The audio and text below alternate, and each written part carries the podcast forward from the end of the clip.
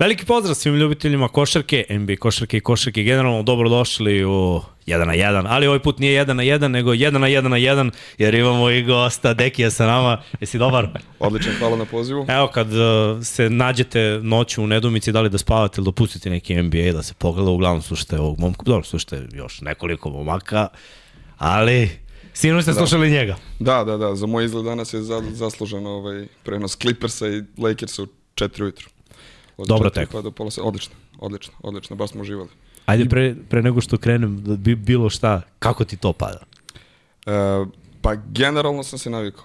Ovo je četvrta sezona već, ovo je četvrta sezona da ja radim NBA, peta kod, kod nas i generalno prve dve sezone je stvarno bilo ono sutradan, mislim, vama da pričam tu ne, ne, ne vredi nešto posebno, vi znate najbolje kako je noćni rad, ali generalno gledano e, prve dve sezone stvarno je bilo, sledeći dan nisi ni za šta, zameniš dan za noć skroz, ali sad sam se baš uhodao, eh, kad su ti prenosi u četiri ujutru, pošto sam ovaj, sad već malo iskusniji, to odremam jedno sat, sat, dva, koliko god može, ali sinoć mi Milan nije dao. Došao kod mene nešto ranije, pa, pa nisam. Ej, jo. Tako I... da, Jel... on, je, on je zaslužan, on, on i Clippers i Lakers za ovaj izgled. Sad ćemo mi da, da to osvežimo.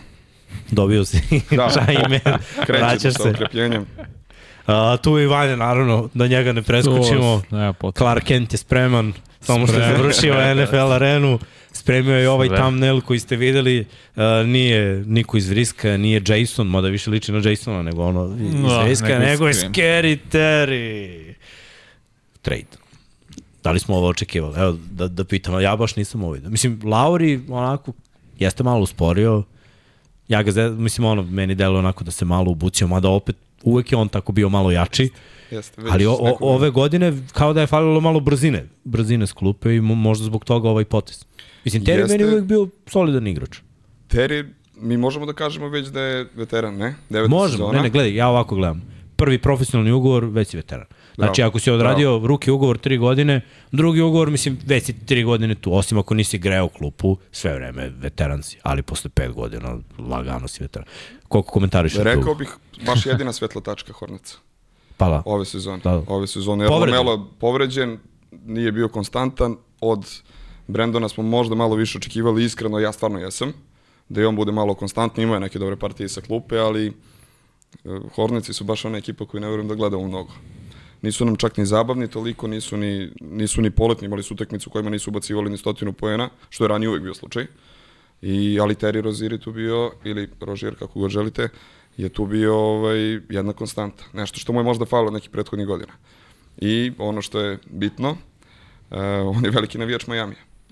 Generalno. On zna šta je hit culture i mislim da ćemo odmah da donese instant dosta toga, pre svega energiju, što mu je naravno negde i potpis, negde zaštitni znak. E sad, uh, ajde da imamo Srki ovo grafiku, opa, ma da, ma sve to. Per, uh, Terry ide u Miami, a Hornici su dobili Lauri, ali su dobili i Pika. I, I to je vrlo važno za njih, jer kao što si rekao, nisu baš ni zabavni, ni zanimljivi za gledanje. U jednom trenutku je delovalo, ok, evo ga Lamelo, možda bi moglo da bude. Pa tu bude neka zanimljiva utakmica, pa tu bude rana pobjeda protiv Bostona na početku sezone, ali onda se Lamelo ponovo povredi, da. onda se desi mm. jedna, druga, treća stvar, ima malo problema i sa slobodno ovo po... sa zakonom. Da, da. Pa, slobodno, o, da mi smo ovde slobodna forma. Sa, da, mi vidjet ćemo šta će biti sa Milesom. Ne, no, Kakva njegova vratio se, jel tako, igra vratio sve normalno. Vratio se igra, da, ali šta će biti, šta će biti sa njim? Bilo je tu još neki momci, dobro, Kai Jones, ajde, nije, nije da je ostavio neki veliki trag i to, to je... Kako je to budala. Da, to je, to je malo i bajato, to je malo i bajato. E, generalno gledano ono što su oni dobili najviše. Naravno, bit će otkupljen. Kyle Lowry neće možda odigrati nijednu utakmicu u Šarlotu, pa vidjet ćemo gde će, šta će. E, baš su rasteretili budžet, jer ima jako ugovor. Da. E, mm. Scary ima baš, baš jako ugovor. Do, da li ovaj sledeći ili ova sledeća Tri e, godine, ova i još dve 25, sezone. 25. 26. Tako je, tako je. će biti negde oko 30 miliona. Tako da, to je ideja. Dobro, za Miami s druge strane je jasna ideja. Uh, opet napadamo finale, želimo da idemo mm -hmm. do kraja. Uh, ima problema na istoku, evo pričat ćemo kasnije i o Milwaukee i celoj situaciji sa otpuštanjem trenera i crtanjem akcija o strani igrača na timeoutima i tako dalje i tako dalje, ali oni vide šansu. Ok, Boston deluje kao stabilna ekipa, ali mislim, ne zna se tu ništa do, do samog kraja. Zna Miami, tako je. Tako je. I o, ovo je prava prilika kako da pojačaju. Mi sve vreme pričamo da im neko fali, da oni nešto traže. E sada da, da li Terry može da im da to što oni traže, ne znam, mi smo pričali malo možda neko koji izraziti šuter, Ali dobro, on donosi e, određenu dozu energije ko, koja je Dve stvari su zaraz... jako bitne, upečatljive. Ne znam da li ćete se složiti, mm -hmm. sa mhm. mnom. E, prva stvar, nisu odrizikovali mnogo. Nisu mnogo izgubili. Da, ovaj pik za njih. Stvarno nisu mnogo izgubili. Oni od svakog pika mogu da naprave dobrog igrača. Hajde, Lauri je stvarno imao dobar prošlosezonski playoff, ali generalno njima treba neko ko će povući, jer Tyler Hero očigledno ne može da bude zdrav, uvek se nešto desi. Ne može da bude zdrav tokom cijele sezone.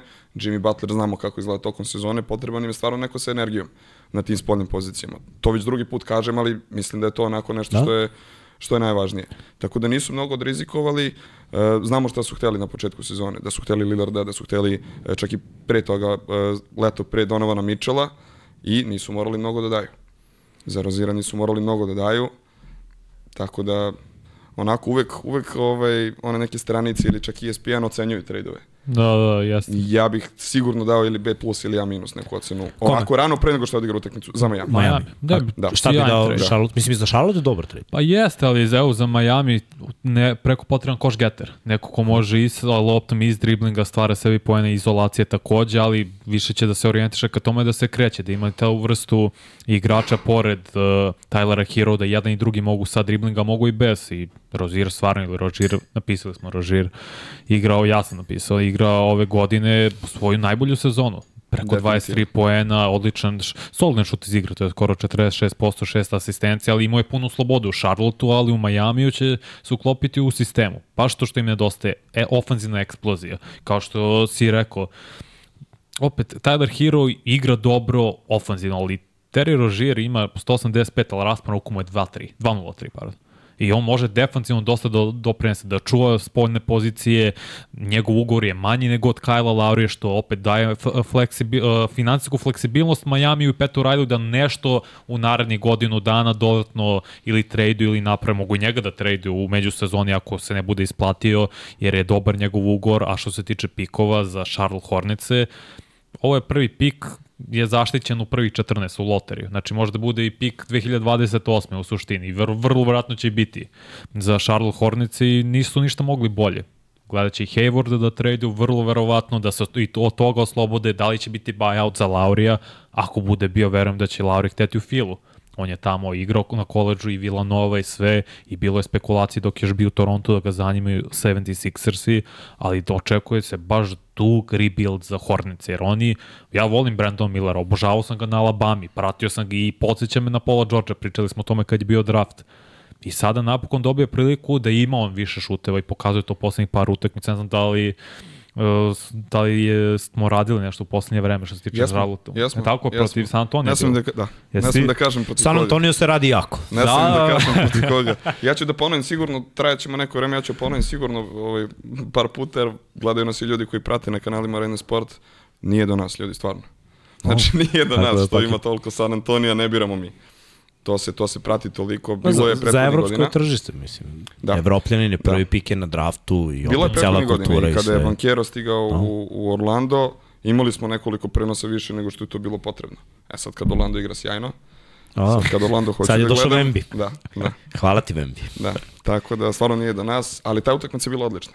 Mm. Onako, E sad šta je poenta, to veče su igrali Boston i Denver. da, da, da. Ja, to je ne, ne, desi se tako da, da je da. neki da. derbi koji da. propustiš, ali dobro, znaš šta, ja opet kažem s moje tačke gledišta, sve je to okej, okay, dolazi playoff, playoffu se radi sve i to, sve. to je poenta, mislim, playoff. O, ovde jeste. se nekad pogodi utakmica, nekad se ne pogodi. Eto, mi smo ove godine imali, na primjer, sreću za NFL da mi imamo mogućnost da biramo utakmice, ali dve nedelje unapred. E sad, dve nedelje unapred ali ti ne dobro. znaš. Jeste. Zato što se ovde kod, kod nas e, imaš neku mogućnost da biraš i biraš do januara za prvu polusezonu i za drugu polusezonu. Povredi se neko, povredi se propadne sve. Druga apsolutno ekipa totalno. Sve, apsolutno sve. Umesto da bude derbi, bude najgore utakmica. Pred dve ili tri sezone, pred dve ili tri sezone, momci koji sad stvarno igraju dobro, Terence Mann i Amir Kofi su bili udarne igre, udarne igle Clippersa. Mi smo Clippers radili tri put nedeljno. Znaš, ono, tako da treba, treba imati sreće s tim stvarima, ali dobro. O, biće. Svakako, ajde da, malo da, da se doteknemo, znači, te budućnosti definitivno, e, franšize znaju da preokrenu. Charlotte je jedna od franšiza koja ništa apsolutno nije preokrenula, pa evo već ima dve decenije. Tako što, što, je, što je jako loše. Ali dobro, mislim, evo i Detroit sam učio 30 godina, trenera, pa... Vraćaju starog desilo. trenera. Pa da, tako je. Može da bude plana. dobro, ali treba, treba im draft kapital, treba im neko ko zna s mladim igračima. Znači, da. ovo dovođenje jednog igrača koji nije ajde u stvari u tvoj, van ima svoju kategorizaciju, gde, gde Terry Rozier je ti no. zvezda. Vrlo dobar Čekaj, start. Zvezda Vrlo dobar start. Zvezda? Ne, ne, ne, ne, ne ima on. Znaš koliko ima to. Da, on ima pet. Baš jedna ozbiljna tier lista. Ne, to je vrlo dobar starter, jer nikad nije bio All-Star i, o, mislim, igrao je sjajno u Bostonu i imao onaj playoff seriju kada je bio stvarno odličan pokido, ali u Charlotte su poslednje dve sezone pronašu katastrofa ekipi. Charlotte ne zna da pravi očigledno dobro ekipu. Njihova zamisla je da vrlo dobar starter bude zvezda.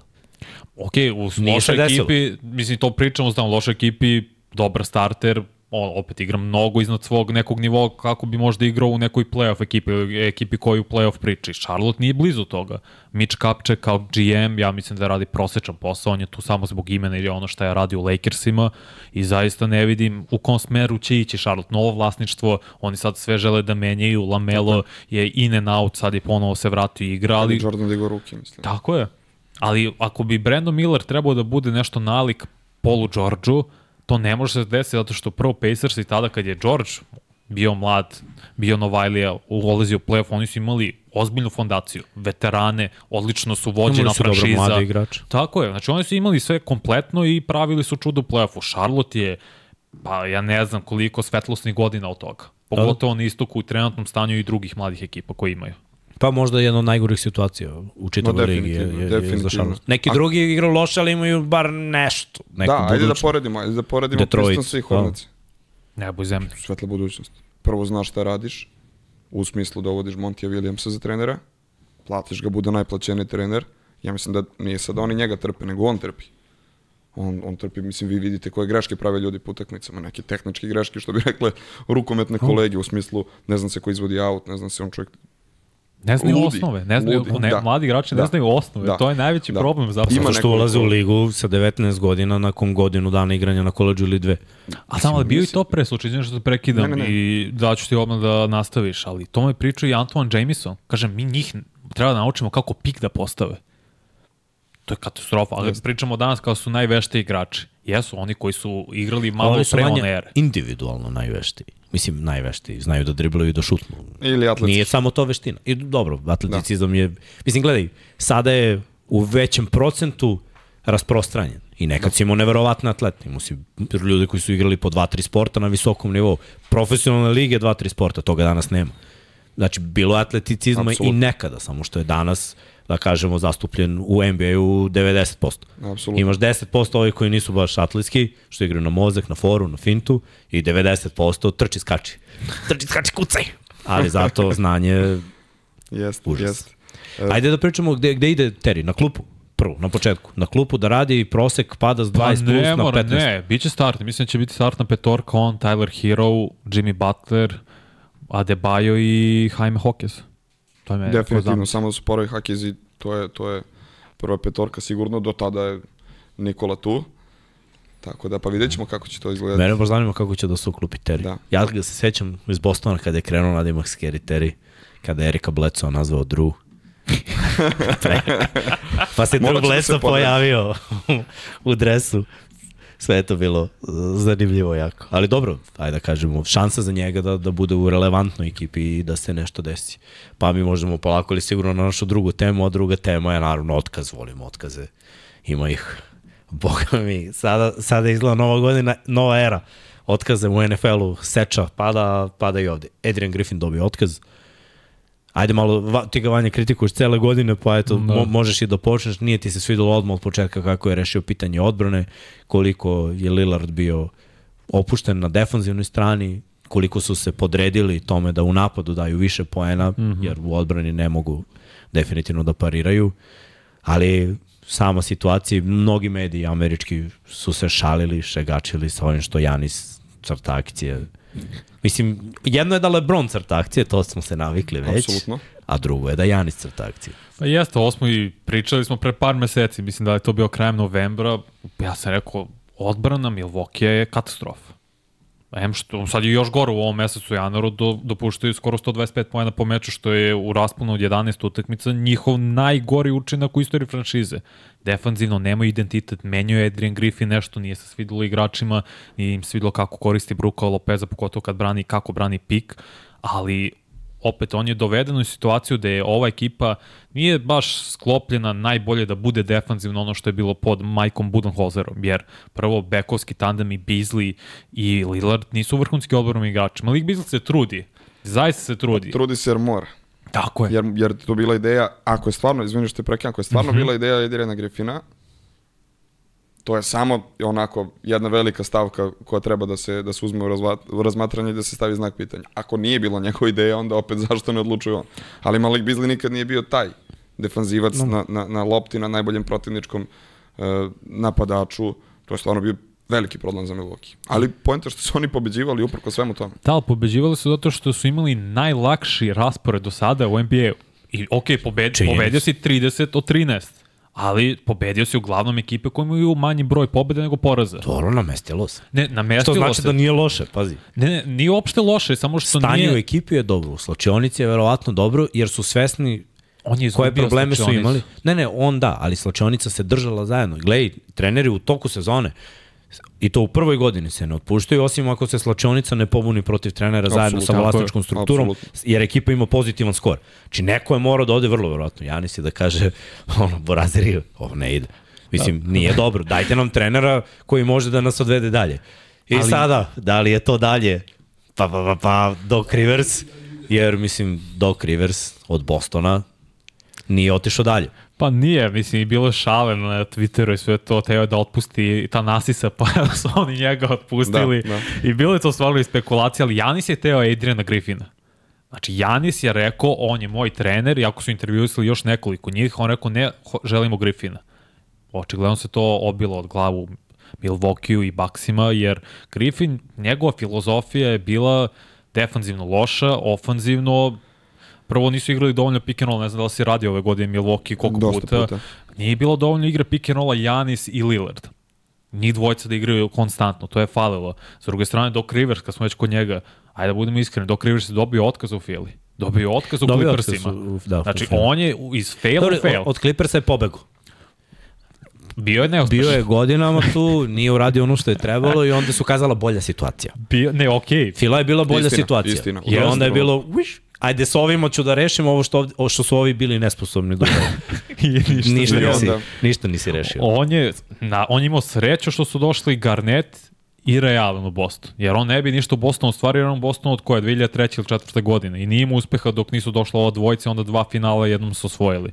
Još jedna stvar za Adrian Griffina, Terry Stotts je otišao pre početka sezone. A bio je glavni pomoćnik. I to se već sad u tom momentu videlo, ok, nešto škripi. Ne znamo šta je, nije ni počela sezona, ali čim Terry Stotts, koji je zaista cenjen trener. Absolutno. Bio je, mislim, i head coach. Tako je, dugo, dugo, da, da. Čim je on otišao, znači nešto je očigledno postoji problem sa Adrianom Griffinom. A što se tiče Doka Riversa, ovo mu je zlatna koka. Pogledalo ga je bukvalno kao, a, sad ja trener da budem, radio zezo se pola sezone na ESPN-u, sve ću da budem trener vrh. I sigurno će dopriniti defanzivno, jer je on defanzivno orijentisan, pre, pre svega trener. Ali koliko je ovo upgrade u međusezoni, zaista sumnja, jer ima čovek niz godina neuspeha. Nije prolazi do finala konferencije sa Philom. To je problem. Jedna razlika. Nikad nije imao klač igrača od Bostona. Mislim, ok, da. možemo pričamo o tome da je bit klač u regularnom delu. Dobro, ali realno... Paul je bio klač u Clippersima. Podavo je klač do pobedu. finala konferencije. Mislim. Da, koš za pobedu pa se povredi u istom trenutku i onda ga nema... I prvo finale s Phoenixom tek posle, posle, posle, posle, posle, posle. Znači, sada je pravi ispit, jer gledaj, ja ne volim da treneri budu prozvani da, da budu čokeri, iskreno, ali, znaš, ako u jednoj situaciji ne isporučiš, pa u drugoj situaciji ne isporučiš, Ova je poslednja situacija kad ja prihvatam Doka Riversa. Znači sad, Borazaru, ako ne uđeš u finale istoka sa Bostonom, jer ste ubedljivo najbolje ekipe na istoku. Možemo mi da pričamo o Indijani, lete, trče, daju poene, Orlandu, mlada ekipa može da se desi, Miami koji ima rešenje, ali nemo se lažemo. Od početka sezone Absolutno. je bilo Boston i Milwaukee, kad je došao Lillard, bilo je Lillard, Janis i ovamo ekipa iz Bostona, to je to, to mora da bude finale. Ako li, mogu da poštujem da izgube, da se ono, bore muški, da bude neizvesno, da bude dobra serija i da izgube od Bostona i to je jedino što dok mogu Rivers da prihvatim. Trener, dok Rivers je trener koji je u play-offu najviše puta gubio 3-1. Tako je. To ne smije da Da, da. Deset? Uh, ne, Ili od nećete, sad uhvatiti za reč, ne znam, ne znam tačno, Onaj. ali generalno gledano dešavalo se to često. Mm. E sad ti si pominjao te, te Celticse u, u ovoj 2008. godini i toj sezoni kada imao sreće što su došli Allen i Garnett, e, možemo i tu da pričamo o nekim stvarima koje nisu striktno košarkaške od Oku Riversu. Smo on je čovjek koji je van lige bio ukupno, evo sad od oktobra do, do kad, koji je danas datum 23. Ma da, 4. par meseci. januar, Da, e, u poslednjih 20 godina. On je sve vreme u ligi. Da? tako je. On je sve vreme u ligi. Orlando, pa odmah Boston, pa odmah Odmah. Clippers, pa Ali odmah odmah. sa- fi- 76ers. Poštuju I znaš, šta to, se- to je i ipak jedno veliko ime. Znači, taj čuveni Ubuntu metod, bili su snimani su se i dokumentarni filmovi, to, to je neka stvar koja ne spada u košarkašku, ne?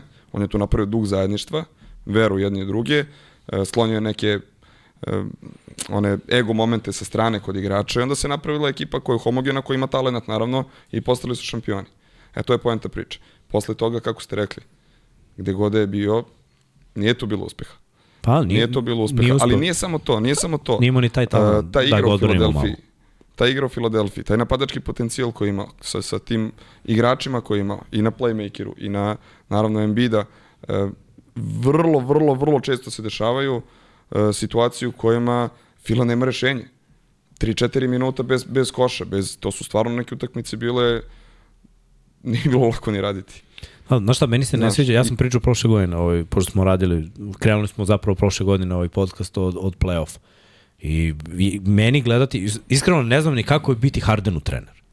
Šta tu treba Istina. da uradiš? Da li Treba da ga pustiš, treba biti taj da se skloniš mm. po strani, ili da mu daš neku zamisao, pa onda kad ne uradi to što, što je bio dogovor, da mu kažeš. Jer on se možda naljuti, digne nos i onda posle, znaš, Harden koji je ljut, uvređen, ti ne znači ništa na terenu. Pa Embiid je isti takav. Istina. Mislim, malo, malo pa će suzicu da pusti. Ne, znam kako trenirati Istina, tako, jer istina. ajde malo se vratimo na onu generaciju. Mislim, KG bio egomanijak, ali je Apsolutno. stara generacija, znaš, stari kov, njemu možeš nešto da kažeš i on će možda se naljuti, Znaš- ali preće da ti kaže nešto ružno i da izađe na teren i da pokida, jer to mu je neki ali njegov znaš revolt. šta, Garnett je tada bio u tom periodu karijere e, gde je već bio neki dugi niz godina dominantan i u Minnesota i verovatno je i tu došlo do njegovog onog nekog internog sazrevanja kao čekaj, ajde, podredit ću se ako treba da osvojim nešto. Mislim da ima i do toga. Ima i do toga. Mislim I da- opet mislim da Allen se je to bio, dešava Hardenu. Allen je bio u istoj situaciji jer je Da. u Milwaukee bio neuspešan i onda su oni shvatili ok, sad ili nikad. Svi I, su oni i- žrtvovali. I odradili posao. U Fili se niko nije žrtvovao, žrtvovali su se malo za statistiku Hardena i Embida, jer mi smo pričali prošle godine da igraju imaju asistenciju imaju, jer mislim igraju pick and roll i Naravno. tu se sve zaustavlja. Osim toga, Naravno, ali ista je nema. sad situacija. Sa novim trenerom, sa Terizom Eksijem, ako ćemo malo da pravimo Da. digresiju, potpuno je sve isto kod, kod Ali Filadelfije. zalaganje je drugačije. Mnogo bolje se kreću. Vidiš, Pa, drugi možda igrači, jeste. drugi igrači lete po terenu. I opet, kad imaš takvog dominantnog igrača na lopti kakav je Harden, koliko puta se desi da ostatak ekipe je ovako. Ajde, uradimo. Moje ovaj korner, tvoj onaj korner. I ček. o, I to, i čekamo. Ako dođe, dođe, ako ne dođe, ne dođe. Sada, mislim, nema toga toliko. To u NBA. Istina, Na- istina. Nažalost, ima često tih situacija u svakoj ekipi, ali sad ima manje. Ali opet, za, zašto Janis i, i Lillard nisu igrali pik? Pa mislim, Janisu, ja mislim, bilo teško kad je došao Lillard. Nije ona, Janis je igrač koji uzme loptu i lopta je njegova. Bez obzira što ima playmakere pre. I. Bledso kad je bio, i Holiday kad je bio. Kad, kad je došao Lillard, mislim da je Janis shvatio, ok, evo ga neko kome mogu da dam loptu, ali šta onda ja da radim? I Griffin nije znao da mu, da mu da najbolji mogući način šta on da radi da bi ekipa bila uspešna. Nekad je funkcionisalo kad obojica dominiraju. Bilo je utakmica gde su Yes. obojica dominirali. Pa i kada se razlete, da. kada igraju na koliko poseda, No. kada se razlete, kada se ne igra 5 na 5, mislim, stvarno su moćni. Šta će dok da promeni? E, To je Pa defanzivno, mora da se promeni defanzivno, pre svega zamisao i kultura čitavih baksa. Inače, Doc Rivers je maltene legenda u Milwaukee. Njegov dres je stoji povučen tamo, ali iz koleđa, iz marketa. Znači, on je već tamo određena ličnost, znaju ga ljudi, imao je uspeha da kao igrač, ali mora da se defanzivno promeni i sistem i njihova filozofija. Naravno, nema sada da Tibodoa što ima 2008. u Celticsima, koji je zaista genijalci, radi sjajan posao sada sa Nixima, možda ćemo, se po, možda ćemo pričati posle o njima, ali u napadu i volao da vidim više Janisa s loptom i njemu da ide Lillard u pik da tako opet naprave mismatch, da može Janis da ide na manjeg igrača do kraja, da može da ide post-up Lillard, ako se otvori iz popa, lakše će protiv visokog da reši. Znači imaš ti drugačije načine i da na taj način uh, prvi na lopti, to je prvi igrač kojome lopta ide, nakon toga bude Middleton. Znači onda bude najbliži lopti, Brook Lopez će imati svoj ugao, ništa to nije sporno i čekaće u korneru, ali napad njima nije problem. Ja ne znam da li oni imaju igrače da promene toliko defanzivno sada. Oni su posle jedna od najgorih odbrana. Zato što spoljne pozicije ne mogu da brane. I videli smo protiv Pacersa to najbolje ove godine. Pa to su dve ekipe koje igraju najbrže, na najveći broj posjeta. Mislim, stvarno, ok, možemo da pričamo o tome da treba da se menja defanzivno, ali onda se menja čitav sistem. Onda ti moraš da igraš na mnogo manje posjeda. Tako je. Onda će patiti napad. A? Ako ćeš, morat ćeš da usporiš cijelu utakmicu, čitav Niko ritam nema ekipa. toliko energije, e, da li to nisu može, robuti, da. Da li to može, to će baš biti interesantno da se vidi. E sad, to će baš biti interesantno. Šta je dobra stvar? I da li stvar? treba da se radi na kraju krajeva? Pa gledaj. Ako imaš 33-10. Ali play, ja nekako, košarka. Ja neko, nekako verujem da je odbrana tvoja odluka u glavi, da li hoćeš da se daš 100%, da, da znaš, ne moraš Duško cele utakmice to da radiš, znaš, ali doći ćeš u moment ono, četvrta, četvrtina, je sad je ono, full, 100%. Naročito sada, jer šta je važno za, za Milwaukee, isto kao i za Boston, prenos domaćih terena.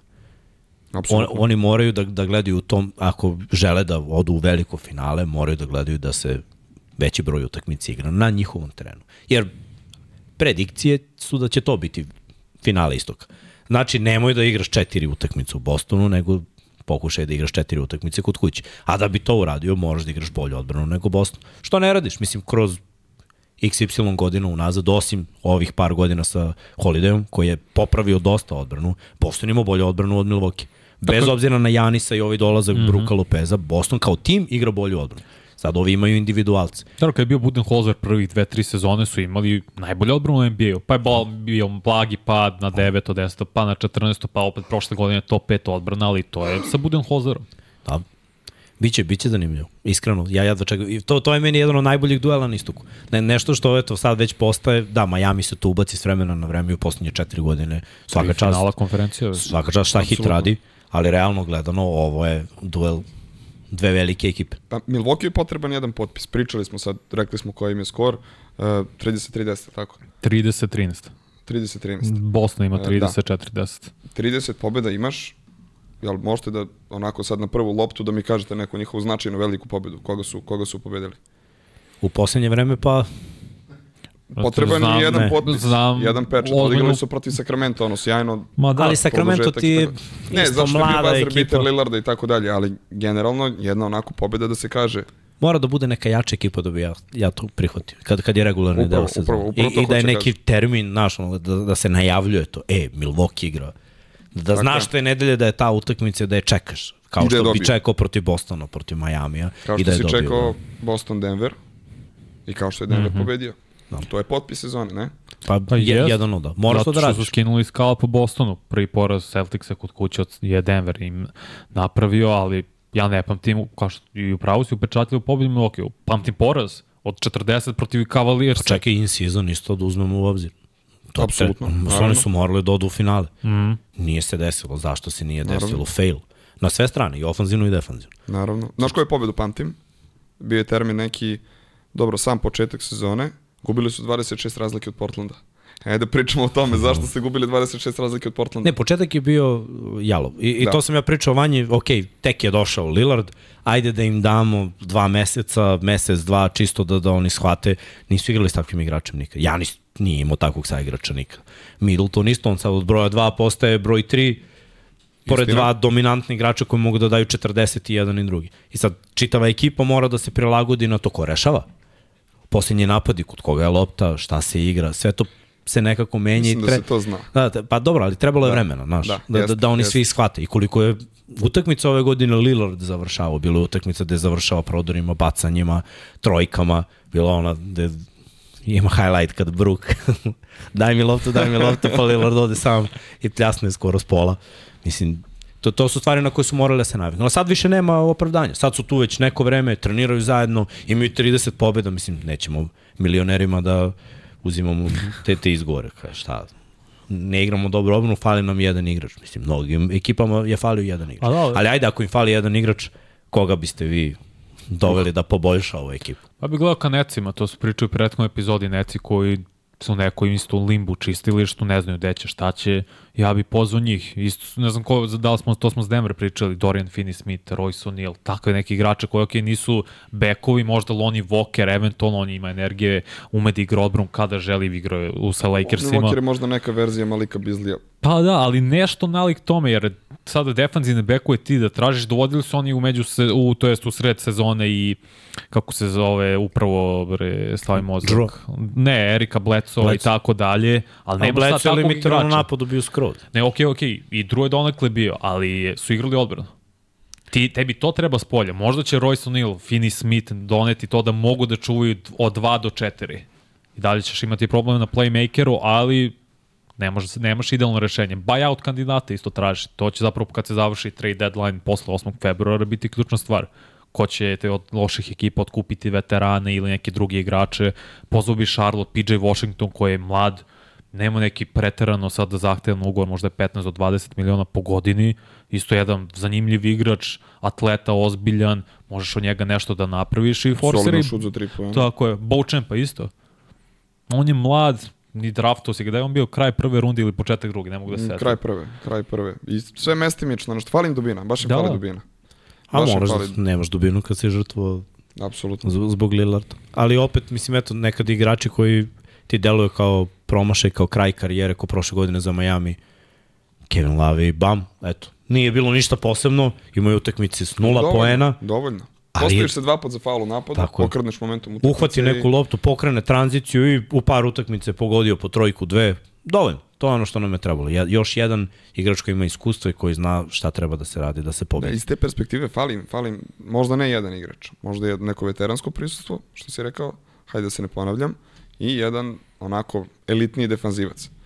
Možda to bude baš Dodo, možda to baš bude Finney Smith. Možda, ali mogu da ali zovu... Ali šta da daju? Pa upravo to, da mogu da zovu Toronto, šta, šta je neophodno za Bruce Brown?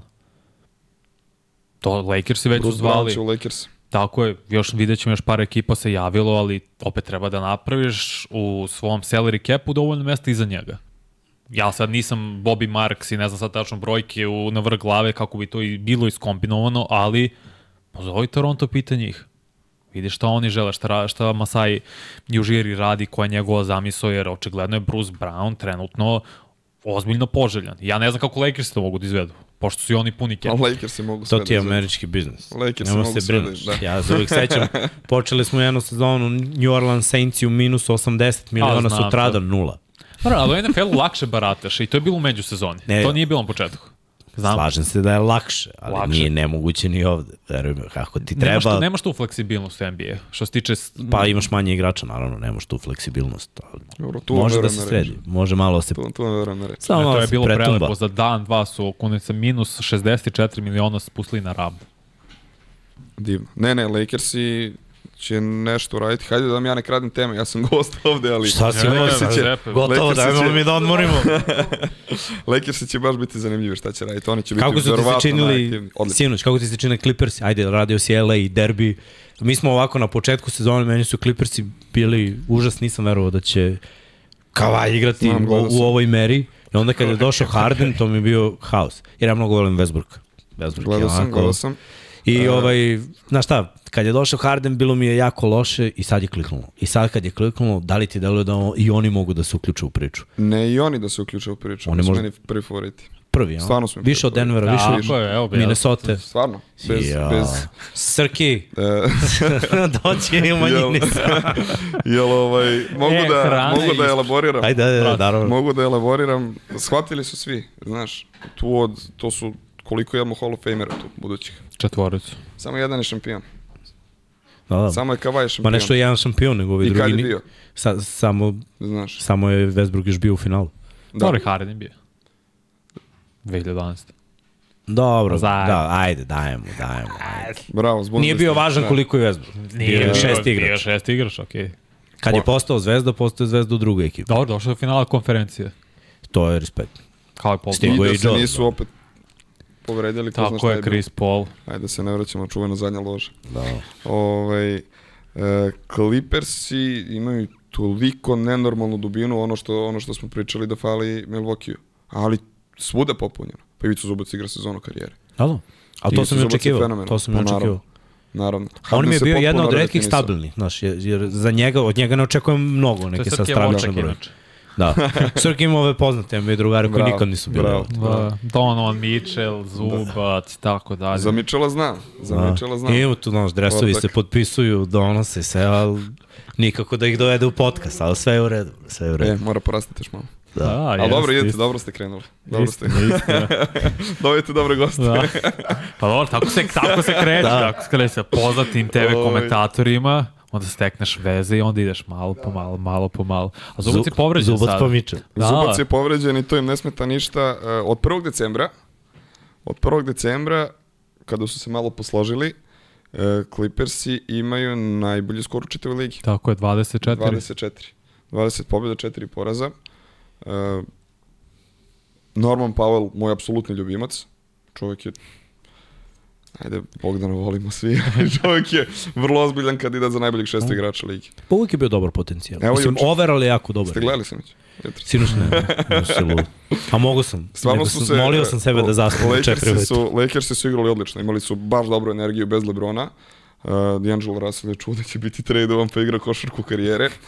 I, I ne samo šta radi, šta isporučuje, da je to bio double-double 30-10 sinoć, nego je energija njegova. Igra u odbrani angažovanost kada je ušao ne znam. E, meni je Dilo ili vatra ili led. Da. Nema kod njega sredine. Da, On ili pokida ili se ne pojavi. Ne, nema kod njega. I, a ne možeš da držiš vatru tokom čitave sezone. No. I onda baš je, ali fenomenalni juče.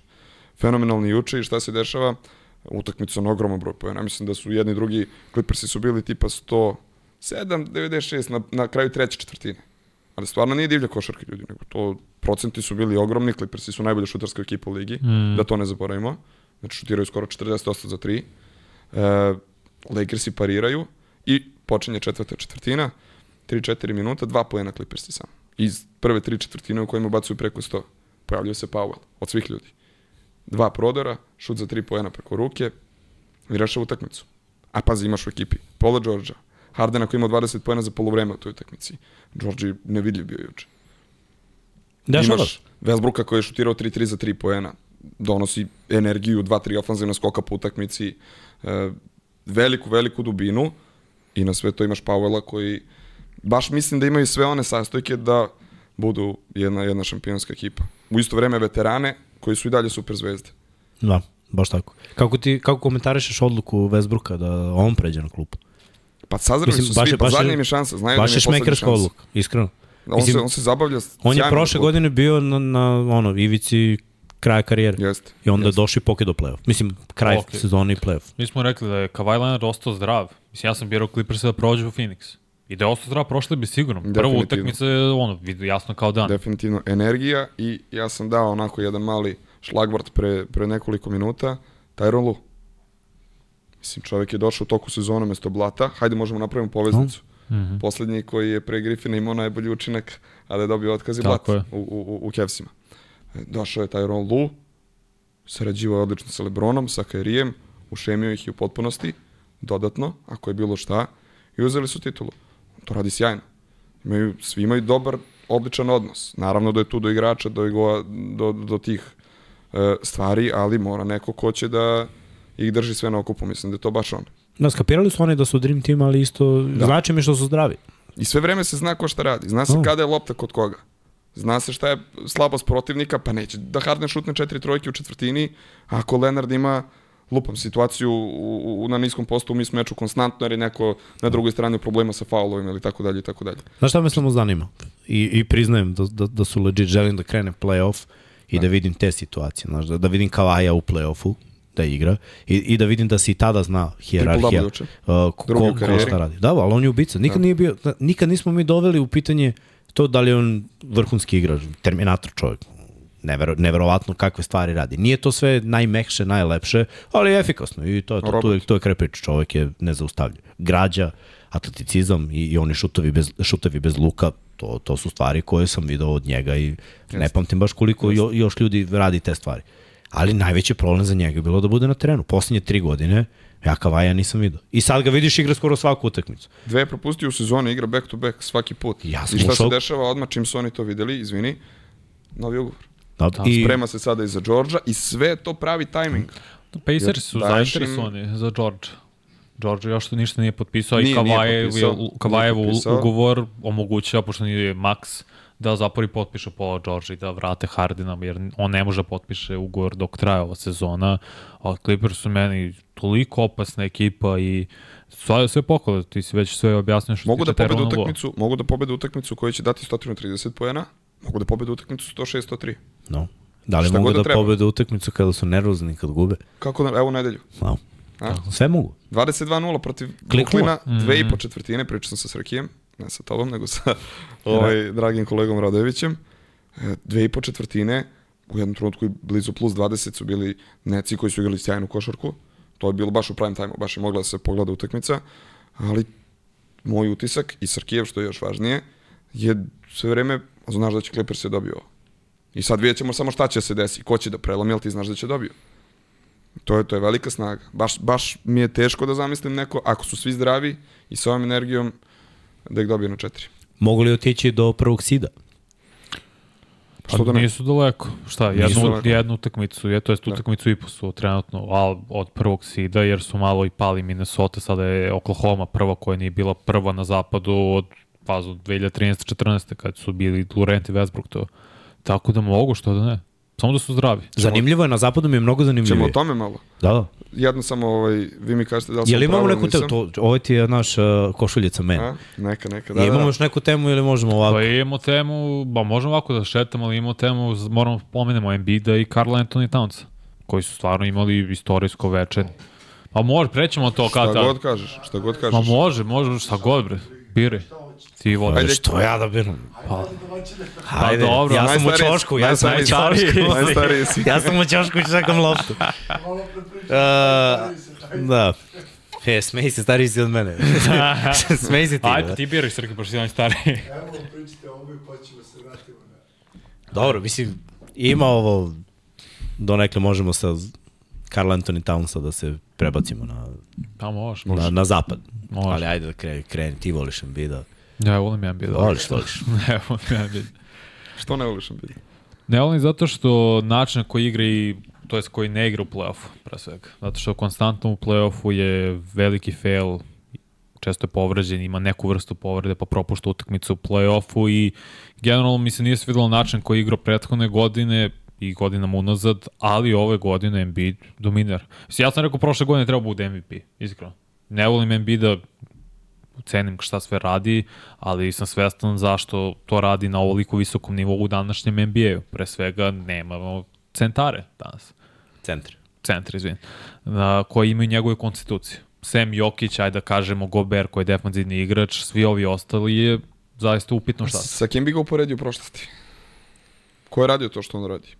E, ali Šek. drugačije, ma nije. Ne, ali i drugačije mnogo, zato što... Mnogo, mnogo šuteva s polja. Mnogo, Baš zato. Neki iza fade away. Znaš, ovo nije karakteristično za peticu. To A nije, koga A dan, čuva. danas je drugačija košarka zbog toga. Mnogo manji ljudi ga čuvaju. Pa ovo, ovo sad utakmica 70 poena, što je, mislim, čovjek postiže više poena nego što igra minuta ove sezone, što je sulud. Što je stvarno za svu pohvalu. Na isti dan kad je Kobe metno 80. Tako je. I on i Carl Anthony Towns stvarno izgrmeli, ali ti vidiš, ne znam ko je radio tu utakmicu. A, Bogon. Ne, Znači, videlo se koliko puta je bilo manji igrač na njemu, on rešava. Veliki broj slobodnih bacanja, što nema nikakav problem s tim. Ok, flopo je, je često. Put, da. Često i nije. Često se on bacaka i to je i moj mixing problem takođe. Znači, to je njegovo bacakanje Ono konstantno. Ono bacanja zna da ih iznudi. Vrhunski šutira bacanja. To ide njemu u prilog, ne mogu da mu e, oduzmem. To je... Kako ih izvodi? U kojim Vrhunski, da, da, skoro je bravo. Skoro 90%. Da. Ja opet kažem, to je meni veliki skill i veliki atribut za svakog igrača. I, I uvek meni velika mana za Lebrona koji ono, za najboljeg igrača na svetu ili svih vremena. Izvodi malo slobodnih bacanja, izvodi ih loše. Moraš da pogađaš sve što šutneš. A ovo je pohvalno za visokog igrača jer imaš toliko drugih stvari na koje možeš da se osloniš ti da navežbaš slobodno bacanje. Isto i za Jokića stalno. Jokić i Embiid stanu na, na liniju bacanja, ja ako navijam za njih, nemam ono u stomaku. Upisuješ dva pojena. Pa u principu, znaš, ono, kao, ako promaši, budu, uj, promašio je. Za neke si u fazonu, Janiska stane na bacanje, ja navijam za Milwaukee, hoće da pobede tu utakmicu. Tresam ako se da ceo. jedno kao dobri smo. Zato ono finale bilo... O, on kad izgrmeo 17 od 19, mislim, to mu je najbolji. Sad je bio MVP, koliko? 21 od 23. Da. Linije, mislim, da. stvarno je jedno od najboljih ofenzivnih izdanja ikada. Mislim, tek videli smo poslednjih godinu dana tri puta da neko dao 70 ili više. Pa kad će ako ne sad? Pa da, to, to, I to je, i to je problem. To je, to je I Adam Silver je pričao o tome. Pravila su namenjena da bismo što više poena postigli. Ok, zato onda meni nije impresivno to toliko kao što je Bryant ima 81, on zna, ja obožavam Bryanta, ja mislim da je on najveštiji košarkaš ikada. Ne možda najveći, pošto ima tu razlike, ali najveštiji nisam vidio. Inače ovde se vodi u četu ozbiljna polemika o, o Embiid. Riversu, njegovim ekipama, trenerima, Kobiju i tako dalje, ali znaš šta ću ja da vam kažem? Imamo vas 250 u live-u, a 50 lajkova. Znači, da smo mi na liniji slobodnih bacanja sa ovim procentima, dobili bi otkaz odmah. Tako da slobodno ručica tamo, miš, like, subscribe, ako niste rekli, smo prešli tamo. 46, jasno. 1000. Prošli Dobro, ajde, mogli bi imati da. 47, mislim. A bić, bić. Meni je... Od... Andrej Kirilenko da padne jedan, AK-47. Bilo bi skroz u redu. Meni Tako je... Da, klik, klik. Od Carl Anthony Townsa bio impresivnije ono što je on radio.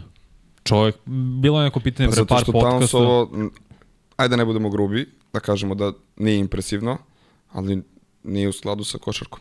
Tako je. Kao ali, timskom igrom. Ne, kao timskom da, impresivnije u smislu čovjek je pogodio 10 trojki 10 puta za dva, preko 10 bacanja, to nikad niko nije uradio. I si vidio kako je vrištao ovaj kom, da sam Hornica.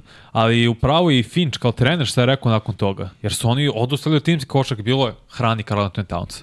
Dao 44 pojena u prvom polovinom, to kad se vidio rekao sam šta se ovo deša, čovjek Ljudi, nije promašio. Ljudi, znate šta treba se 10 da izgubiš od Charlotte? Mislim, pričali smo o njima. Da. Nisu, pa tad nisu se pojavili u poslednjoj četvrtini. To je katastrofa bila. Šta treba da se desi da izgubiš od Charlotte kod kuće?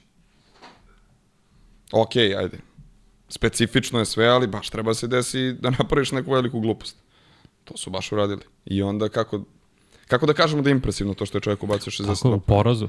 Mislim, sva ja gledam i pomislim na stvarno ono, stigo do 60 ili koliko već krajem četvrte ili ima 58, to je krajem treće, rekao. Mislim se dogovorimo šta je poenta košarkaške utakmice, da li da je pobediš ili da sad ti Vanja daš 70 i ja ti delim loptu, Naravno, izgubimo 20 razlika. To mi je bilo čudno, zato što Anthony Edwards bio kompletno pasivan na toj utakmici. I gledam, razmišljam, pa to može da stigne Kobijev rekord. Dobro, ma, ma, malo je verovatno njegova glava sada na drugim mesti. Mislim, Čije? Anthony Edwards. Uh -huh. ma, malo su sada krenule neke priče, neke druge stvari. Mislim, Amerika je. Mi ovde to možda ne smatramo toliko ozbiljnim, ali znaš, sigurno je od momenta kada izađe iz kuće, ga prati 50 ljudi sa ono, mikrofonima, telefonima, pa onda ljudi drugi sa billboardima, natpisima. Znaš, i, i sigurno je pritisak, pritisak društvene mreže, ako ih ima, verujem da ih ima, isto ga napinju po ceo dan i malo s mozgom nisi u znaš. E, bude, bude ti teže, da izađeš na teren i sad cele godine kidaš, cele godine te stavljaju na highlightove. Bio si na svetskom prvenstvu yes. glavni igrač Sjedinih američkih država. Govori mm -hmm. se o mhm. tome da si nova zvezda NBA, govori se o tome da ti, si ti tala sledeće generacije koji dolazi i da si više klač nego mnogi, da si bolji defanzivni igrač, ofanzivni igrač, da imaš arsenal, da možeš sve živo da uradiš i odjednom te izbaci iz takta neka glupost koju si napravio koja apsolutno nema veze s košarkom.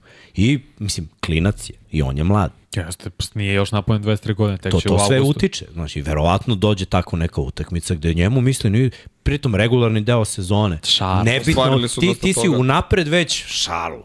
Sigurno, znači, veruj mi, ti kad igraš protiv takvih ekipa, ideš već u fazonu, upisuješ pobedu, no, ne razmišljaš o tome ko će tamo da te čuva, da te, te reši. I onda kad treba da se napneš, ne ide. Nešto ti ne da. Blokada, da. ručna, nema, kraj. To je problem. Smešno Ali dobro, je... ne verujem da će, da će to biti dugo. Mislim da je to ne, izolovana situacija. Da, i opet i Charlotte, dobro, i ovi su igrali protiv San Antonija. Mislim, nisu da su igrali protiv neke vrhunske ekipe, pa i ovaj bacio i Vembanjame bio veoma dobar na tom meču, ali To je bacio duplo manje od Embiida. Jes, bukvalno je duplo manje. Što je sjajno. Što je sjajno. Ne, okej, okay, opet 33, čini mi se da, da. imao, ali vidiš ko čuva sve Embiida, koliko su to opet te konstitucije, Zach Collins, jedan ga čuva koji je više četiri, možda nekad čak i tri igra, nije centar, koliko tih manjih igrača čuva Embiida, nije čudo što je stigao to. Nije čudo što beleži preko 35 pojena ove godine. Sve pohvalno. I opet ide ka tome da bude MVP, da se razumemo. Jer ima vrhunsku sezonu, sezonu bolju nego pre, prošle godine što je imao ali opet imaš tu začkoljicu, ali današnji NBA. Timska odbrana nikad gore. Pa dobro. Ne, znaš šta, ne, ne, ne možemo to. Mora da mu daš priznanje. Bez Ajmo obzira priznanje. što je takva era kakva je. U toj istoj takvoj eri smo priznali sve drugi. Mislim, era je takva kakva. Zato ne volim poredim ere. To je jako loše. To ja radim. To on voli. Na primjer, ali, ali to je normalno, to, to, je, to je normalno. šta bi bilo da i ovi, neću uopšte razmišljam šta je. Nisu isto eri, drugačiji je sport, totalno drugačije, drugačiji je sport. Yes. Košarka ovaj... i dalje se zove isto, ali se igra potpuno drugačije. I poštovanje zone od pre, što su radili na onaj način, ovakav je sad novi način. I, i to je to. Ako je uspešan on, Mislim, imaš i danas dobre igrače, evo vidi Lebron šta radi u kojim godinama, vidi Durenta i dalje može da doprinese. Nisu blizu završa karijera. Da. I dalje doprinose. To je nekad bilo nepojmivo, da igrač se približava 40, 40. rođendanu I da i dalje daje preko 20 i u pojedinim utakmicama bude glavni igrač u ekipi i da preko 30. Da, zato što je mekše NBA, mekše su pravila. I zato Lebron može da igra i duže. Igraće još dve godine Ali sigurno. Ja bih dodao brigu o telu. Naravno, brigu, to, brigu o profesionalizam tih ljudi. Kevin Durant ima drugu najveću minutažu od svih igrača u ligi. Samo Max igra više prosječne minute. KD kida, bre. Ovaj ga nije stavio super zvezde, ja izgorao. Kako to misliš? Pa nije ga stavio. Svih vremena ili? Ma sad. Ne, ne, ne. U ovoj njegovoj piramidi Imaš KD piramide. nije super zvezda. Nije više, nije više lice Recimo, lige. Šta da, sam ga bude lice franšize. A za lice lige šta sam stavio? Jokića, Embida, Janisa, Luku, I Embida. Stefa, ne rekao sam Embida. Bio je, ne znam ko je bio šest. Stef pred Duranta sad. Da. Dobro, Stef je Mislim da je Stef i zato što je pokazao godinama unazad da je bez opet Durenta osvojio. Stef je mađioničar. Yes, samo što je raspad sistema u Golden State-u i zbog svega što se desilo, pričali smo prošle nedelje o Dekiju posebno. Da. Šta, nađi, probi da nađeš. Ali, Kopaj po grafikama tamo. Kopaj, ali Durant stavio tik ispod, znači da je sedmi, osmi u tom, da je sada lice franšiza da nije više jedan od najboljih igrača NBA. Dobro, teško je rangirati, baš je teško rangirati. Evo ti dok sad pričaš pada mi na pamet Shea, Edwards. O, gledaj. Oni su lice franšize, meni su oni to Oni još uvijek nisu radili da. što je KD. Neće da urade ne za 10 mm. godina, verovatno. To, zato ne mogu da budu isto konverzacije, ali mislim kad se defanzivno e, spremaš da i da daš loptu, evo, evo da, da si u odbrani. Trenutno. Da li pričamo o trenutku od... ili pričamo generalno? Sad, U ovom Sad. trenutku, da si na terenu i da loptu uzme Durant i da ga ti čuvaš, verovatno bi bio u fazonu, šta sad? Ja, tako, kao iz ove druge koje je pomenuo. Za sve druge, znaš, nije toliki strah, ovde imaš faktor straha. Da li je to samo zbog ovog što on radi ove godine ili zbog svega što je radio u svojoj karijeri, svega što znaš, je bio u finalu, jeste, je rešio finale, jeste, je bio MVP, jeste, je najbolji skorer, jeste, je, d, d, d, d, d, jer je ga teško čuvati jer ima 2-10 i neverovatno je pokretljiv Čovjek i agilan za tu visinu. Čovjek strelaca svih vremena. Svih vremena, da jeste. Onda, jeste. Naš, biće u pet. Mislim. Biće, biće sigurno. Meni on treći najvešti igrač. I ove godine više minuta odigrao od dvojice mlađih, od Bukera i, i Bila. I, I pokazao više od obojice zajedno. Rukom srce, ovo isto napravljeno pre početka sezona. Dobro, pošteno, okej. Okay, ne, ne, pa, istina, zato što je u play-offu poslednje dve godine Durant bio loš. Loši procenti iz igre. Šta šta? A, pre početka sezona.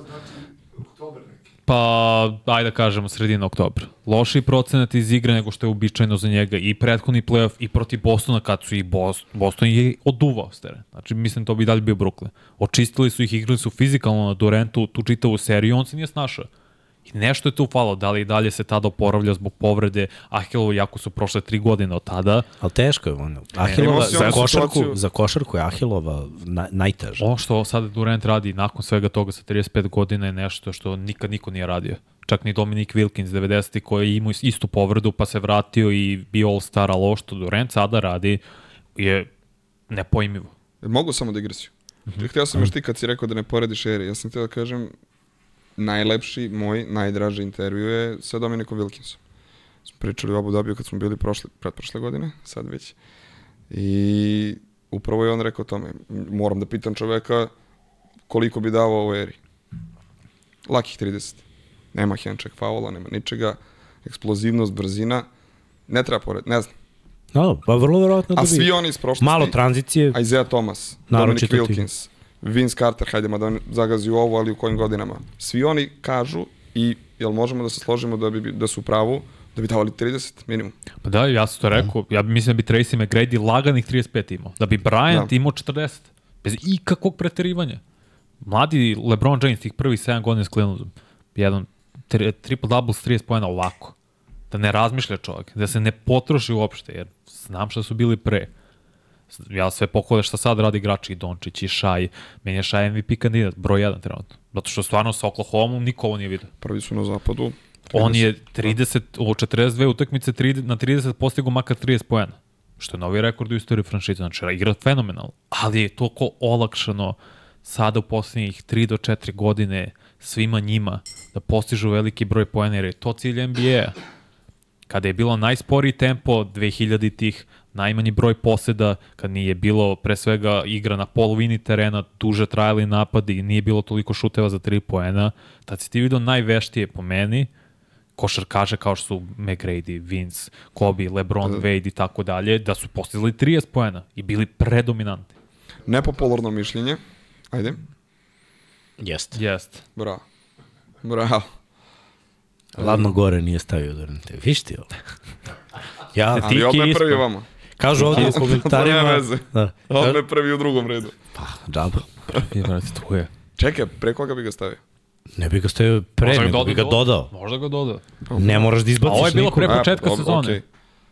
Sad na kraju sezone. Okay. Ako bude dogura u play-offu.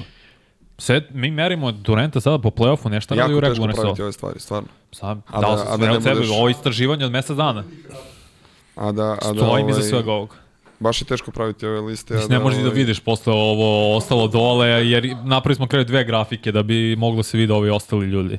Gidi. Da, kažu inače da ti Pipena nikad neće oprostiti ovde u četu. Najče priča. za, za Stavio Pipena sam Pipena ozbiljno iskritikovali. Jel imaš tu ako nađeš? Mislim da, da sam ga stavio, radio sam rangiranja, to, to je bilo u međusezoni. Negde. Jul. Jul. Small, small forward. Da, Jul. Kad su se tražile teme. Pa da, da ajde malo. ja rekao, On voli to, ja to baš ne da. volim, ali ajde. Ljudi, ljudi, ljudi vole da, da, da malo da. se sećaju. Ja rekao Pipe, to je bilo kad smo pričali o krilima, meni nije ispred Kavaja. Ne, ne, ovo su ne, ne, super o, probaj da nađeš u među sezoni. Vidiš, super zvezde, lice franšize, tik nivo ispod toga. Ništa to nije sporno. Imaš onda all-star igrače. Ali ja kao imam ovog Butlera Semu frizuru. Najče, zajebaj sve. Sve. Ti ne vidiš od kamere. Ne, ne, pa znam, Emo Butler. Ali, brat. Imaš all-star igrače, imaš zvezde. To su meni četiri tier liste što se tiče NBA igrača. Ne znam koliko je na kraju bilo od 60 nešto igrača, ali ja vidim razlike u tome kada je neko zvezda, kad je neko konstantno all-star igrač, kad je neko super zvezda ili lice franšize. A za Pipena je bilo presmešno, ja sam rekao, zanimljivo. nije mi bolje. Neću da se uopšte upuštam uopšte razmišljanje no. šta bih ja, kako bih Ajde mi da, ajde da skočimo na ovaj zapad. Da, da, ajde, pa ćemo posle. Zapad je već nek, meni nekoliko godina zanimljiviji. Na istoku se otprilike znaju neke stvari, da kažemo da imamo ono tri moćne ekipe, a na zapadu kreći, bio je rebuild i krenuli su neke mlađe ekipe koje, od kojih se nije očekivalo da, da budu u samom vrhu. I prošle godine. A evo sad imamo još jednu jer je Oklahoma stasala. Prošle godine da. oni su bili potencijalno dobra ekipa. Mi smo ih nekako nanjušili pre početka sezone da bi oni mogli da budu šta je Sacramento bio prošle godine. Ja i dalje mislim da je to limit za njih. Ovaj sad srećni... Ovo što je Sacramento radio u play-offu prošle sezone da to ne, ne može... Ne, ne u play-offu, nego plasman u top 3 ekipe generalno u regularnom delu. Mislim da je to plafon. Ovo sad ovaj skok na prvo mesto, ok, polako, ima tu još vremena, to se menja bukvalno svi, da. iz nedelje u nedelju ali i da Oklahoma bude top 3 na zapadu nakon prethodne godine kad u play-offu nisu bili je veliki uspeh. Absolutno. Mlada ekipa, ja ih zovem ludi i brzi, mnogo mi se sviđa kako oni to rade, ali to je opasan stil ako naletiš na iskusnu ekipu u play-offu. A iskusne ekipe znaju da odmere i da ne budu u top 3, ali da sačekaju tu mladu ekipu sa drugu, da treće, četvrtu. Gledaj, prošle godine je bila ista situacija. Mi smo gledali taj Sacramento i Golden State Ja sam rekao, Vanje, bolje mi je tim Sacramento, ali reši će i Golden State. Kako? Na iskustvo. Kako, na da. iskustvo. Ovi će da uprskaju nešto i poslednja utakmica, jedna dobra def, o, taktika, trenerska, pusti Sabonisa nek šutira s polo distance, kraj, dobijaš, ideš dalje i tu se završava sve i za veteransku ekipu, ali rešili su Sacramento. I Sacramento ove godine ima istu boljku. Oklahoma, ok, regularni je deo sezone, ali mislim da će imati istu boljku i oni. Iako Ša igra bolje nego što je Fox prošle godine, ali setimo se, Fox je isto dobio nagrade za prethodnu sezonu i bio je kao najklači igrač. igrač, radio je mnogo dobrih stvari. Problem za Oklahoma je opet nema tog drugog nekog koji bi mogao da odradi posao. Dobro, ali Jalen Williams. Ne, ne, Jay, da. Gledaj, imaju. Jay, da. Evo ga dao za pobedu sinoć. Buzzer okay, u regularnom delu. Iz, u levu stranu iz driblinga. Prelepo. E, jedna stvar. Ne znam da li će to da vam bude tema. Brat će biti bolji još od njega. Ko, o, Cody sa da. Colorado, da, prati se. Biće potisne top 10, top 5 pik, zavisi. Ja ga negde, juče sam s Milanom pričao nešto, tražimo i mi teme, kad je no. polovreme, kad je no. četvrtina i onda on onako polu grogi, ja rekao šta misliš da će bude Kodi prvi pik na draftu? Po 100%, brate. A koji Kodi? pa onda, tako da, uh, šta se teo ti kažem? Nije nam tema Euroliga, neće ni da nam bude. Neko ali pri, priča, pričamo, povlačimo pričamo, paralele. Da, povlačimo paralele. Uh, pričamo o tome od novembra meseca svaka utakmica Euroligi je bitna. Pa onda izgubiš utakmicu kod kuće Baskonije ili tako nešto, gotova ti sezona. Napraviš jedan break, sve u redu. Ovo je navija za partizan, znaš. znaš. Ne, ne, razumeš šta je poenta priče, izgubiš od Virtus, ajde, nije bitno. Kao, problem vamo tamo i onda vratiš break, vežeš dve, tri utakmice, znaš ono kao osam ekipa na, na jednu, dve pobede, a pogledajte zapad na, zapadnu konferenciju NBA. Pa evo sad, jel možete da mi kažete koje, koje su vam osam, osam ekipa koje Pa ja se i dalje držim ove neke predikcije, ali već sam failovan za, Smo ekipa za, za koju ja najviše volim da pričam, New Orleans Pelicans. Da, Vanja vole, da. to, mlađe generacije vole. Nismo se dogovarali ništa, majke mi. Nismo se dogovarali ništa. Znaš šta, ja sam sumnjao u njih dosta iz vrlo jasnog razloga. Dobro. Nisu bili zajedno na terenu. Zdravije. I iskreno, kad je na terenu, igraju deset puta bolje. Ali sve vreme od kad je on draftovan, meni je problem što njega na terenu nema. I ne samo što ga nema na terenu, ja sam neko ko isto iz sporta, gde se ozbiljno vodi računa o, o fizičkoj spremi, on meni uvek deluje nespreman. On meni uvek deluje kao da Brazir igra online. Da, da. Jeste, kao moj brat ovde Znaš koji nas snima. Znaš kako sam ga nazvao? Igrač u teoriji. A, Dobro. Ali, ne, odigra... teorija, teorija postaje praksa. Pa, polako da. Jes, ja obožavam i Marfija i Herba Jonesa, veoma zahvalni igrači, Brandon Ingram, Ingram takođe All-Star igrač bio, Valanciunas ima i dobru dubinu. I najbolji igrač koji nikad nije bio All-Star, CJ. Tako je. Hawkins isto sa Connecticuta, fenomenalno šuter, baš mi je drago što on dobija sve više minutaže i to pokazuje i ima jednu sjajnu partiju. Da, da. Pre nelju dana, čini se, kad imao 37 pojena, baš odigrao Bruka. Da, 37-34. Nije Tako bitno. je. Baš Uglavnom rekord karijere dobio da, da. utakmicu sam. Uh, meni su oni, evo, možete da ih Šta su da ti favoriti Senke ili neko za kog misliš da može daleko da ode u play-off? A to baš ne znam. To baš ne znam, ali iz nekog čudnog razloga više verujem njima nego Kingsima. Isto. U smislu talenta. Dobro, pa to, to su, gle, Kingsi su isto kao Oklahoma, mlada, luda i brza ekipa Znaš. koja može da upropasti sve svoje šanse. I opet, kad dođe playoff, u čemu fora? Mora pobediš četiri. La, lako Poenta je da, da, da odigraš jednu, pa onda da li ćeš da, da vežeš protiv drugih ekipa, ali jednu istu ekipu pobediti, kada mora da napraviš neki adjustment, kada, kada, kada i coaching se vidi ko je mora trener, da se kakav, tako je. Da, to, tu moraju treneri da odrade pravi adjustment u pravom trenutku, čak i u tog utakmici, nekad na polovremenu moraš da, da promeniš da, nešto. Igrači moraju da imaju kapacitet mm. da to razumeju i onda da isporuče na terenu. E, to je jako teško. I sad ja iskreno ne znam da li to imaju ni Pelicans. Mislim, imamo mi osam ekipa koje mogu da uđu. To možemo da sastavimo i verovatno će biti različitih osam ali u principu će nam ostati iste četiri na kraju. Pa, moguće, ali na što Kings imaju opet problem kao što nešto slično Milwaukee Bucksima. Oni nemaju igrača koji je defanzivni stoper ko će braniti najbolje spoljne igrače. Ni to, ni Malik Monk, ni Kevin Huerter, ni Teron Fox. Ok, dobri su odbrani igrači, ali nisu vrhunski. Oni sa klupe da. nemaju neko ko je 3 D igrač, koji je krilo, jer Harrison Barnes je sve stariji. Vezenko ulazi uglavnom mesto njega, Trey Lyles je više četvorka, ali nemaju to krilo koji će čuvati jednog Kavaja Leonarda. To nije ni Mari. Tako je. To nije ni Kigan, da. Tako je. Mislim, ja volim Kigana Mareja, vrhunski je šuter, još je mlad druga godina za njega, ali ko će čuvati Durenta, Kavaja, Lebrona, to oni nemaju i to nisu popravili. Šutem ne možeš da dobiješ seriju. Možeš seriju jednu. Možeš da dobiješ no. jednu seriju. Možeš, naravno, ako si Golden State, ali nije niko Golden State. Nije no. Golden State više Golden State. Mislim, razumiješ što po Golden State neću play Da, da, neće, neće. neće. Neć, mislim play-off, kažem play-off, mislim pa više play-in. Houstonu nego njima. Ne, ne, ne, pa, pa baš je sve otišlo vod. A mislio da. sam da će uspeti u play-in pa da se ubace nekako, da ali sve što se izdešavalo ove godine i Draymond i Televisa presenta, pa i onda sad tragedija na kraju, mislim, pa, to je to. Dobro, to je sad baš onako, može o... nesprotno da zvuči, ali znam da me niko neće shvatiti pogrešno, to može samo da ih digne. Pa možda. U smislu neke energije sa dekijem, ali ko o tome razmišlja na taj način.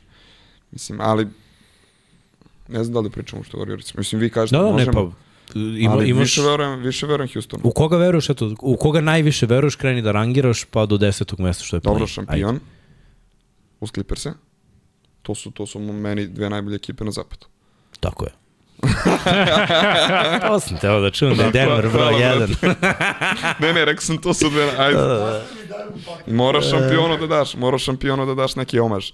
Ovaj, imali su tu pobedu, da se pokaže, na primjer, možemo da trčimo, možemo da ubacimo 120, odemo na proputovanje po tom istoku i malo prečešljamo, ajde, pobediti Filadelfija, ali ti napraviš potpis pobedu protiv Bostona, jeste bez uh, eh, Helibartona, ali pobediš i tu Indijanu u gostima, ono sjajna utakmica sinoć.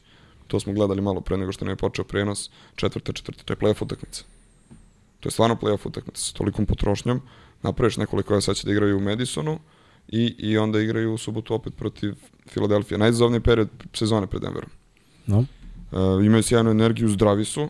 Pa iskusni su. Znaš. Porter nije propustio jednu utakmicu sad, sad ide i, i malo razmišljanje o tome za kad tempiraš najbolju formu. Da. A, oni imaju taj luksus, jer su zvanični šampioni. To, to je sad velika razlika. Naprimjer, Clippersi nemaju taj luksus.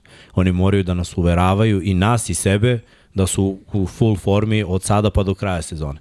A Denver je odradio svoje i prošle godine to delovalo s vremena na vreme. Mislim, ajde uzmemo otprilike ovaj neki period ajde nije još, ajde, mart otprilike.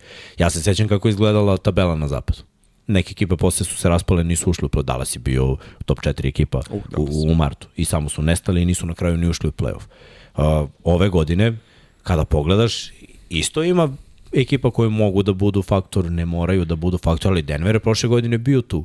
1, 2, 3, malo vamo, ali kad je bilo najvažnije u play-off, oni su isporučili. A je bila jedna crna serija baš pred ulazak u play-off gde meni delovalo ono, nažalost, da, da se neće Nervozni desiti. su, nije to, to Gubili su utakmice da. sve to. Sad mislim da, da je drugačije, sad gube utakmice, rekalkulacija više ne, nego pa, nervoza, znaš kako, umor. Njihov, ne, ne, njihov početak sezone je bio mnogo problematičniji nego sada, mislim, zato što je sada ovo sjajno. Sećaš se kako su, stvari, sećate se kako su otvorili da su šta od prvih osam gostovanja dobili jedno ili dva. Tako je.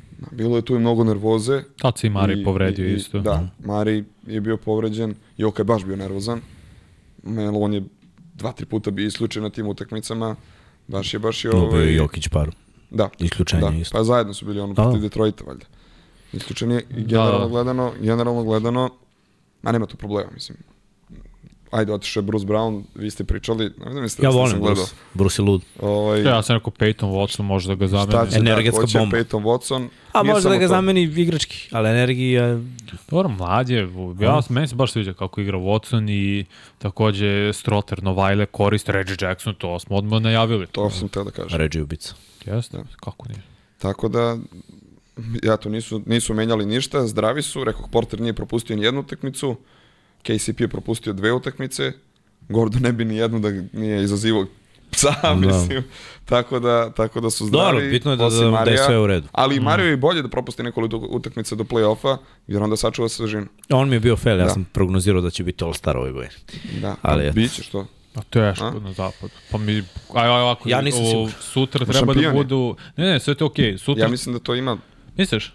Sutra izlače petorke. To je zapravo proglasit će ko će biti startne petorke. Ko je po tebi na zapadu? E, bravo. Hajde, znači nećemo pričamo o tome kol, koga koliko zanima ovo star ili ne. To je, Mislim, nas jo, isto da, to baš ne zanima, da, iskreno da. Pa, već pazi, mi smo radili poslednje dve ili poslednje tri. Milan i ja ovaj, prenose. All Star utakmica. Jedna godina je bila stvarno da je ono Kari pogađao s pola terena i ovo i ono. Mogu da mi jednu tajnu? Ne znam da li smem to da kažem. Što sve može da kažem? Mi smo, mi smo polu divljali i dobili smo kritike sasvim ovaj, opravdane od publike u nekim momentima. Malo nam je kasnila slika. I mi smo izvalali na, na, na sajtu jednom da unapred, da unapred znamo šta će se desi. I sad ja vidim kao upisana trojka vamo, nama ide slika, Kari se podiže na, za tri pojena s pola. Ja znam da će da je da i ne mogu da verujem da će da je da. I onda smo malo ovaj, bili neozbiljniji nego što je trebalo. Ali generalno da nije bilo toga, dve te All-Star utakmice koje smo radili, pa ne bi stavio, evo sad u 50 prenosa omiljenih u sezoni. Ma kome to? Vi, ne, vi izgledi, američke star utakmice, All-Star, Pol, Pro, Pro Bowl, ovo što mi treba da radimo sledeće nedelje, mm. oni su sad to pretvorili u ono, flag. u flag, u nešto drugo. Da, da. Da. I, i više, za neke druge i stvari, kao da. što je meni bolje na All-Staru, trojke kucanje i ako je to palo, ali bolje mi je od utakmice, tako je Skills Challenge i ovamo bolje. Mislim, idu u tom smeru. Izgubilo je sve nekako draž. To, da. to mogu, ali opet, što Vanja kaže, to, to mu priznajem na kraju dana kad je rezime za Hall of Fame, gledaš koliko je neko puta bio prva petorka, druga, treća, gledaš koliko je puta bio mm -hmm. All-Star i zato je važno. I eto taj Jamal Murray imao neke brutalne partije u play-offu i sve i mislio sam da je došao trenutak da digne karijeru na viši nivo i da mu neko kaže bravo, ono, all stars, ali neće se desiti ovo. Mislim, ja mislim da, da se neće desiti. Da ja mislim da neće. Bekovi Ajde, su... mislim, stvarno, stvarno je bolesno. Mnogo je bekova. Kren, da. krenje od petorke za zapadu prvo. Ajde petorka. Joka, uh mhm. -huh. Lebron, Luka, Shea, Ant, jel možemo tako? Kako da, tri tako. velika ili... Ali ne, uh, ne mogu Anthony Luka i... Beck. Da. Bravo, da. Njega, njega stavljaju, pa onda Davis. Ne? Okej. Okay. Meni bi bilo Shai, Luka, Anthony Davis, Kawhi i Jokar. Da, i Kawhi. Dvojicu od četvorice ne zanima. Znaš, ono, da, bukvalno, bukvalno. I gledaj, i sve što ne može... da, sve što ne može u da. prvu petorku, mislim, ide u rezerviste. A pazi, ali to je... Durant, Booker, Tako je. ako krenemo od njih dvojice. Uh, Paul George. Anthony Edwards. Ako nije u petorci, da. James Harden. Možda. Pa, pazi, A? LeBron, mislim, onda je Anthony Davis, jesi rekao. Šta ćemo sa Šengunom? Šengun potencijalno isto. Je to All-Star sezon? Pa... Mora, pazi, pre bih stavio Foxa i Stefa nego Jamala. Da, bre, Stefa nismo pomenuli da, Stefa. Nema teori. Ne da. znam kako može stvarno Jamal da, Murray da igra. Da, iskreno. neke stvari nekad moraš na glas da kažeš da bi, da bi da. ono, skonto kako zvuči. Zion Williams. Da, da. Williamson, bravo. Da li nije, mm. jeste, ne znam, ne pojma. Tu je na granici. Šengu, kao što Dobro, rekao, malo i popularnosti. Dobro, malo su napravili, malo su napravili, napravili su dobro, ne možeš da propustiš veliki broj utakmica. Da. Mada pa. nije sad bilo, nije bilo velikih povreda ove sezone. Ajde. Kako pa do, Harry Burton sad propušta ono, da. on je baš, da. će baš biti upitan Ali, za nagrade. Ali hoću da kažem, nije bilo tih Ahilovih, nije bilo nije, prednjih ukrštenih Bilo je propuštanje, mislim, meni je od najveće kao povreda bil od da. njega sam očekivao da, da će, da, on je, da. ja ga ne pa pamtim, da. više ga pamtim na klupi ne, nego što je igrao. Znaš ko je odigrao najveći broj utakmica u poslednjih godinu dana? Pitanje za obojicu. Od svih igrača? Svih igrača. E, računaš i playoff ili? Da, da, od... Jason od, Tate? Ne. Ne? Anthony Davis. Bravo. Bravo. Anthony bravo, Davis, znači bravo. čovjek, znaš koliko smo ovdje kritikovali što propušta. Pa dobro, čovjek odigrao najviše utakmica. I to ove godine zaista izdomine, zato sam ga stavio pre Lebrona u petorci. Jer je on iskoračio i postao najbolji igrač Lakers. Pre svega defanzivno šta rade i ofanzivno je dovoljno agresivan i konstantan. Bilo je Juče bio bez pojena u četvrti četvrtini. Ali, mislim, generalno, generalno energija mu na većem nivou nekom. A istok? Mislim, po, potrebno očigledno nekim ljudima, nekim igračima da sazre. Da, da. Istok? Istok, istok. Ja opet prvi, ja? Može, i mix starije. Nisi rekao svojih da, deset, brate. Nisi ni fan ekipa rekao deset. Rekao si prve dve koje su ti najbolje e, stavili. Bravo, bravo, hajde, hajde, hajde hoćemo zapad, to. Hajde, zapad, hajde. hajde. Hoćemo to. Mi imamo naše liste koje Clippers su sad Nuggets, već pogrešne. Clippers i Nuggets, Dobro, pa, ali to je, ja sam došao u idealan period da, da. sezone. Nešto se videlo, nemam da. veliki uzorak još utakmice za, za, za grešku. Može Šta je pogrešno? Neka... Da, da. Šta je tom, pogrešno? To mi je uvek problem. Šta je pogrešno? Sam rekao Minnesota top, uh, Pelicans i top. A Warriors? Čekajte, znači ligaški deo, na kraju... Ili da, da, ne, regularni, ne, regularni, regularni, okay, top 10, okay, ono, okay. uz sad play-inu. Uh, Nuggets i Clippersi, Minnesota, Oklahoma. Šta imamo dalje? Phoenix će se dići, Phoenix se već diže. Mm, osam zredno, dobro. Da, Phoenix se već diže. Mi, Dobro, nismo mnogo pričali. Mi smo ih stavili ekipa, u top 4. Mislim, pre sezone. Dobro, znate koja ekipa ima najviše pobjeda u 2024. Odnosno najbolji skor? Uh, da. Cleveland ili Knicks? Cleveland. 8-1. Cleveland je da. ispod radara opasna da. ekipa. Nerealno, sa svim, e, pa oni imaju povrede. Mobley, Garland, on da. baš propustio do goli, JB Bickerstaff, zaista i Mitchell, čovjek beleži ono, što se tiče asistencije, dali 6-7 trenutno, uz 27 poena. Bilo je, bilo je utakmica sa 20 prednim brojem asistencija. I Jared Allen, i... kao all-star igra čovjek. Levert jedno vreme kao neki stiljivi kandidat za top, pa dobro, on je, za najboljih šest igrača. On je overall da. opasan igra. Levert. I on je propustio neke utakmice. Dakle, 10 stava. Phoenix, to je 5 5 6. To je 5 5 i 6, da. 5 Pelicansi, pa Dobro, 6. 6 uh, Sacramento. Mhm. Mm tu sad dolazimo do problema. Pa imaš Dallas, imaš tu sad dolazimo do problema. Utah. Dallas, Dallas, Utah je baš lep momentum uhvatilo čisto da nam onako ja zašarenija. Ja ne, ne verujem. Pa, znaš, nije... Ne znam definiciju. Ne, da, ne mogu, ja da. ne vidim šta su. Šta hoćete? Hoćete rebuilding? Nećete, jer pobedite no. koliko, 13 utakmica za redom u jednom trenutku. A ja sam baš u fazonu da treba da idu, da, da daju naravno, šta imaju i da idu u rebuild. Jer, naravno. znaš šta, ako nije krajnja nagrada, ulazak u polufinale, finale, onda, mislim, sezona je propala. Jasno. Jasno. To da uđeš u play-off ako ti je uspeh u sezoni, mislim, Ljudi, nećete dovesti da si. Dobro, to je devet. Razumete, da. to, je, to je zapad. Kako da staviš, a da, a da ne pogrešiš. Ultra zanimljivo. Ja, evo neko uđu u play-in, oni ko prošle godine. Da. I Mogu da hajde da neka bude Golden State kao deseti. Ispred Houstona. Dobro, oni, oni baš sad uh, kaskaju iz uh, da. Houstonom i za Utah. Utah je sjajna kod kuće ove godine, to mi baš iznenadilo jedna od najboljih ekipa kod kuće. Sinoć su ih, ubili su ih Pelicans. Jesu, 153. Rekord franšize. Da, baš da, je bilo najpred. Ali mislim ne znači ništa naravno, nego lepo je, lepo je. Ja volim to, to baš nije, nije se dešavalo često. Rokici, jazz, ne, ne upisuješ pobede u napred protiv bilo koga, osim protiv eventualno Portlanda i, i Washingtona. ne, pričamo o zapadu a. i, i ovaj San Antonija, pa čak taj Memphis, ljudi koliko oni pošteno igraju. Grizu sve podobili u gostima. Da, i ovo kad su Toronto, gubili na početku bez Morenta, da. bilo je par na jedan plus. Da. I sad i bez Bejna i bez i bez Morenta, oni stvarno i bez Smarta, stvarno grizu svaku utakmicu. Ima bi dobro došao Cody Williams, ima baš treba trojka. Da, da, Njim, bravo. Njim, on bi bravo. se ima sjajno uklopio. E sad, da li će, ja ga negde, ma priželjkujem ga u pismancima, da opet dobije prvog. Ja mislim, ja bih gada sam pismaci gađa bi Aleksa Sara. Meni tačno to neću treba da, uz neću Durena. da lažem, neću da lažem, nisam ga mnogo gledao australijsku baš sad. No, Pert je baš teško da, to uhvatiti da. iskreno i te njegove predispozicije, vidio sam nekoliko snimaka kao on čuva bekove, to je u stavu, on ne ispada. Da, možda je slabija konkurencija, ali čovjek koji ima 217 ne može da, ne bi trebalo čuva onako bekove. Istina. To Dobro, vidiš i današnje tendencije. Mislim, Vembi se nije loše pokazao defanzivno. A mislim i konkurencija je isto bila Ali mi ćemo zbog toga sad svi da nagrabusimo. Pa sad se gledaju se svako ko ima malo ono, no. raspon ruku ili, ili ne znam nija šta ili neke lateralne kretnje već se gleda pa koliko ćemo sad imati na, na ovom narednom draftu momaka iz Šolea, iz m, tako tih ekipa, Nantera i tako dalje i tako dalje. Mislim, znam o kojem pričam, ajde, nećemo no, da... Risa Sher i da. ovaj ostali. Da, Risa Sher isto, vidjet ćemo da li će da ovaj... Ja vidim tri Evropljana u, u top 10. Ma biće sve više. Na... Pričali smo Je, o Topiću. Dolaze, dolaze malo mentalno spremni od koleđ da. igrača. E, I to sam, to sam možda htio na početku pomenem, ajde, nije bila nije bio moment uh, college i ovaj Ignite. Uopšte se nisu, uopšte se nisu, ovaj, nisi ti NBA ready ako igraš u, u Ignite-u, ne? Ne, ne. Mislim, ne. ja vidimo sad na primjeru Skuta Hendersona.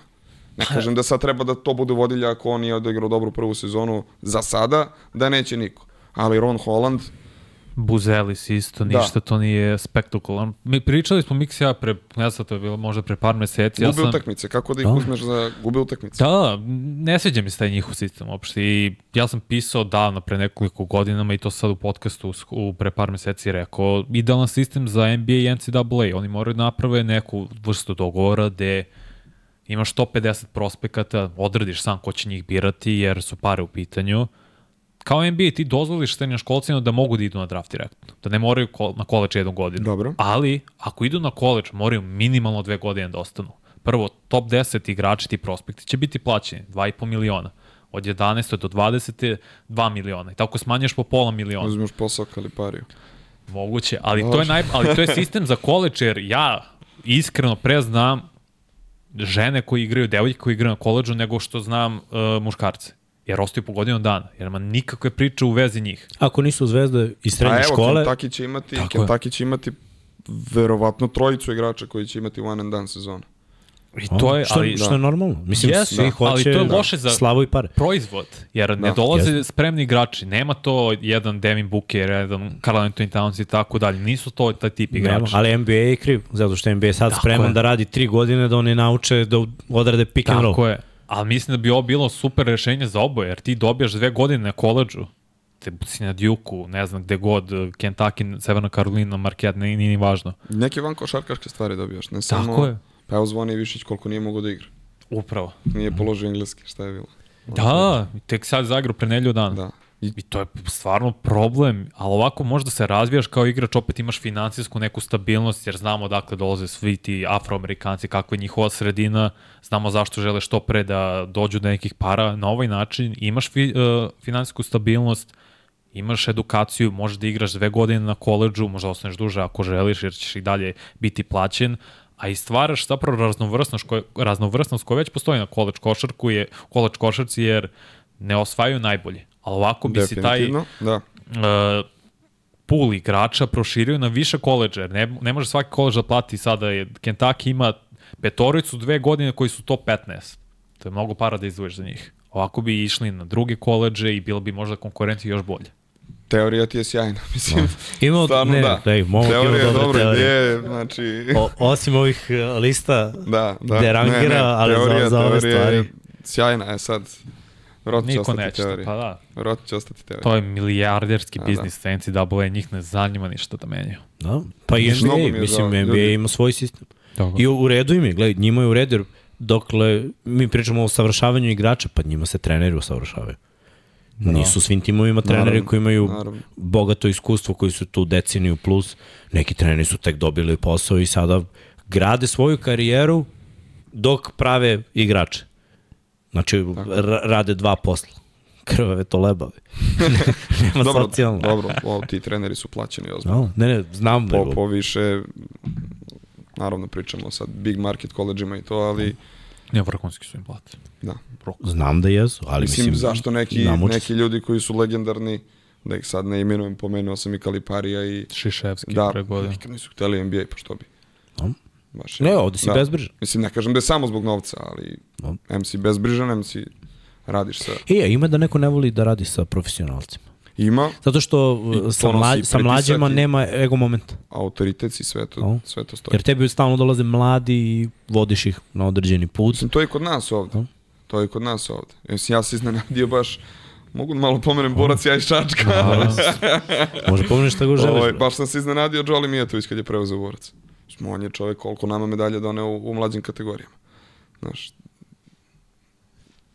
napravio nekoliko trenera. Dušan Olimpijević je radio s njim, Marko Barać je radio s njim i tako dalje. Baš mi je, baš mi je drago da, da, da je tu sa borcem sad. Ne kažem da nije nikad vodio senjerske ekipe i tako dalje i tako dalje. Jeste, naravno.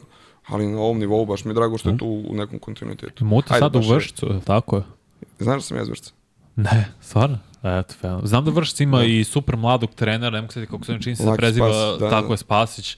I to se meni sviđa, ok, gradiš na taj način i svoju karijeru i sebe razvijaš, to je super stvar. I drago mi što su naši mladi treneri kod nas. No, ali to je normalno. Mislim, kad sam ja bio mlad, to je bilo tako. U svim sportovima. Kad si bio mlad? kad, dobro, Pre nego što si ti bio čaj. Dobri, ali je bio neki drugi topli napit. Ali bilo, bilo je toga nekada, znaš, bile su naše lige jake, bilo, bilo je dobrih timova, znaš, onda smo se odjednom okrenuli. Mislim, mi ako pokrenemo mm. priču odavde, onda možemo da povučemo paralelu da vidimo šta je tamo. Mislim, kao što odavde Absolutno. momci razmišljaju da je bolje da zapale što pre da odu. Tako i tamo razmišljaš isto, znaš, ajde što pre, pa pa, ja sad trenutak, kakav koleđ, profesionalci, ugovor, to je to, nekoliko godina, prođe, prođe, ne prođe, drugi posao, traži Evropa, druga tržišta, probaj, Japan, bavi se sportom brate, koliko možeš. Preozbiljno za njih ozbiljan. i Kina, malo manje, ali Japan. Ali dolaze stalno, evo, evo gledaj, ove godine koliko, evo, uzmemo najelitnije takmičenje, Euroligu, koliko ima više igrača Amerikanaca. Sve više iz, iz NBA. To mi je drago i pričali smo, to mi je i volao bih i da je Kazins došao u Euroligu. Mislim, nije to je on, mislim da pre svega to je baš tema ego taj ne bi da. izdržao Euroligu, ali bih volao što više takvih igrača Rima i dosta bekova koji, a i Zea Thomas, na primjer. Verujem da bi stvarno mogu da igra Euroligu sad. A on čeka priliku za NBA. Da. Možda i propustio priliku, možda treba dođe u Evropu pre par godina, kao što je Kemba Walker došao, nije se snašao. On čovjek ništa nije igrao, pa, pa, pa sam radio kvalifikacije za, za svetsko. Skinu se da odigra utakmicu da, da, da, da. i skidu. Dobro, oni to rade, pa Joe Johnson igrao. Pa da, pa da, ali, znaš, ne igraju da, ništa. Verujem da ono da, igraju da, da. neki pick-up basket. igraju, ne, znaš šta igra? 3 na 3, ovo Big 3, od Ice Cube igra Joe Johnson. Ma, to nije organ, organizovana košarka. Ne, I onda dođe da igra kvalifikacije za svetsko. Mislim, i može da igra, što znači, ako možeš to, uđi u formu i možeš John da igraš negde u Evropi, možda ne Euroligu, možda igraš Eurocup. Ne znam, Euroliga je postala baš zatvorena. Da. Baš je postala zatvorena. Ok, naravno da ćemo svi da volimo ako neka NBA zvezda dođe da napravi bum, da dodatno to sve podigne i tržište i to, ali ja bih više volao da vidim uh, da Real izbaci nekog mladog igrača, da ne mora se da desi sad uh, dete sa druge planete Nikola Topić, pa da i on tek na polosezoni dobije šansu, jer ti nemaš luksuz. Ti nemaš luksus mm -hmm. da mhm. pustiš domaćeg mladog igrača. Ja bih to više volao. Pa, ali sve, sve, sve će manje biti toga. Jer svi ti mladi igrači... Što Bilal Kolibali nije mogao da igra prošle godine za Aspel, što je igrao u, u Bolonju. Tečko igra lepo u NBA i meni je bio on krađa draft. Ma svi će da. oni gledati da idu u NBA. NBA američko tržište, znaš, način na koji mediji postupaju, kako postaneš zvezda. Prvi put sa, znaš, koliko bre putuješ. Kad ja. imaš turneju ti sa zapada, istog ili sa istoga na zapad, pa, pa obiđeš sad, sve živo. Clippers pa imaš... Lakers i Grammy da. turneje sada, uvek to u februaru. Da. To, to su neke stvari koje, mislim, svim igračima trebalo bi u današnjoj generaciji da bude cilj, ok, NBA. To je kao vrhunac.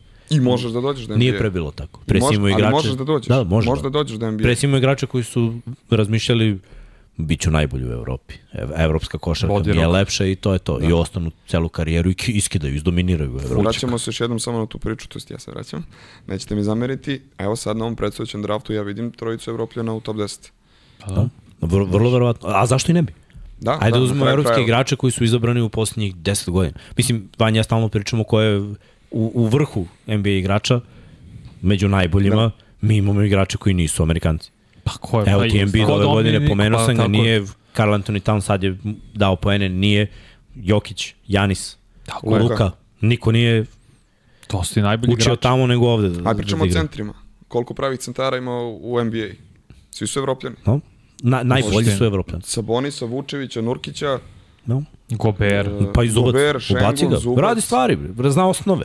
Ali razumete kako tamo, tamo oni njih ne, ne uče osnove. Oni Ko je uče... najbolji američki centar? Ako, daj da kažem... kažemo Walker Kessler, mislim, ne, strašno. znaš ko će Pa reći? dobar je mali. Ne, yes, ne, ne, ne, ne znaš ko će reći? Bema Debajo. Koji nije centar po građe. Ma dobro, je, Davis, je ubica. Mislim, ako, mislim Anthony Davis, ok, Anthony Davis hoće da igra četiri. četvorke pa da. u Tako petice, je. onda je AD, mislim. Mislim, jedini ja. centar koji je postao četvorka je Karl Anthony Towns. Ma da dobro, rekao, ja neću igram centar. E, moram, moram da dodam još jedno ime. Jared Allen. Je meni ubica. Od prvog dana. Bio je defanzivni, naučio je malo ofanzivno da se okrene, mm -hmm. pivotira, Dobre. polu horu glevi. Da, naš, čisto da, da malo ima veći arsenal oružja, ok. Znaš koji poštujem, poštujem kako on igra. I momak bravo, je bravo, bravo. Uh, skroman, ispod radara, nikad ga ne vidiš, niko o njemu ne priča, ali svaki tim bi ga volao. Stavi ga u odbranu, u bilo koju ekipu, ta ekipa je bolja. Mitchell Robinson iz Nixa, pre povrede. Isto napokon je sazreo, ne pravi glupe faule, da. odličan ofanzivnom skopu, defanzivnom takođe. Ali bacanje ne možeš pogledati. Ali, ma ne samo bacanje, da ga staviš sad, isprazneš da. halu i staviš ga van reketa, da. koliko će da koša ne, ne, može, ne, drvenje, kamenje bacanje. Ali korisniji nego Clint Capela. Roko srce Capela da, je švajcarac. Tako je. Afro-evropljan. Afro, ali je korisniji nego Clint Capela. Ali imaš... za reprezentaciju. Hm? Igro je za reprezentaciju. Ja li da? Kako nije, u nekim Mislim da će Topić biti top 5 pik, da bi San Antonio trebao njega gađa, eventualno pa Washington. Ja se nadam samo da će da se vrati. No. Vrlo brzo. Vidio sam da se oporavlja i ispratio sam bio ovaj Jonathan, kako se preziva, da li Givon, ne znam kako se to čita zapravo. Ma stalno, ESPN, da, da, da, da, da. Vidio sam da je ispratio njegov oporavak, da to izgleda dobro, deluje dobro, tako da verujem da će se vratiti sredinom februara. Ne treba žuri. Još malo ranije do kupa. Mislim da će moći da radi. A ne znam. Ne, znam, ne treba, ne treba žuri. Da, da, pehovi sa povredama su, su krenuli jako. Tako da ti si pomenuo ovaj... Sara, Risa Šera, mislim, to su, imaju ovaj mali Salaun, isto Francuz. On igra čim se Jeste, bre, pomozi mi, bre, Ignite, bre. Buzelis. Buzelis. On... Iz kakve on košarkaške porodice dolazi, generalno sportski. Jedan deda, drugi deda košarkaš. Še, sestra neki lacrosse, valjda, tako nešto, malo ludilo. Jesi gledao, Nema ko, jesi znaš šta je, da si gledao lacrosse? Znaš ko je to ludilo u sportu? da, Ja sam gledao nekoliko highlightova i, i baš sam bio u fazonu. Ne vidiš bro. loptu u jednom momentu. Ma nešto ne vidiš. Nego, da, da, da. Lopta je da, da, kao, kao u korpi, ali ima pravo neko da te skrlja dok trčiš s loptom u želje da da. To mi je ludilo, bre. Znaš čiji je omiljeni kao... sport? Bila Beličaka. A dobro. I Bil voli to. Danas sam radio u ovom magazinu kako su se navukli na padel. Padel je ludo. Ceo svet se, ali, da, da, ali ovi pravite, ma, A, što? Sve što je novo kao ne valja, znaš? kao ne, ne, ne, ne, ne bacam, igra, samo moram da ne bacam formu, hejt. Stvarno. stvarno moram ne, da ne bacam hejt, ali ono, volim kontakt u sportu. Da. Dobro, pošteno. Mogu, ovo, mogu bi igram s devojkom, eto. Znaš, ono, to bi mi bilo okej. Okay. Da, znaš, neki double date, znaš. znaš, to, to je meni, a, kao sad ja da se primim, kao sad ću da vas pokidam, kao preko mreže. Znaš, ko to igra vrhunski? Futbaleri. To sam čuo razne priče. Znaš šta je osnova toga? Dobro on igra. Ma, mali teren, nemaš kretanja koliko u, u ten lateralna pokretljivost. Lateralna pokretljivost, napred, nazad, levo, desno, kao mi kada radimo L drill. Uh mhm. -huh. Razumeš, ako si bio dobar cornerback, bit ćeš od, odličan ili hvatač, bit ćeš odličan u tome. Ne. Mislim, imaš koordinaciju očiju i ruke jer si hvatao lopte pri velikoj brzini trčanja u raznoraznim pravcima i sad trebaš da pogodiš malu lopticu i da je zvekneš reketom preko mreže. Prebaciš samo preko, da. Pa, ni, u principu kao to je neka tranzicija zašto NFL igrači sada i bivši igrači se primaju na to. Si gledao Ilaja Meninga i Grunkovskog, oni su igrali.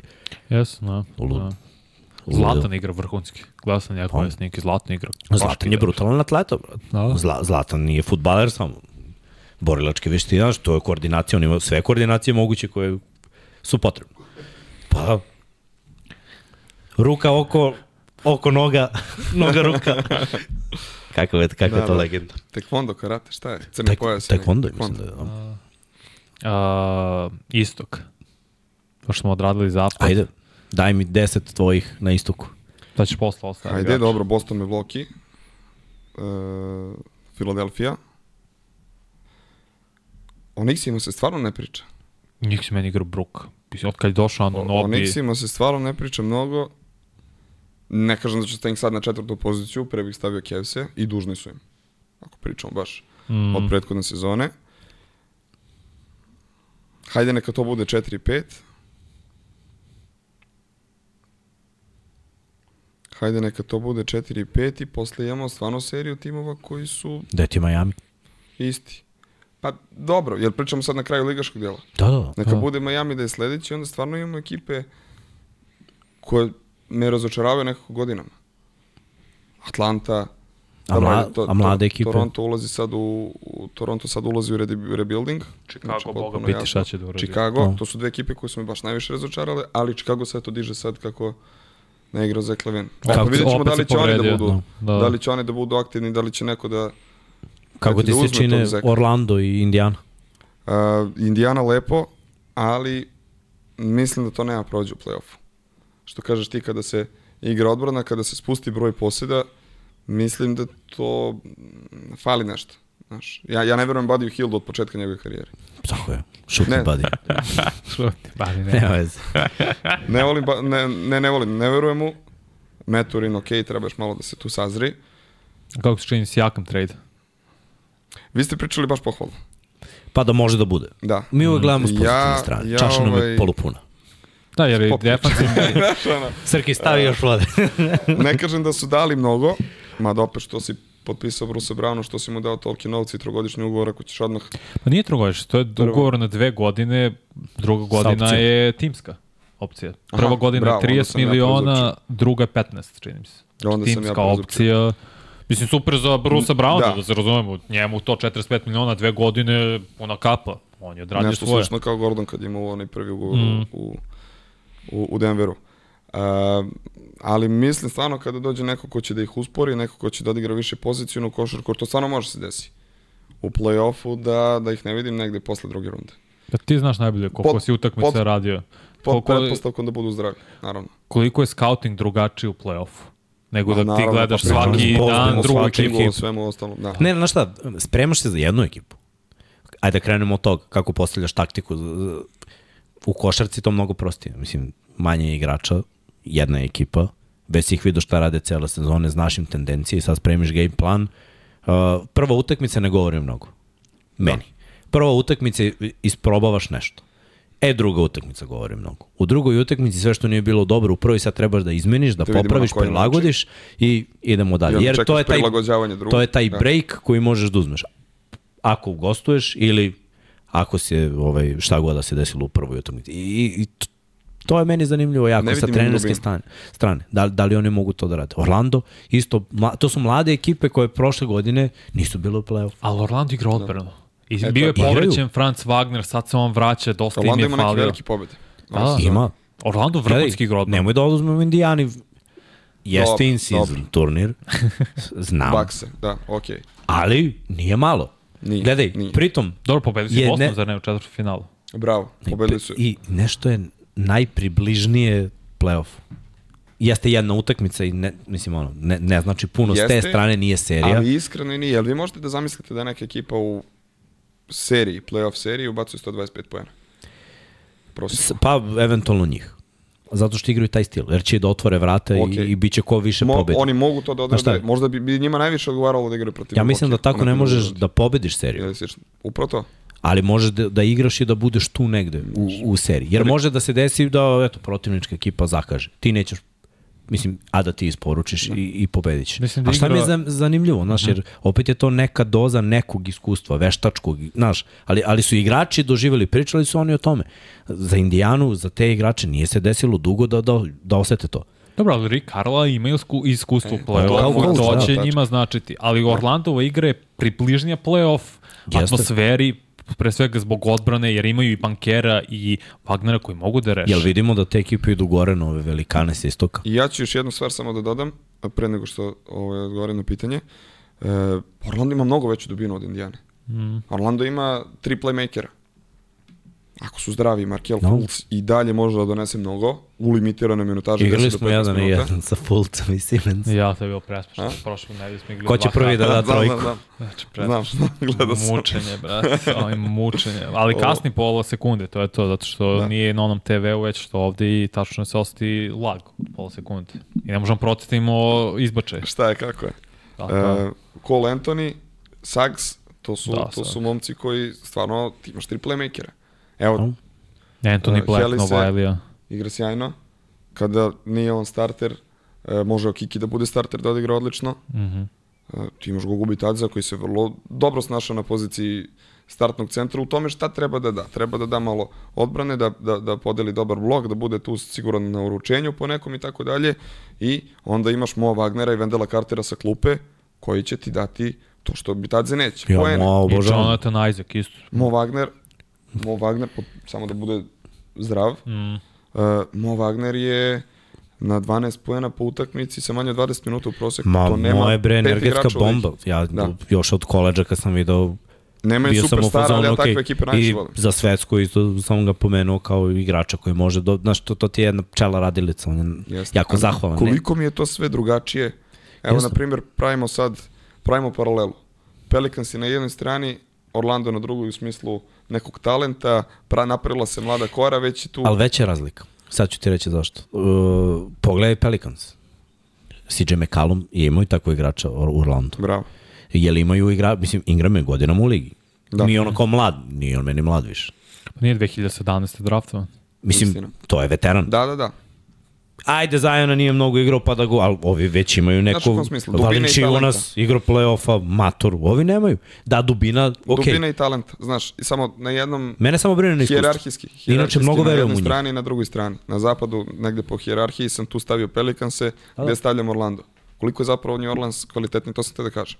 Hmm. Znaš, ono, hierarhija, koliko je zapad zapravo ja, ja ne, mnogo više zapad je mnogo bolje. To je nevjerojatno. Ali, ali daću klincima da. vremena i iskustva, jer da. mislim da, da mogu za dve godine da postanu bolji od New Orleans.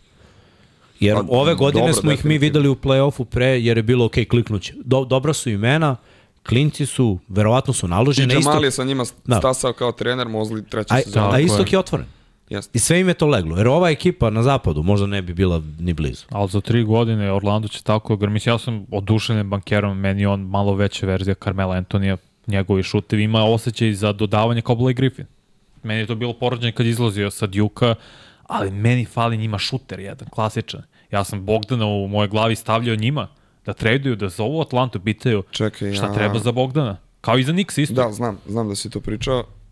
Dudu što nije bilo sad skoro, to je bilo Nije, to je bilo baš da. na početku kad su baš igrali vrhunski. A hajde, hajde da pričamo o tom veteranskom prisustvu. I to imaš kod njih. Joe no. Ingles igra čovjek fenomenalno. Mm -hmm. Ali možda još jedan takav igrač, dobro, izgubili su Terence Rosa koji neće više igra košarku, kako je sam rekao, što ne u nekoj situaciji u kojoj ne moraš da daš mnogo, ne pokušaš da uzmeš Bojana Bogdanovića. Na. Da, njih smo, Bogdanovića smo stavili kao, da. ako nekome treba poenter, eto, to, to je Preziva se da Bogdanović da... Ti za Bojana Bogdanović. Gary Harris je možda to treba bude i on je veteran sad već i dugo godina u ligi, ali A, Gary se, se desilo. Gary se nikad nije skazao kao šuter s polja. Mislim, bilo je momenata dobrih i loših, ali kod njega ništa nije konstantno. Ako izuzmemo one povrede i sve. Da imao je, utakmice imao da je momente, ali... Denver Portland, čini mi se neka utakmica, on je rešio nekim velikim šutom. Jest, ali, ali isto dobro, tako se nije pojavio pet puta. Da, da. Imao je takve momente i to je ono jedan ne, ne, mogu, ne mogu ga poredim s Bojanom koji je igrao i u krš ekipama i bilo je, evo ti lopta reši. I Rešao, da reši, mislim. Apsolutno. Dobro, ko ste all-star igrači? All-star igrači, dobro, ne možemo da idemo... Jel mogu ja sad kontra pitanje opet ono, da, da, jel mislite da može Boston da ima pet all-star igrača ove sezone? Ne, ne. Imaće dvojicu A? max. Misliš dvojicu max? Pazi, po glasanjima, jeste pravili, mm -hmm. gledali te preseke i to? Tu su svi u polu. Jes, mislim i... Naravno, birat će posle treneri i to, ali tu su svi. Biće Tatum sigurno. Dobro, naravno. Mislim, čak ne znam da sam ja, ja mislim kad smo uradili, kad je izašlo prvobitno ovo početno glasanje, Brown mi je bio tu na ivici. Možda ne, Porzingis pre njega. Meni je pre White ostao. No. To dosta ljudi priča. Ali ne znam kako ga stavi među koji, pre kojih bekova, jer ti kad vidiš Lillard, Maxi, Donovan Mitchell, Maxi, Jalen Brunson. Maxi je zaslužio da bude All-Star. Jalen Brunson je igrao vrh. Ja sam kritikovao Brunson playoff, ali stvarno igra fenomenalno ove godine. Znači njih, da eto, to Dobro, ti je... Trae Young All-Star. Ne. S ovom sezonom. Glej, uh, zašto? E, Samo zbog sezona. Inače on individualno... Dobro, pa, to je... Da, ok, ali, e, pa vidiš, to je već šest bekova. Derek White, ako računamo Trae Young, nek bude on tu granica, pet bez njega. Ali pa isto to je već... kako ga je, isto kako ga je ovaj, zvano Mondo Basket, Greg. Nešto, nešto tako da ga ugura pa, pa da ide. Mada pa, tad je bio stvarno drugi igrač. Ba, baš je nezahvalno, jer Jest. Bridges je dva ili tri, kako njega gledi. Više kao dvojku. Da. Mikel, da. Da. da. I, ok, onda nema mesta ni za njega. Mislim, Brooklyn ima lošu sezonu, da se razumemo. Pa to je to. Pa nije ni on konstantan, odmah da ti kažeš. Nije, ne znam. Otpašće, otpašće. Nije, nije ni on Zato konstantan. je baš nezahvalno, jer ti na poziciji beka Jest. koliko igrača vučeš na All-Star, pet ili šest. Da. A trebaš još šest visokih, to je skrila i jednog, kao da kažem. Dobro, tu će biti sigurno Embiid i Adebayo. Okay. Janis. Janis. Janis. Tatum. Ko tu još može da sad bude, mislim. Demar je vrlo Mo stavit će mladi igrač, stavit će Jimmy, da, ne, stavit će bankera, stavit će ga sigurno. Kažem, De, Demar je vrlo visoko rangiran, ali Nije to to. U tim, u tim glasanjima i to, ali... Ja stavio bih pre Juliusa Randla, koji ima sjajnu godinu. Ja znam, ljudi ga ne, ne vole. Ja razumem to, ali Randall, nema što Nixi pobeđuju, što je najvažnije zapravo, prvi put od 2013. da imaju 10 pobeda više nego poraza do All-Stara, ali Randall radi sjajan posao uz Bransona. Ne mogu pa samo da kažem da... Pa ima baš neke odlične utakmice, stvarno. Sa, I na početku je se muči, ima operaciju za skočnog globu među so, sezoni, treba to vremena da se navikne, da uh, pronađe svoj šuterski ritam, pre sve kad je pronašao, Nixi stvarno izgledaju vrhunski. Da, ja sam baš mnogo, mnogo, mnogo očekivao od Scottija Barnesa da ovo bude njegov All-Star sezon. Može da bude i dalje to. Vidjet ću. Što mislim, sledeće godine ćemo biti dobar igrač, na primjer. Ova okay, godina mu je bila vatreno krštenje. Da, da. dobro, naravno mislim, sa drugim trenerom i svašta nešto. I... Kre, krenulo je u drugom smeru, totalno. Jest, ne, ne jest. možeš baš kao mladi igrač da sve to kao pređeš preko svega toga i kao bam, jak idem. Ne, ne ide, Istina. Ne pa ide pričao je samo ono tome koliko mu je teško bilo kada si jakam otišao sa te neke emotivne ljudske strane, mislim. Oh. Ali... Znaš šta, mladi igrači moraju da shvate da je biznis. U stvari, da. broj jedan, pa onda emocije i sve. I onda vidiš ove veterane prekaljene, zašto oni sada kapiraju da im je poslednja sezona i sve to, zato što su se nagledali i biznisa i svakojakih Tako. odluka i proživjeli neke tragedije, lične povrede i sve i onda ti Svi dođe do momente da. kada sve razumeš. Razumeš biznis, da. razumeš ono, sad smo zdravi pa ko zna kad, sad je trenutak, pogledaj situaciju, all in. A mladi igrači, moraš to proživiš na koži, ne može tu niko da, da ti priča i, iz drugog lica, trećeg lica, e, yes. Znaš koga smo zaboravili? Halliburtona. Da, Halliburton će biti Bravo. isto. Da li će biti zdrav da Ne znam, mogu da ga izaberu, da, pa da. bude Kaže u toj Mil, situaciji Milan da je Young drugi na glasanju, što znači da nema šanse da... Ma da, ne, ne, zato sam ja, da. zato sam ja to pomenjao i Demara i, i Treja Younga, da. zato, što, zato što se vrlo visoko kotiraju na, Ja očekam vidim sutra... Mislim, on će da priredi show tamo. Trae Young će možda najbolju utakmicu u sezoni da odigra na All-Staru. Halliburton će sigurno biti u Indijani All-Star. Da. On će, ovo se održa All-Star man, sigurno biti tamo. Da. Ja očekam ko će biti starter, jer će na to govoriti i mnogo reći o tome sutra, nakon što bude na TNT-u, budu proglasili sve to, saopštili da šta će biti onda što se tiče rezerva. Jer ako bude bio starter Burton i ne znam, nek bude Maxi, nije važno, ili Branson. Znači odmah već, aha, Mitchell je tu, tu je ili Branson ili Maxi, tu je Lillard. Ne, jako je teško bez papira. A? Mogu malo u svoj odbranu. teško je stvarno bez papira. Ma ne pa kako. Da, da ovaj, Dobro, nekog zaboraviš uvijek. Ovo su polemike. Ko je tebi, da. ko misli meni, Trajan nije, ali dečko ne, kida. Nije, nije, ja, ga, ja ne volim njegov stil igre. Ali da, da dečko pogađa šta poželi i da sme da šutne preko bilo koga. Mi smo doživjeli da, da, da Bogdan bre ne trči u tranziciju kao poslednji igrač nakon izgubljene lopte. Pa možete to zamisliti da se desi. Mislim, prvo dečko sa tim, sa tom radnom etikom, sa, sa sezonom koju igra, zamisli koliko to ne valja, bre. No, ja pri... na tom, na tom pro... ja, pa, ja, ja baš godinama pričam o tom. Jer, jer izvaljivo. I, igrao sam s nekim sebičnim igračima i ono, znam kad ja neko sam... hoće da bude da. sve. To, to je on. Ja sam ovaj... Ali opet mora da mu daš priznanje, jer znaš, mnogi to hoće da budu, da pa ne mogu da iznesu. Ipak može da reši. Može da reši. Uh, imao sam jedan kratak intervju sa Bogdanom u off sezoni, bukvalno na, nakon što je potpisao taj novi ugovor i to. I ovaj, onako malo nespratno sam ga pitao, je li ti ovo poslednji veliki ugovor? Jer je potpisao četvorogodišnji i to je on kao nema šanse. Znaš, planira da igra do 38. dete, nije to poenta priče, nego rekao, onako, kamera se ugasila, rekao, stalno vidiš, vidiš da, da, da s Atlantom osvete. Rekao da da. Mislim, veliki je šampion, to, to sve stoji. Ali u ovoj konstelaciji stvari ja baš ne verujem u to da može da im se pogodi i potrefi ponovo 2021. No, Loš sagrađen tim, jer ti ne možeš... Atlanta je rebuild, i, i to ozbiljno. Da, da. Ali šta je rebuild? Ti imaš Huntera, Johnsona kao mlade momke. Njih da držiš, da, da držiš da. Younga. Younga i to je to. Mislim, I nikog više. Ti ne možeš da imaš petorku gde i Capela ne šuter, gde Dejonte Mari realno nije šuter, gde ni Jalen Johnson nije sada nije. napravio svoj, izgradio svoj šut kako treba. Znači nije. ti u suštini imaš Treja Younga i ko je četvorka, nekad sa Dick Bay. Ti u današnjem NBA-u to ne možeš. Moraš da imaš makar trojicu ili četvoricu šutera. Nemaju plan. I ne samo šuter. Promenili su Lej, tri, izmjeniš da Centar ne mora da bude šuter, ali mora da reši mnoge situacije. Da. Kapela ne može da reši ništa ne ako mu ne digneš loptu iznad dobro. Ne može. Malim kontaktom ne može da reši ništa. Promenili su tri Prošle trenera godine, bre, u tri godine. bre, dva promašio bre, na utakmici. Ima sramota, bre, centar promašio za kucavanje. Ne. A ne neki šut da, ne de Bože, napravi pivot. Pa ne, on je, znaš, ono, radim to što radim, nije se čovjek nadogradio, oni malo šest godina. Ništa, bukvalno ništa. ne mora, očigledno. Znaš, još i propao. Ono, s Hardenom je još bilo i dobro. Pa smo čoveka ni krivog ni dužnog. Koga? Kapelo? Kapelo tri Grozom, brate. Ja ništa ne napadam, stati, ne, ne, nego tri statistika govori. Jeste, stvarno jeste. Uvek mešam prezime Okongwu. Okongwu, da. Mislim, idemo Isti je Kapela. Da. To je isti tip igrača, samo je mlađi. Da. U suštini. Da, da. Nema razlike. S tim što, da, ima prostor da napreduje sad, da li će, s kim tu može, otišao Adrian Griffin kao pomoćni trener, otišao Joe Pranti. Adrian Griffin je stvarno bio defanzivni ovaj, specijalista u, u timovima u kojima, kojima je bio. Da, Joe Pranti baš dugo godina NBA, čovjek bio sa Popom da. prvi 10 godina, da, 96. Da, baš me zanima šta će s njim. I on je sad otišao iz Milwaukee, ne?